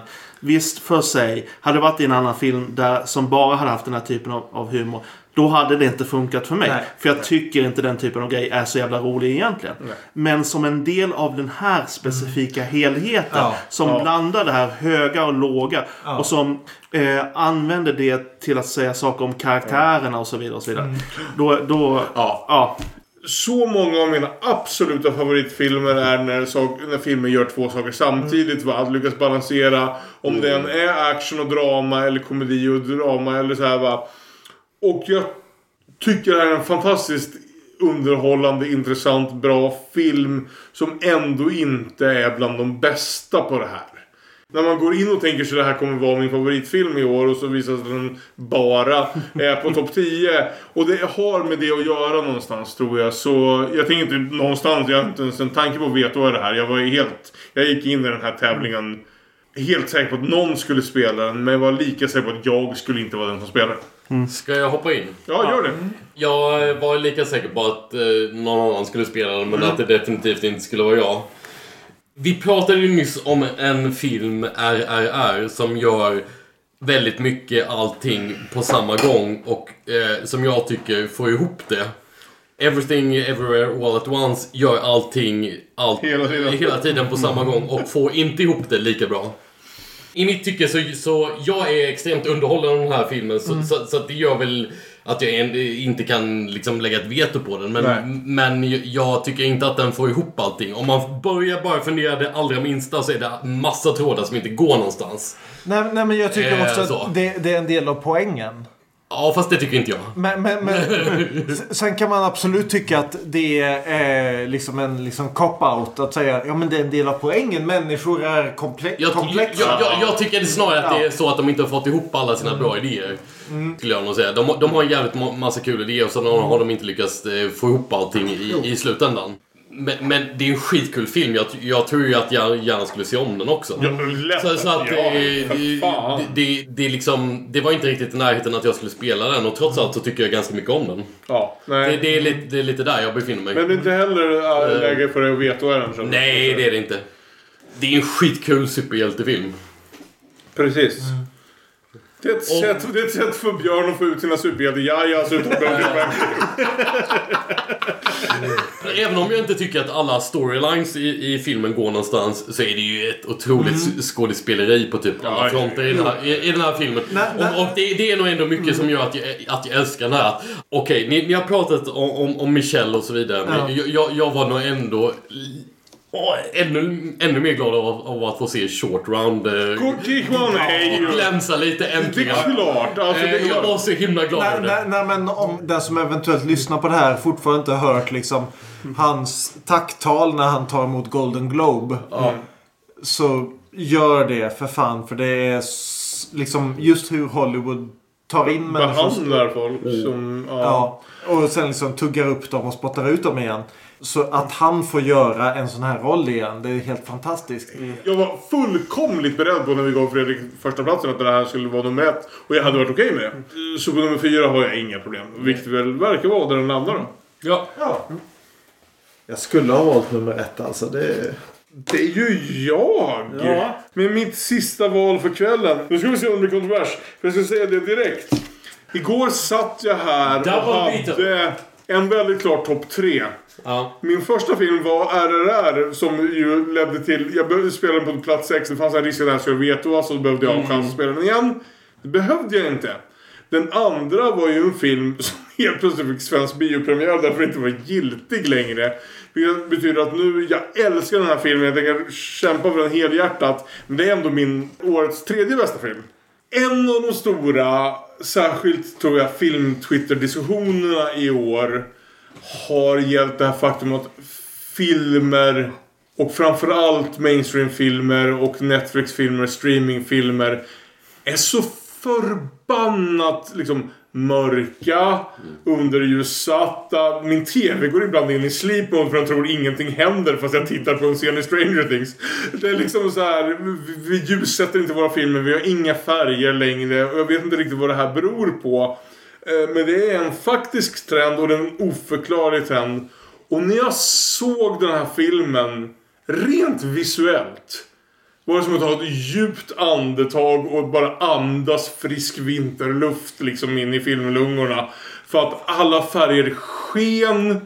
Allting var så ljust och klart och välfilmat. Och bara, åh herregud, primärfärger! Var har ni varit i mitt liv? Vad är detta? Och jag tror det här är en film som kanske skapar viss diskussion. Jag fullkomligen älskar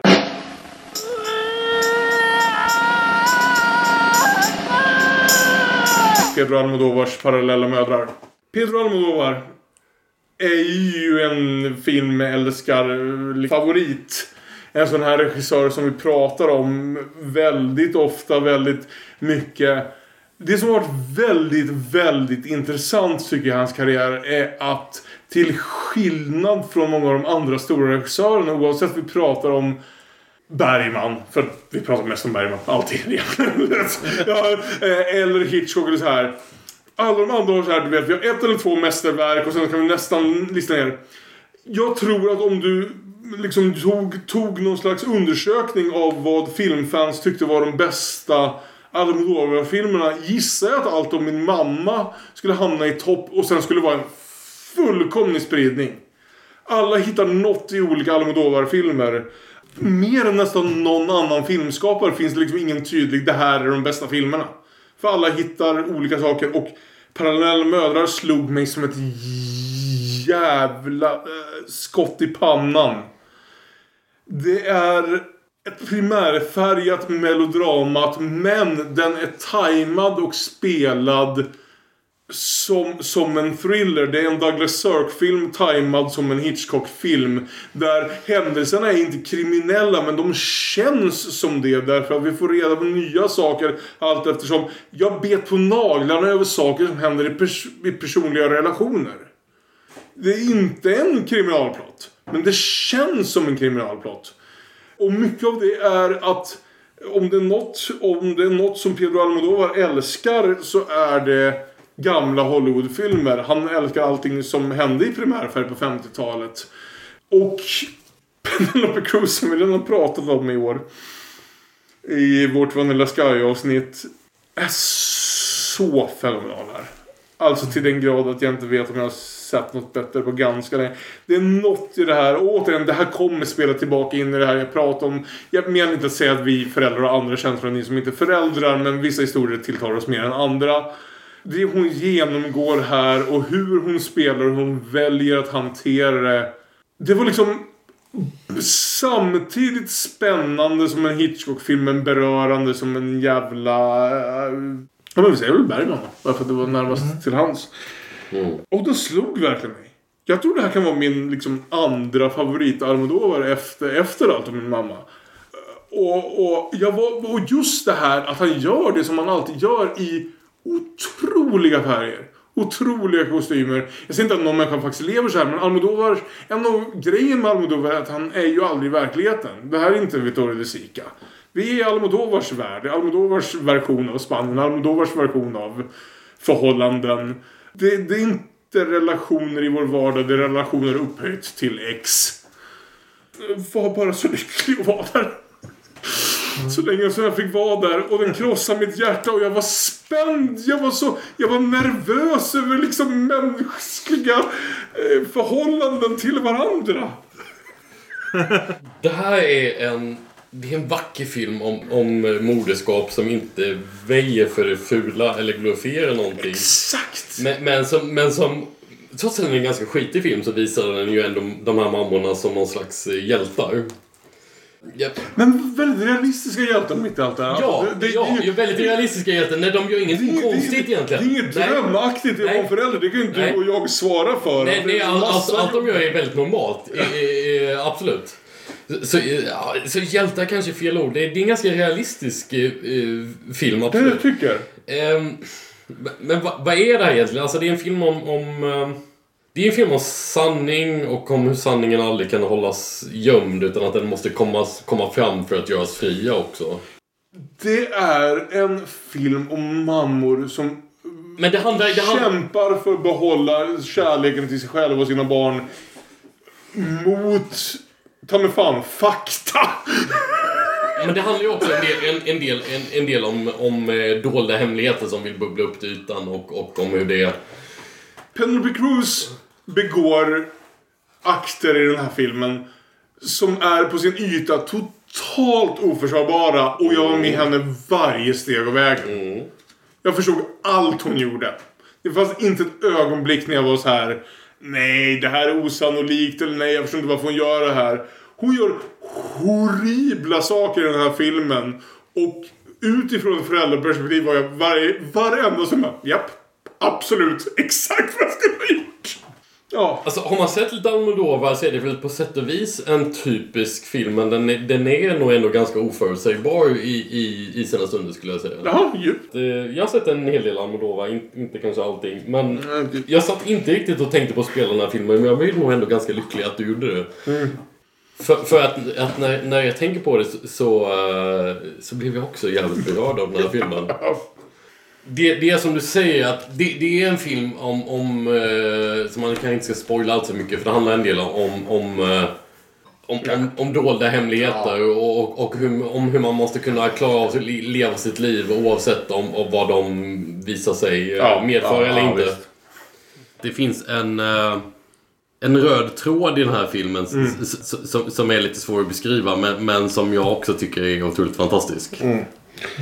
Den kommer ju tillbaka till inte bara liksom den personliga historien utan hela landets historia. Någonting som vi nästan var inne på i Ja, Pinocchio. för det bygger ju också, precis, det, det, det, det är också mycket eh, Spaniens historia och, och eh, där eh, spanska inbördeskriget kommer ju också upp. Precis. Så, så, så, som, eh, alltså landets historia kommer upp så, som eh, är väldigt relevant för, för de, de här eh, personerna i historien försöker leva sin egna liv men kan inte riktigt frigöra sig från historien. Jag tror det var så här. Jag grät i sista scenen av den här filmen och jag visste inte riktigt varför. Det är inte som när någon en sorgsen monolog eller någon. Utan det var bara. De här människorna har hittat en väg tillsammans och går vidare från allt det här som skapade dem. Både det bra och det dåliga. Ja. ja. Jag har inte hunnit se den här filmen. Eh, någon gång ska jag sätta mig och titta igen precis allting Almodovar. Åh gode gud Almodovar-podden! När vi är klara med... Ja, det skulle Jag, jag vill rösta för att det är säsong fyra. Ja, jag tror Jag har det. sett allting Almodovar- Almodovar gjorde upp till typ 2000. Sen någonstans tappade jag kontakten med honom. Jag jag och, och, och det känns som att jag behöver åter, återkoppla till honom. Och han gör filmer som folk uppenbarligen älskar år ut och år in. Och jag älskar det med honom. Att han fortsätter göra det. Och att han fortsätter liksom strippa, liksom ta bort alla liksom de metaforiska lagren av det. Eh, men jag har tyvärr inte sett den här filmen. Nej. Men jag har fullt förtroende för att det är en bra film. Så jag säger ingenting. Nej, ja, men toppen. Jag äh, instämmer med Björn. Ja. Så, inte sett. Eh, jag litar på er i det fallet. Fy fan vad glad jag är för då är ju jag klar. Jag bryr mig inte om topp två riktigt så mycket känner jag just nu. Eh, Är det jag som har nummer två? det är Nej. du som har nummer två. Jag är lite rädd för att det är bara jag som har sett den här filmen. Ja, det låter som du skulle göra. Björn gör sitt veto-kort klart. Jag tänker i alla fall berätta om den här filmen. Mm. Som jag tycker väldigt bra om. What the fuck just happened? På plats nummer två har Olof tydligen spelat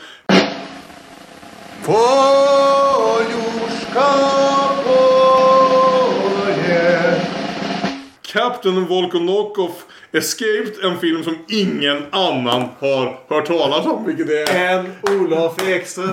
Ja. Okej, jag ska berätta om den här filmen och så får ni Please se vad ni do. tycker. Det är en rysk film som utspelar sig i Leningrad strax före andra världskriget. Huvudpersonen är eh, Volkonogov som är kapten i den hemliga polisen. Och en ganska paranoid sådan, vilket gör att han precis lyckas undkomma när han börjar inse att han och hans enhet, eh, av skäl som aldrig förklaras för honom, eller för oss heller, vad jag minns, eh, hamnat i, i onåd med, med överheten. Han lyckas undslippa detta. Senare, klädd i civila kläder, blir han tillfångatagen av polisen, som inte känner igen honom, och tvingad att gräva en massgrav till sin forna enhet, som då också börjar spöka för honom. Han inser att han är dödsdömd och att det enda han kan komma på att göra i det läget är att söka upp anhöriga till sina offer och be om förlåtelse. Och så kanske kan han då i alla fall komma in i himlen, om nu livet ändå är slut. Eh, och han, han kommer att tänka på det här att många av hans offer tror ju att deras anhöriga sitter i Gulag och de skickar strumpor och sänder matpaket och så vidare. Och trots att deras fru eller son och så vidare kanske har varit död egentligen så länge. Och kanske, tänker Volkonogov, kan han ge dem en, en, en, eh, en closure och få deras tacksamhet i utbyte om han berättar att de redan är döda. Det som följer är en, en, en väldigt spännande thriller där Volkonogovs forna kollegor är honom ständigt hack i häl, ledda av en nitisk kapten som själv har en presumtiv dödsdom hängande över sig i form av en allvarlig sjukdom. Vi, vi får en, också en svart, eh, en svart komedi där vi hela tiden är medvetna om det här hemska i Stalintidens terror. Men det komiska ligger i bland annat i Volkonogovs närmast då byråkratiska approach till att lösa det här uppdraget som han har gett sig själv. Att Ursäkta, jag kommer från hemliga polisen. Jag har avrättat er dotter av misstag. Jag undrar om ni skulle vilja vara så vänliga att skriva under det här pappret på att ni ändå förlåter mig så att jag kan komma in i himlen. Okej. Att det är tydligt att det här att vara en korrekt statstjänsteman är, är, Det- det- det- är, är, allt som han vet, som han Det- kan. Det känns lite Bulgakov det här liksom. eh, Mm, ja, men kanske. Ja. När han försöker komma in i himlen och att det, det kanske inte funkar det här att vara statstjänsteman längre, men det är liksom vad han har. Det är spännande tid det här också som, som skildras. som- Det är inte kalla kriget som man har sett kanske i mycket fler filmer utan det är det här 20-30-talets eh, eh, Sovjet. För min egen del i alla fall, jag har sett en del 20-30-tals eh, Sovjetfilmer som, som ju skildrar de här eh, händelserna på ett lite mer glamoröst sätt. Kanske ofta, eller åtminstone inte det här problematiserande sättet.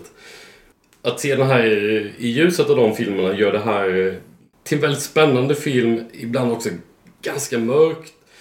Kanske till och med mörkare än, än eh, Death of Stalin, även om jag skulle säga att den har en del parallell- paralleller med den. Ja, jag så tänkte Den har, den har en del paralleller med Death of Stalin, även om eh, Death of Stalin gör det lite lättare för tittaren än, genom att ändå lätta upp stämningen genom att göra sig löjlig över sina karaktärer på ett annat sätt. Vilket kanske inte riktigt den här gör. Men, men det är li, lite grann av en Death of Stalin-film skulle jag nog ändå säga. Fast mer i thrillergenren. Jag, jag tyckte i alla fall att det var en helt strålande film. Fan vad kul. Regissörerna heter Natasha Merkulova och Alexej Chupov. Vild gissning att ingen annan kommer att ha sett den här. Eh, men kanske vi, tyvärr är så. vi går ändå varvet runt och ser om någon känner att det är orsak nog att veta. Björn? Aldrig ens hört talas om. Nej. Hela den här perioden, just utifrån det vi diskuterade för en stund sedan. Mm. Tycker jag är intressant just utifrån det här med vad du kan berätta gentemot vad du vill berätta. Mm. Och hela den här idén om att liksom säga vad du får säga gentemot vad du kan säga. Så den låter väldigt intressant. Jag ska kolla upp den här filmen men jag kan inte säga något om den just nu. Nej, likaledes. Som inte är tillräckligt för att veta vad heller. Eh, nej, det... Jag skulle säga så här. Jag sitter här med ett veto som bränner i fickan. Särskilt som Fredrik mer eller mindre avslöjat vad han har på sin sista plats. Vad skulle hända om jag vet vad det är just nu? Ja, det är en bra fråga. Ja, det är jag, jag, har, jag har inte riktigt eh, tänkt igenom det, får jag ärligt säga. Men... eh, Eh, jag skulle gissa att, att eh, om du vet vad den så väljer Olof en annan film. Ja, det är också min gissning. Frågan är, skulle han välja en film som en annan människa i hela världen någonsin har talas om? Jag säger inte att det är ett egenvärde i sig. Samtidigt så just eftersom det är, han pratar om mycket teman som vill, ligger väldigt nära mitt hjärta. Och han drog Death of Stalin som en film jag älskar. Och sådär. Vi låter Olof få in sin konstiga film på sin Okej. Det högsta, för, för vet du vad Olof? Dina, nu när jag tittar tillbaka på det. Dina två senaste filmer var i alla fall klart och tydliga filmer som andra människor har sett och vet existerar. Eller hur? Ja, vilket vi ändå är liksom en Det kan du ändå uppskatta. Då är vi ju på plats nummer ett. Vi har till synes, om inget veto spelas, valt de 20 bästa filmerna från 2022. Och det visar sig att på plats 20 hittar vi Chippendale Rescue Rangers. På plats 19 Wazera The Bone Woman. På plats 18 De Oskyldiga från Norge. På plats 17 Crimes of the Future. På plats 16 Mad God. På plats 15 Decision to Leave. På plats 14 Memoria. På plats 13 Black Panther. Wakanda Forever. Eh, på plats 12 Drive My Car. På plats 11 Boiling Point. På plats 10 Bones and All. På plats 9 Hit the Road. På plats 8 Guillermo del Toros Pinocchio. Det säger jag bara så att ni ska blanda ihop den med den andra. eh, på plats 7 Vortex. På plats 6 RRR. Rise Roar Revolt. På plats 5 X. På plats 4 Everything Everywhere All at once. På plats 3 Parallella mödrar. På plats 2 Captain Volkonogov Escaped. Och på plats nummer 1, inte helt oväntat därför att han vet vad den tidigare för att få den högre upp.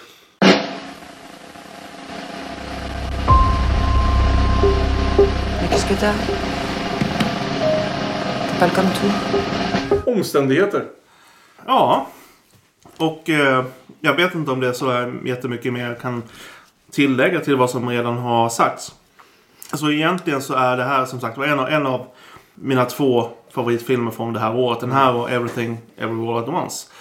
Och eh, vem av dem som tar liksom första och andra platsen egentligen lite 50-50 liksom för mig personligen. Men jag är heller inte besviken att, att kunna få liksom placera den här på, på, på första plats. Nej, jag tycker det låter Eh, alldeles utmärkt. Ja, men den, den, är, den är... På många sätt är den kanske också till och med liksom... Jag vet inte, antitesen till Everything Everywhere All At Once. Där, där den filmen är verkligen all over the place på, på alla möjliga sätt. Spelar ut och eh, testar en massa liksom, olika genrer och, och är överallt. Så är...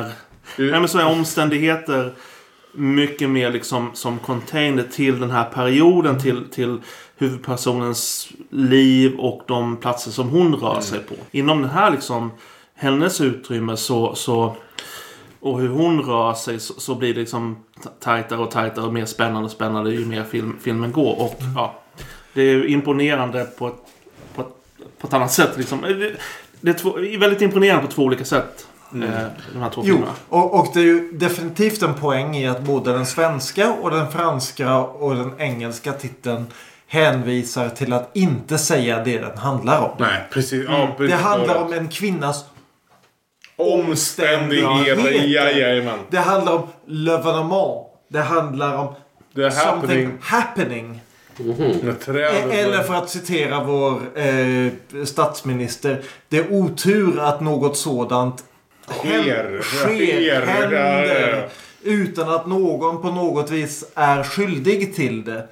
det. Det är just den här grejen att någonting händer och det på något vis träffar alltid 19-åriga tjejer. På, på ett sätt är den ju också väldigt mycket mer standard. Alltså jämfört med liksom många Ja. andra filmer på den här listan så är det ju liksom...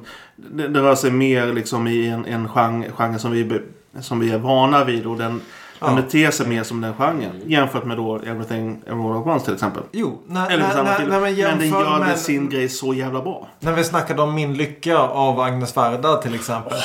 så just det här franska 60-talet. Film. Just den här grejen. Vad händer med dem som inte redan är inne i samhället? Vad händer med dem som fortfarande har den här tröskeln att ta sig över? Och jag, och jag tycker liksom en av de grejerna som jag önskar att de hade tagit med i filmen men samtidigt älskar att de inte tog med i filmen därför att det är sådana grejer som funkar i romanen men inte måste vara med i filmen. Det är ju att i romanen när hon väl liksom gått igenom alltihopa och alltihopa har skitit sig och de faktiskt måste ringa ambulans för att hon ska inte dö. Nej. Så hamnar hon på sjukhus och läkarna är ja men jävla liksom brottsling, hora. Du har legat med en kille fast du inte var gift. Vad fan förväntar du dig skulle hända? I romanen gör de då en poäng av det att vid något tillfälle så kommer sköterskan förbi och ber om ursäkt för hur läkaren betedde sig. Å hans vägnar. Därför att han visste inte att ni är studentska. Han trodde ni var arbeterska. Och han skulle aldrig tala till er på det där sättet om han faktiskt förstod att ni var studentska och faktiskt var, var inlagd vid, vid universitetet. Och faktiskt var akademisk. Men samtidigt älskar jag att filmen så väldigt fokuserar på den här 19-åriga, 20-åriga Ann. Istället för att breda ut sig över hela liksom franska 1900-talet.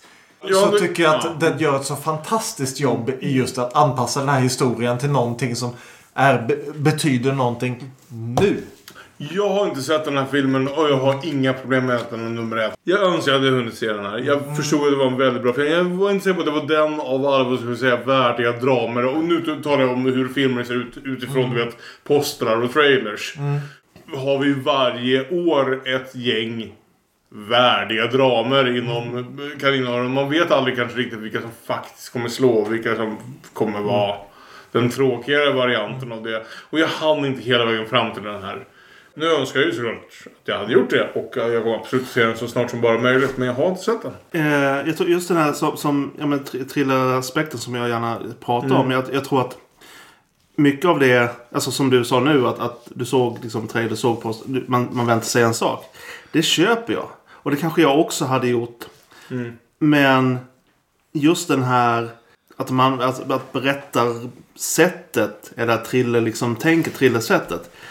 Det är det som ändå liksom förde över till det här liksom mer tajta. Det som gör att, att den... Sen är naturligtvis en massa andra grejer saker som gör filmen gripande. Det är händelserna, det är karaktären, det är skådespelerskan. Men just det här att berätta ett välbekant, eller lite mer välbekant typ av drama.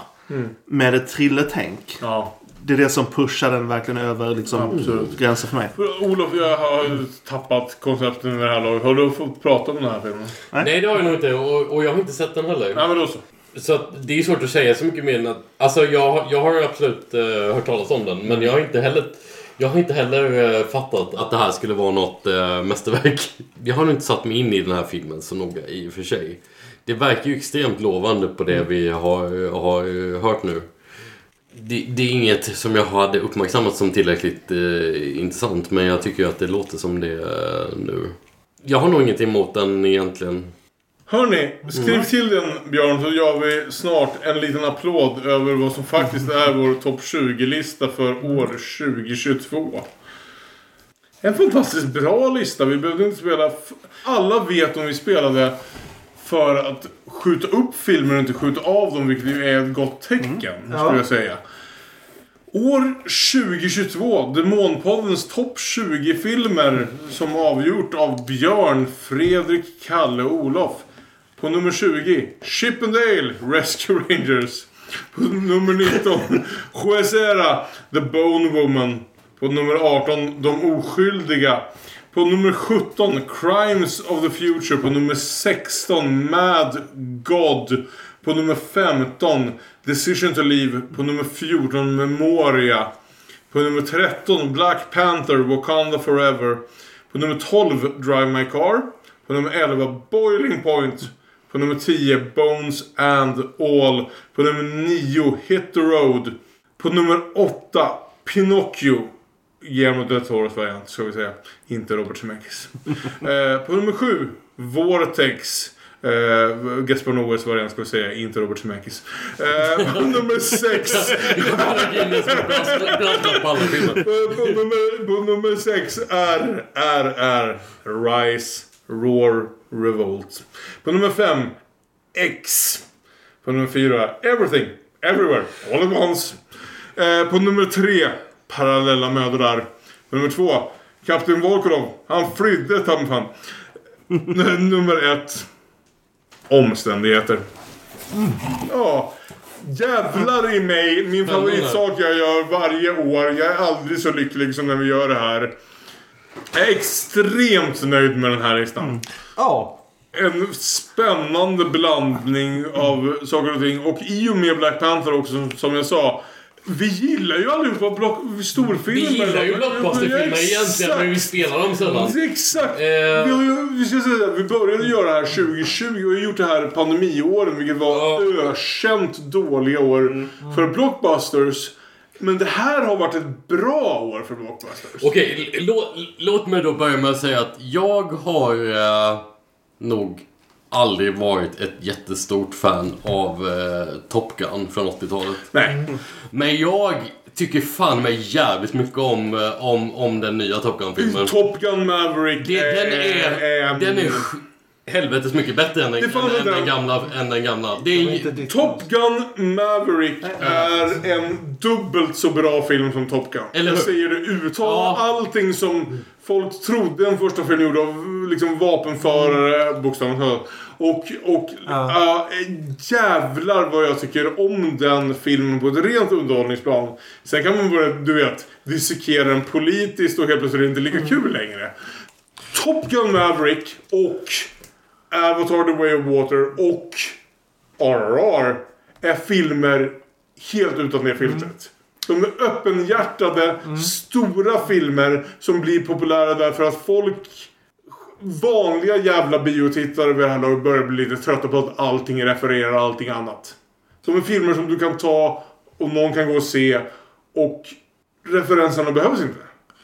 Men ska vi snacka vilka outtakes vi har då? Ja, Det, det, det där, jag började där. Jag bara började med det jag verkligen behövde.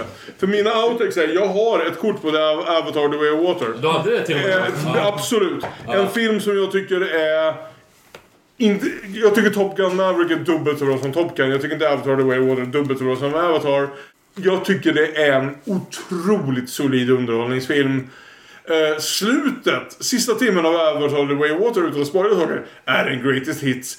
Och det är skitspännande! Han är lika bra på det som han alltid har varit. Det är en jävla action-extravaganza. Bryr jag mig så mycket som jag gör om att någons hund håller på att dö i Hit the Road? Nej, det gör jag inte. Men, men det är jättebra actionunderhållning för hela filmen. Eh, För hela familjen i hela filmen. Och jag tycker det är solid underhållning och jag tänker inte snacka skit om det. Ha, ha, har vi några lite mer udda filmer som folk vill prata om? Absolut. Vi har ju eh, Andrea Arnolds Cow. Oh, som ju är fullt logiskt Andrea Arnolds senaste film i studien av arbetarklassen. När hon verkligen har gått ner till att följa en specifik ko genom köttmaskineriet.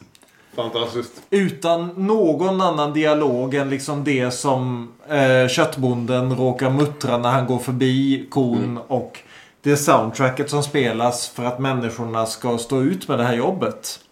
Fantastisk film. Det är, det är en Ja. ja. stumfilmskänsla över, över, över, Ja. över, filmen. Att det är inte en predikande film som har någon tydlig agenda Nej. heller.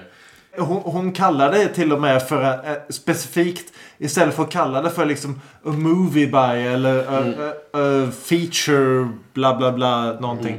Så liksom den officiella titeln på den här filmen är An Invitation by Andrea Arnold. Det är liksom verkligen ta med dig vad du vill till den här filmen. Och jag älskar det. Eh, vi har ju Sean Bakers eh, Red Rocket också. Ja, ja. Som är... Eh, Jag hade också en på bland, bland de mest fantastiska eh, skådespelarinsatserna. Just att du tar ett gäng fullständigt icke-skådisar och låter dem verkligen spela upp det här. Det här är USA just nu. Ja, helt otroligt. Eh, jag kan tycka någonstans att just den här grejen att låta liksom eh, Trumps kampanj gå i bakgrunden hela tiden är lite för ty- övertydligt.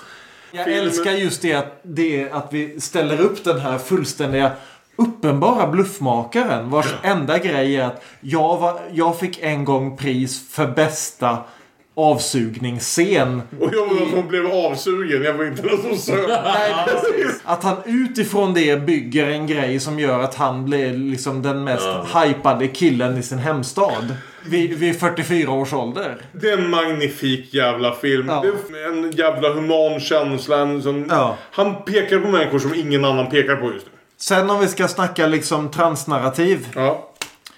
We're all going to the World's Fan, jag, se, Fair. jag hann inte se den här. Den lät jätteintressant. Jane Schoenbrun. Ja. Som alltså kom ut som trans mitt igenom att hon höll på att göra den här filmen. Liksom just det här filmer om att vara online. Liksom just en väldigt ensam tonåring någonstans i centrala Texas. Vid namn Casey. Som uppenbarligen inte känner sig hemma som vare sig manlig eller kvinnlig. Men inte gör, liksom det är inte det som är storyn Nej, nej. som just försöker hitta någon online som hen kan relatera till.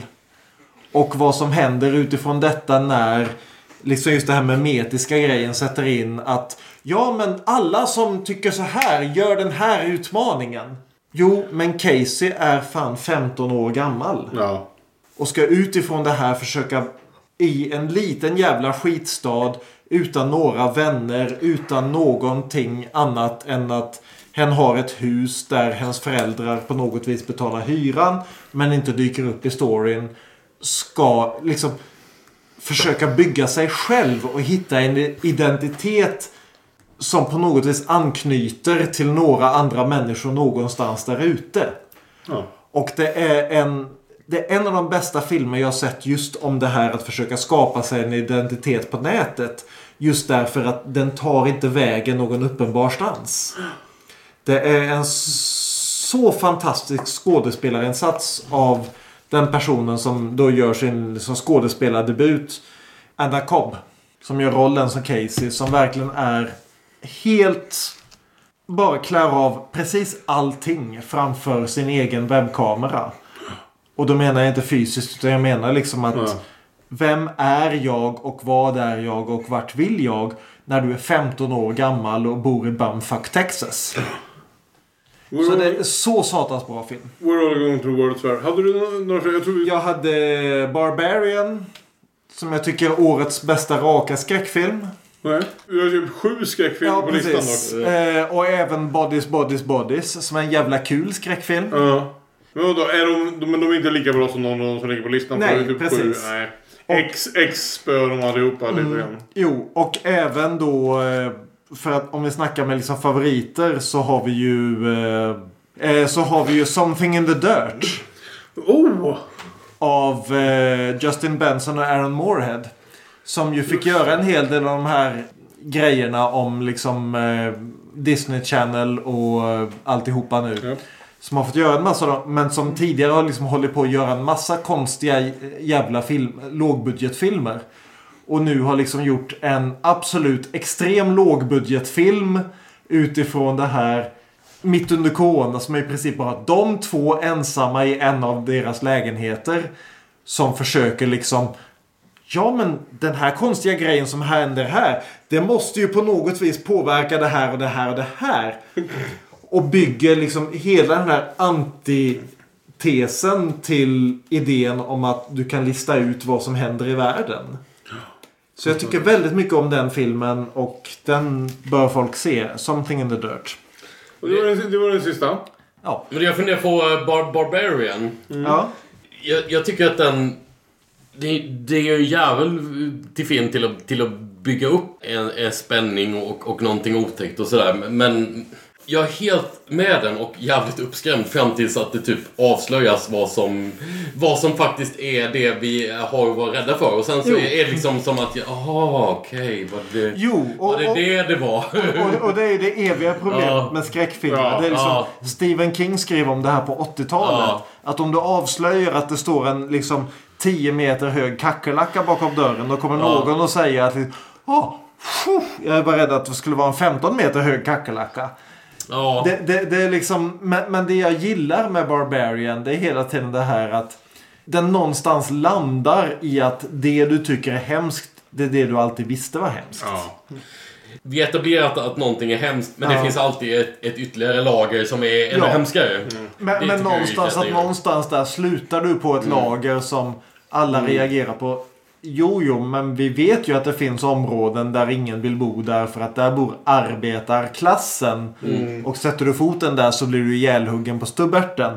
Men det innebär ju inte att det är skräckinjagande. Nej. Herregud, jag är rädd för vampyrer. Jag är inte rädd för liksom... Jag är inte rädd för människor som rånar folk för att få mat till dagen. Fredrik, har du några filmer som du önskar du hade hunnit nämna? Jag... Så ja och nej. Eh, jag, hade, jag hade skrivit upp två filmer till. Ja. Men de kändes inte nödvändigtvis jätteviktiga för mig. Nej. Den av dem som kändes minst viktiga. Och den som, inte, som jag i och för sig tyckte väldigt mycket om. Men som inte hade liksom landat på, på topp 20 mer än om, om alla andra hade blivit utvetoad. Eh, var Prey. Ja, för fan. Ja, just det jättebra val. Det var Jätte- Solid jävla actionfilm verkligen. Ja, och jag, jag kanske också hade liksom... Eh, att jag skrev upp den men trodde att den kanske skulle kunna dyka upp liksom bland de Jo, det nej, nej men absolut. Och att Amber Binthudder inte ens får liksom en, någon sorts liksom... Ja. Hon borde få liksom en Oscar-nominering i alla fall. Mm. Därför att just den, hela den här grejen att vända liksom den här actionscenen emot tillbaka. Mm. Nej, men jag, jag älskar verkligen Prey. Det är lite synd att den utgår så väldigt mycket från det här liksom tjejen som eh, kan Som jaga fast hennes familj inte tror Mm. att hon kan det. filmen överskrider det. Ja, liksom. den, den gör Det, något det mer. är ju Dan Trachtenberg som, om vi säger så här, om den film jag faktiskt inte alls bryr mig särskilt mycket om så är det Cloverfield. Och han tog Cloverfield och gjorde 10 Cloverfield Lane. Ja. Som är en extremt, det är den bästa uppgradering från en halvdan-film till en riktigt bra Ja. film. Jag har sett, så han vet ju någonstans vad han gör med det här med Jo, med. skräckgenre, grejer, eh, liksom. Den andra eh, lappen som jag hade kvar och som jag gärna hade sett på, på listan var just eh, Bar eh, Barbarian. Dels så blev jag eh, genuint eh, rädd vid tillfällen. Ja. Att den liksom gjorde det saker.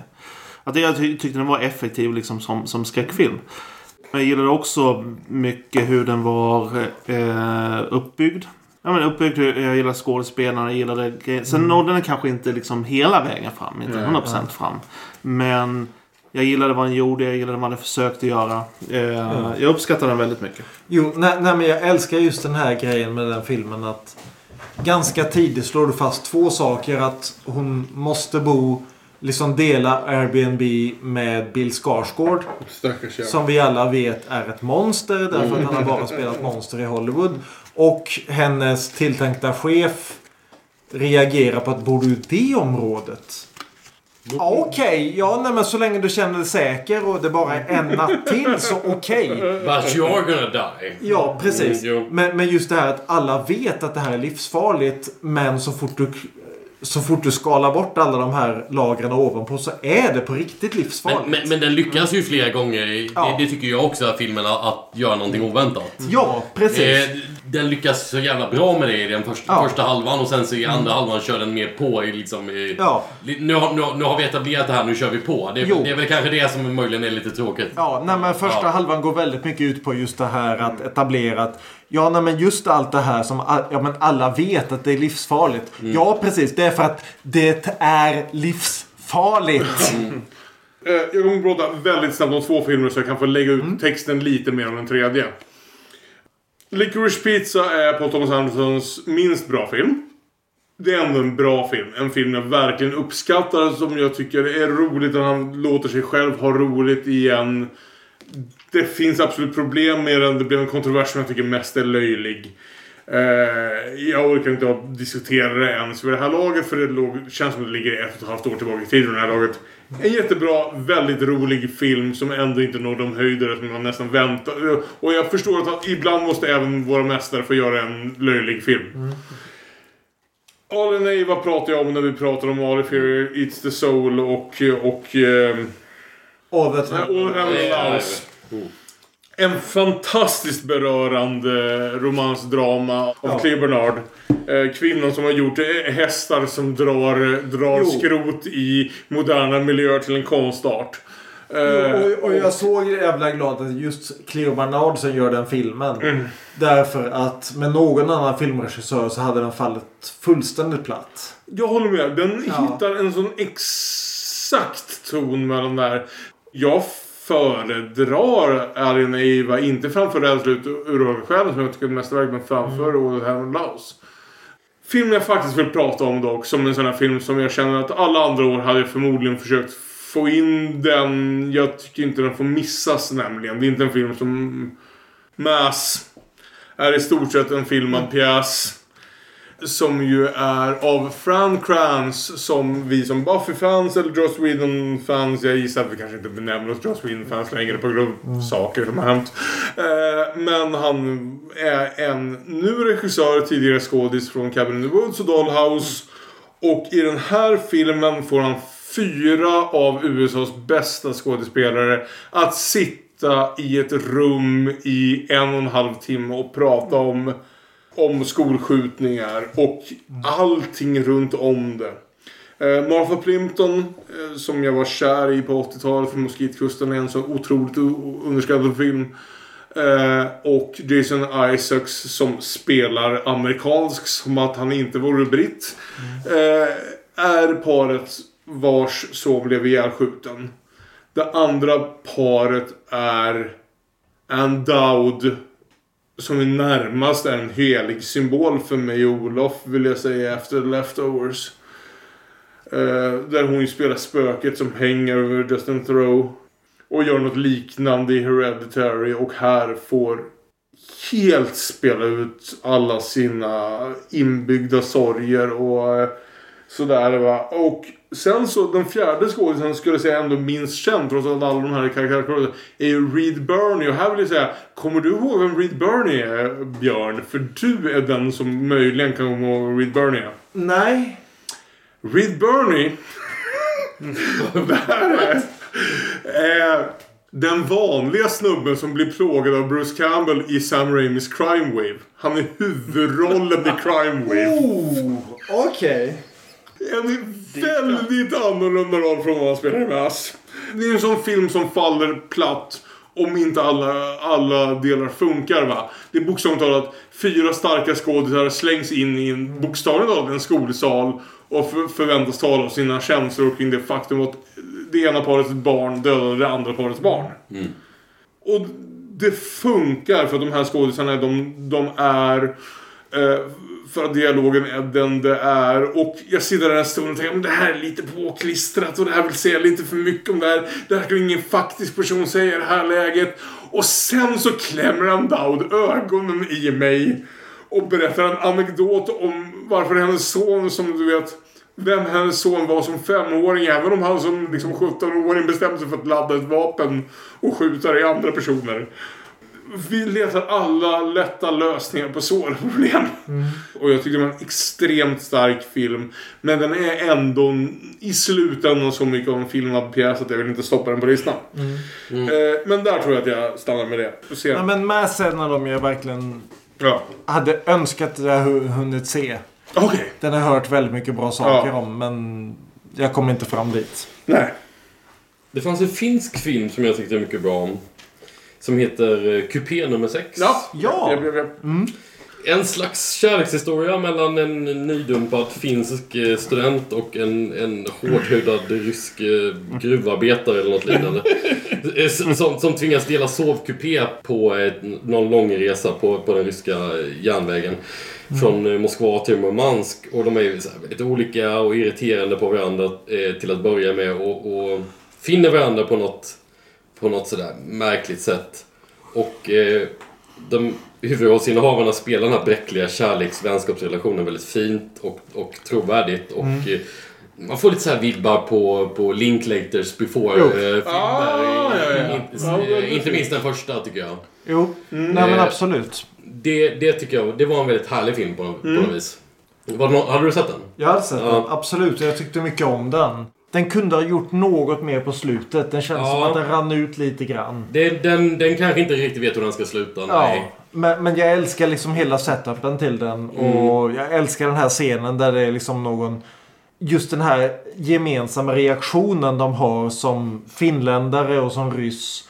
När någon liksom västerländsk eh, tågluffare kliver in i- i kupén och bara ska ta över. Ja, just det. När det kommer någon typ australiensare eller Ja, vad fan det är precis. Och då- och de inser- Bara då, då gaddar de ihop sig. Ja, precis. Liksom alla de här liksom små turerna de gör runt omkring de här stoppen varje gång de kommer fram någonstans och har liksom fyra timmars paus. Så ja, nej men jag gillade den filmen. Jag tyckte den var fantastisk men den var bra. Ja, men en annan film jag tyckte rätt bra om. Vi har pratat en del om eh, superhjältefilmer idag. Jag gillade också rätt bra den, den italienska superhjältefilmen Freaks Out.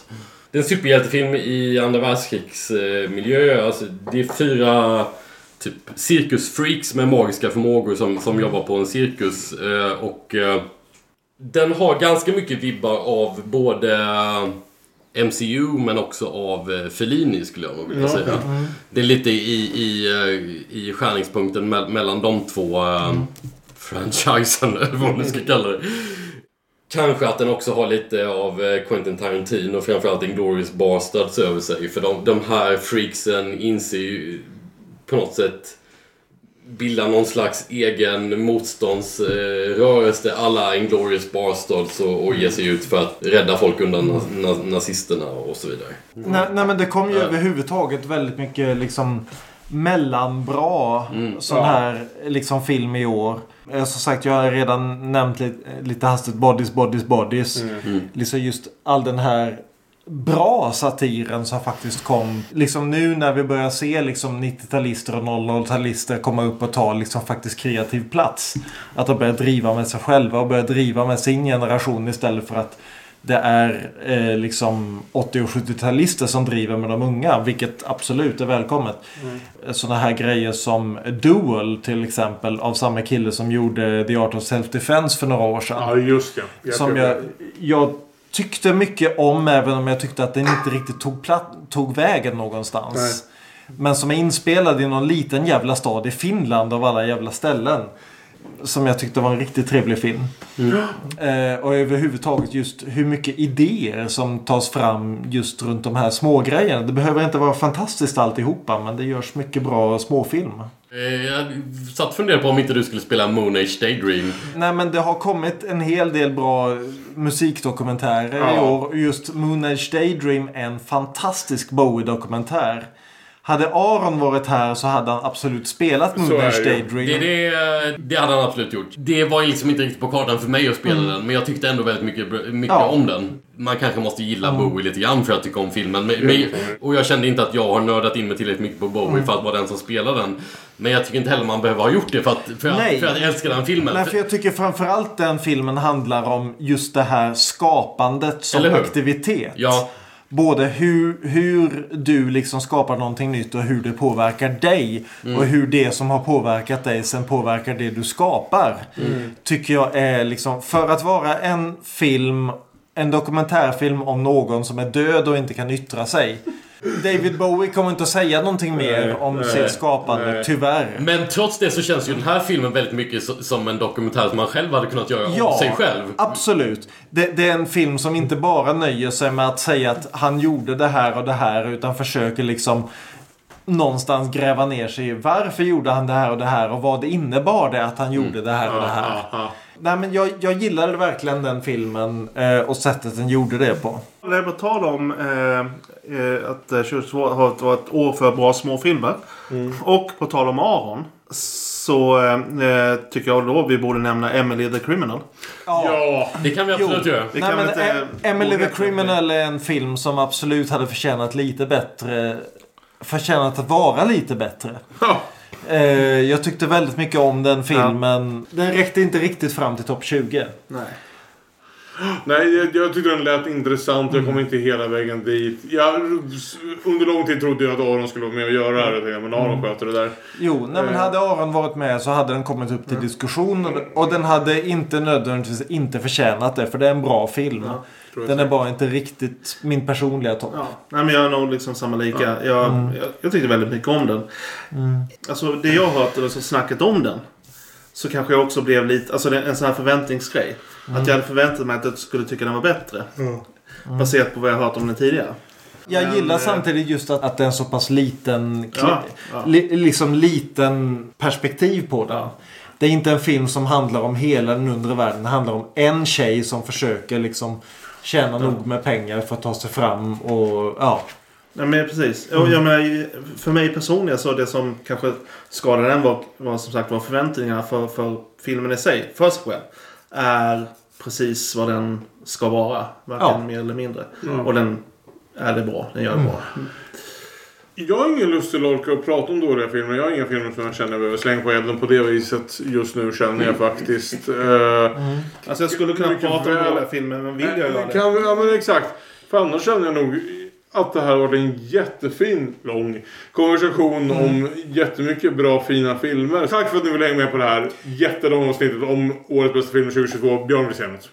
Skulle vi snacka avsnittets musik någonting? Nej men vi har tänkt på senaste avsnitten så har vi gjort lite musik av liksom förra årets favoritlåtar. Så i år så ska vi göra helt enkelt 2022 års bästa låt som är Jana Horns Jordan. Som handlar om hur Jesus blir en självmordsbombare.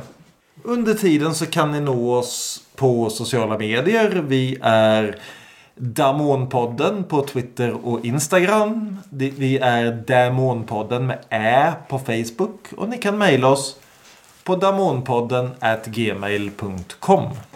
Och vi återkommer förhoppningsvis inom kort med något annat avsnitt som är lite kortare än det här. Och tills vidare så får vi tacka så mycket för oss. Så hörs vi. Hej då!